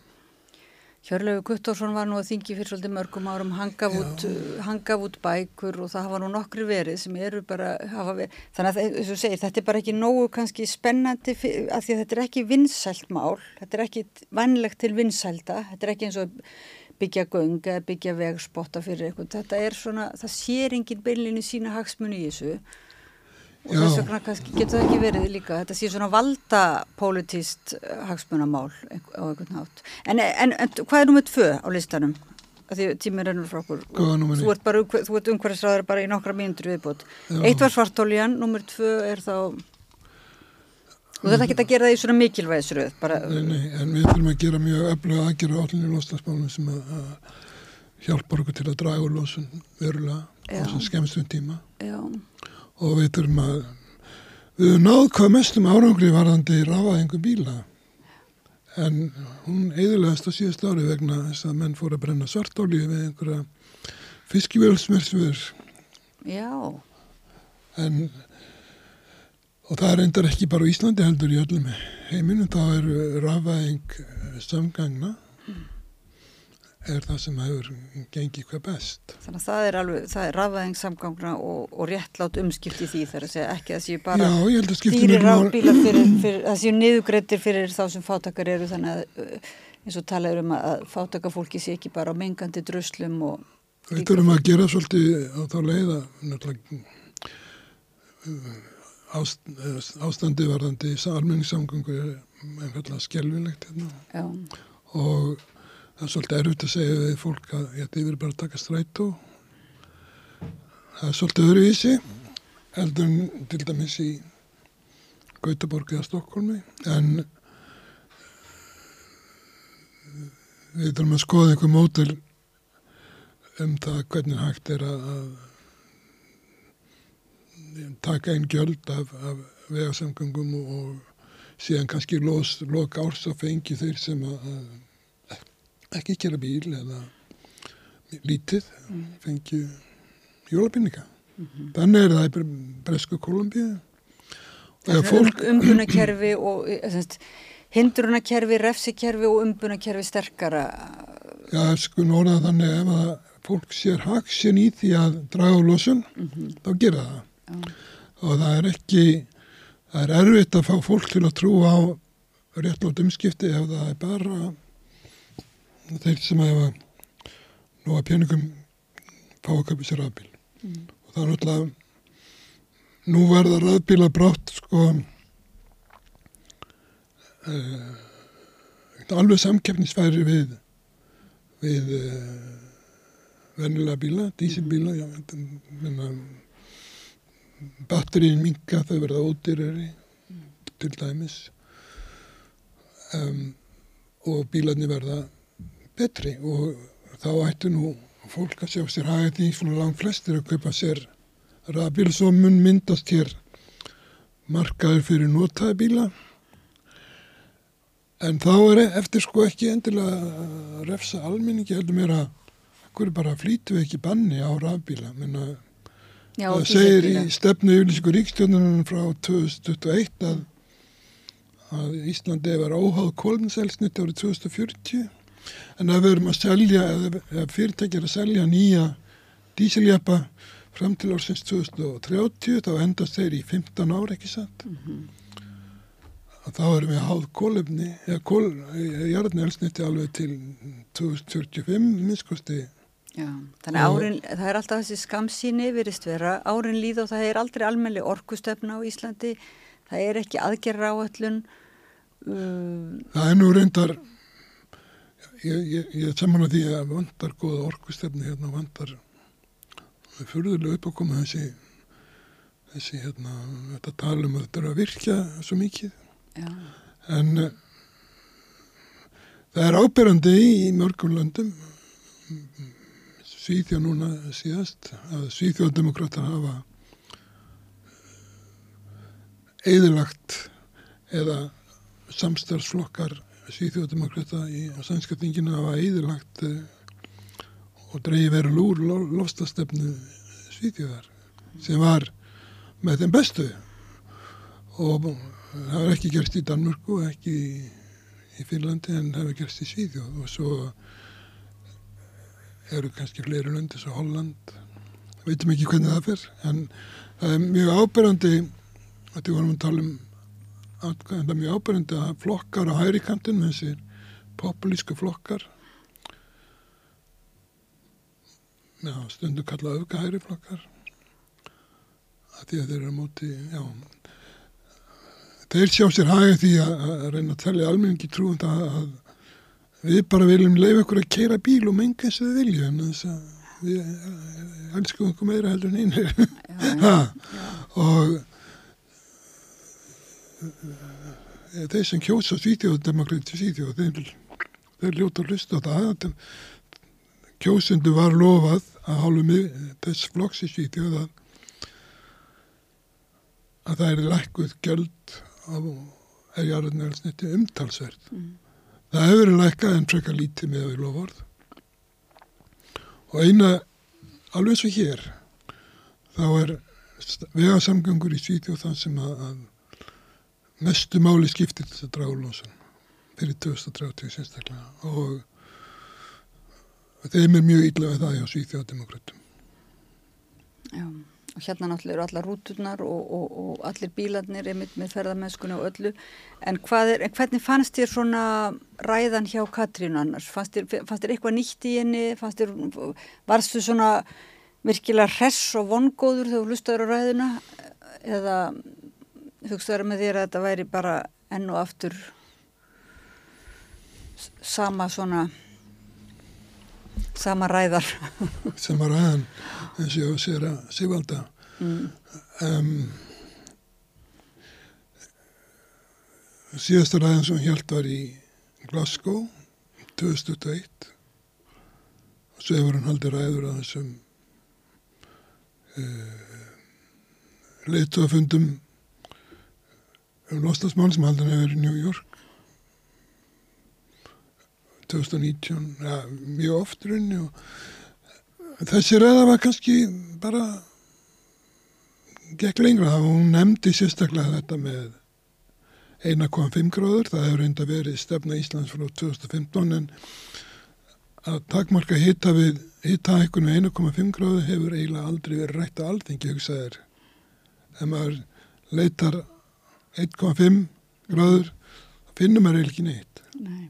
og það er eins og þetta sé ekki þingmannu viðkomandi. En hún nefndi það og hún nefndi nöysið eins að, að útfasa í jarðarmelstetti. Hún nefndi það að Íslandi að leggja til 80 miljónir kró, króna, var það ekki, í þannig sjóð, hamfara sjóð. Mm. Og um, það er gott. En hvað nefndi hún ekki? Var eitthvað sem hún hugsaði með þér að hún hefði glemt að nefna eða ekki? Hún nefndi ekki norðurskautið. Mm. Hún nefndi ekki nöðsinn þess að venda ís og jakla norðurskautins. Og einn besta og hraðasta leginn til að gera það er að banna svartólju.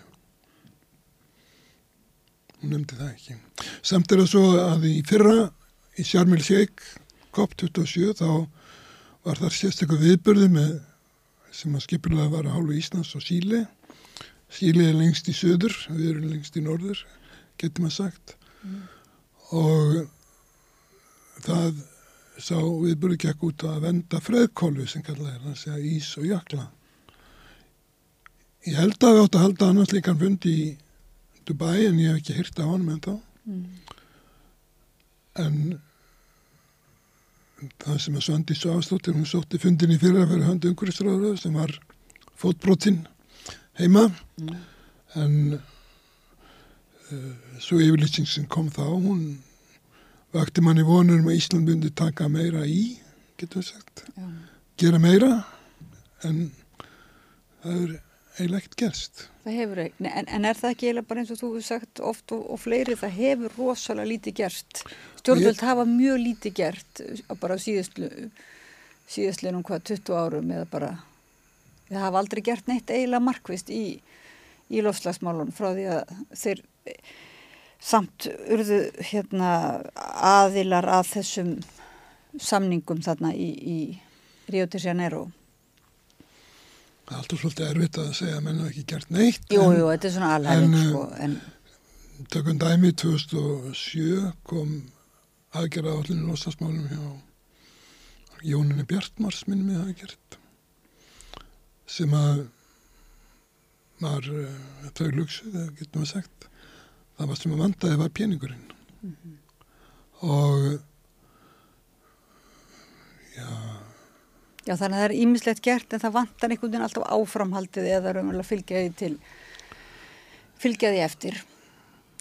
Þá er náttúrulega, eru náttúrulega samtökin á Íslandi að reyna minna stjórnvölda, minna já, og ég held að almenningur sé sko 70-80% almenningi hefur miklar á að gera loslasmálum og vill að stjórnvöld gerir meira. Mm -hmm. Það er alveg spil, það hefur verið kannamark oft og Þannig að stjórnvöld er, það er einhver tímaskekkja. Það skilja sér ekki eins í kostningum eins og maður skildi óska. Nei. Og maður las nú morgunblæðum daginn, þá kom einhver konu sem sagði að mikilvægi lofstafsmála hjá einum ólíku aldursflokkum hefði minkað mm. og það var núna morgablaður ég sér ekki fyrir kæti. Það er svona uh, málgagn útgjörðamanna það er algjörlega steindautt í heilanum varandi loslandbánu Já, þetta er eitthvað bara vandamál annara ekki, ekki, það er bara sama skilja En þegar þú varst uh, að byrja í þessu bransa og, og varst uh, tókst átt í einhverju mótmælum og, eða, eða varst bara raunverulega að andmæla mm. andvaraleysinu og svo leiðis mm. þér var ekki þá, þér var nú ekki mjög vel tekið, hef ég heyrt Já, svona, þá, þá var þetta ennþá meira tabú heldur en eins og morgunblæð hefur þú svolítið staðnað kannski í þessari Já, leið og rödd en, en leið og Daví byrjaði þessi reynstöri Já. Þá komst þessi rödd að, já. en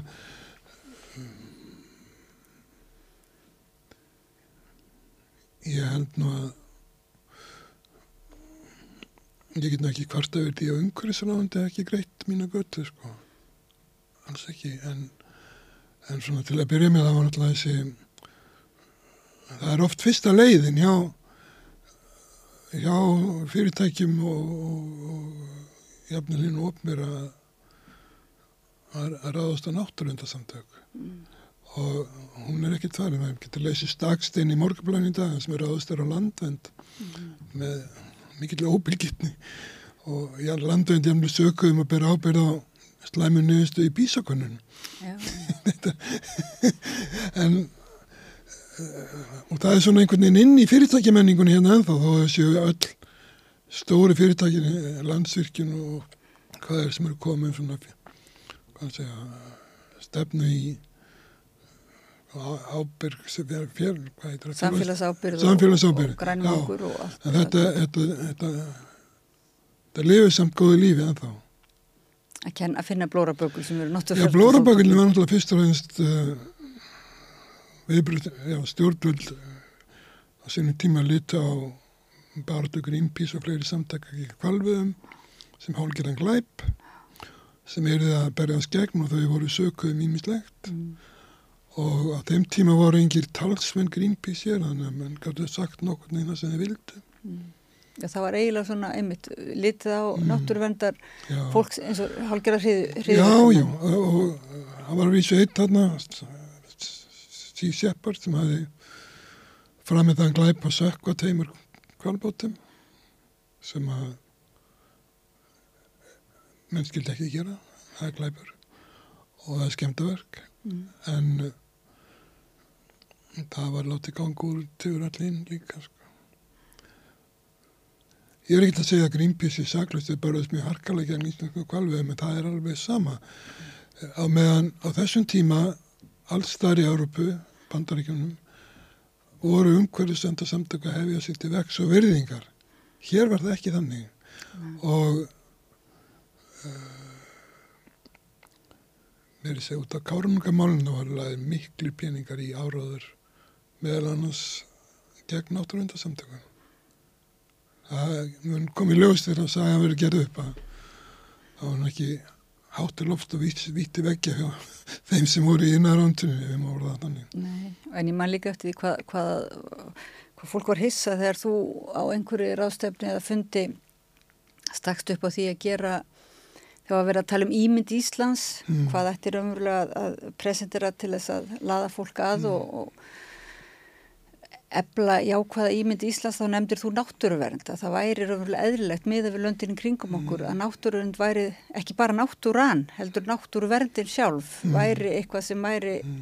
uh, talið jákvætt og, og Íslandi komið til tekna og það, ég man eftir einmitt hvað hérna það er nú ekkit mjög mörg ár síðan það þótti mjög fyrðu, fyrðuleg uh, hugmynd að náttúruvernd, þá, þá fann man að það er einmitt, það er eitthvað svona rótgróið að náttúruvernd sé neikvægt. Það sé verið að taka eitthvað frá og, og, og, og jagast í einhverju.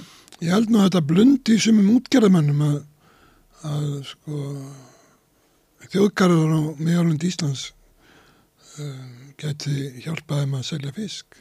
Nú? Já, það er bara náttúruvendin.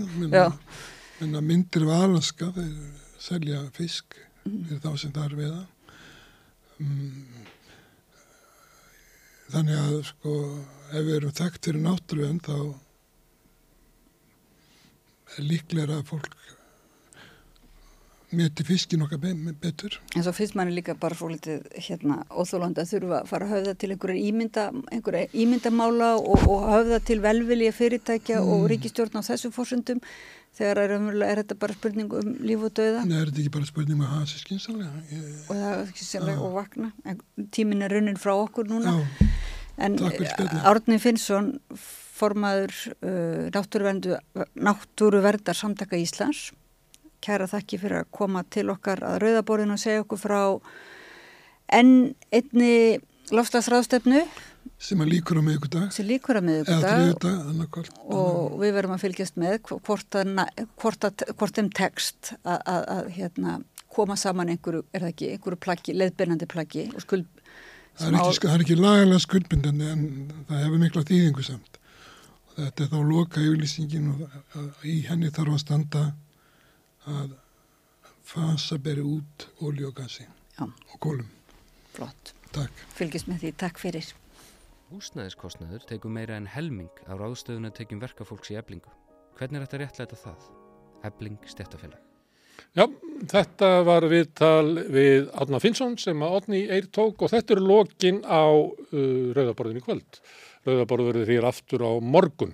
E, við þakkum öllum gestum sem að hinga komu og ykkur sem hafi verið að hlusta og hvet ykkur til þess að hjálpa okkur við að byggja upp dreifikerfi í samstöðunar. Þið gerir það með því að læka síðunar okkar á Facebook og YouTube og, og dreifa því efni sem ykkur líkar, benda öðrum á það til þess að hlusta. Þið getið hlaði niður efnin okkar á öllum hlaðvarsveitum, þið getið stilt útarpið ykkar á 89,1 eða þið eru á stór höfuborgarsvæðinu eða hlaði niður uh, appi sem heitir Spilarinn. Spilarinn er líka á netinu, spilari.is, þar er hægt að hlusta út að staskrá samstöðunar hvað sem þeir í heiminum svo framalega sem það er netsamband. Við erum á leiðinni í sjónvarp og vonum að það verði bara allra næstu daga. Það tekur smá tíma, við erum að byggja brúna um að leið og við erum að kæra yfir hana. En þið sem vilja hjálpa okkur við að byggja þessa brú getur gæst áskrifundur. Þið farið þá inn á samstöðum.is, það er hnappur sem ástendur áskrift, þið getið skráð ykkur fyrir e, 2000 krónum sem er lámas áskriftin í dag sem er ekki mikil peningur eða með sagt fyrir það efni sem við erum að búa til hér. E, þið sem að viljið geta borga meira og þið sem að kjósið getið látið áskriftin að renna sem félagsgjöldin í aldrýðufélagið og það er aldrýðufélagið sem á og rekur samstöðuna. En við þökkum kærlega fyrir okkur í kvöld og segjum góða nótt. Segðu það á samstöðinni.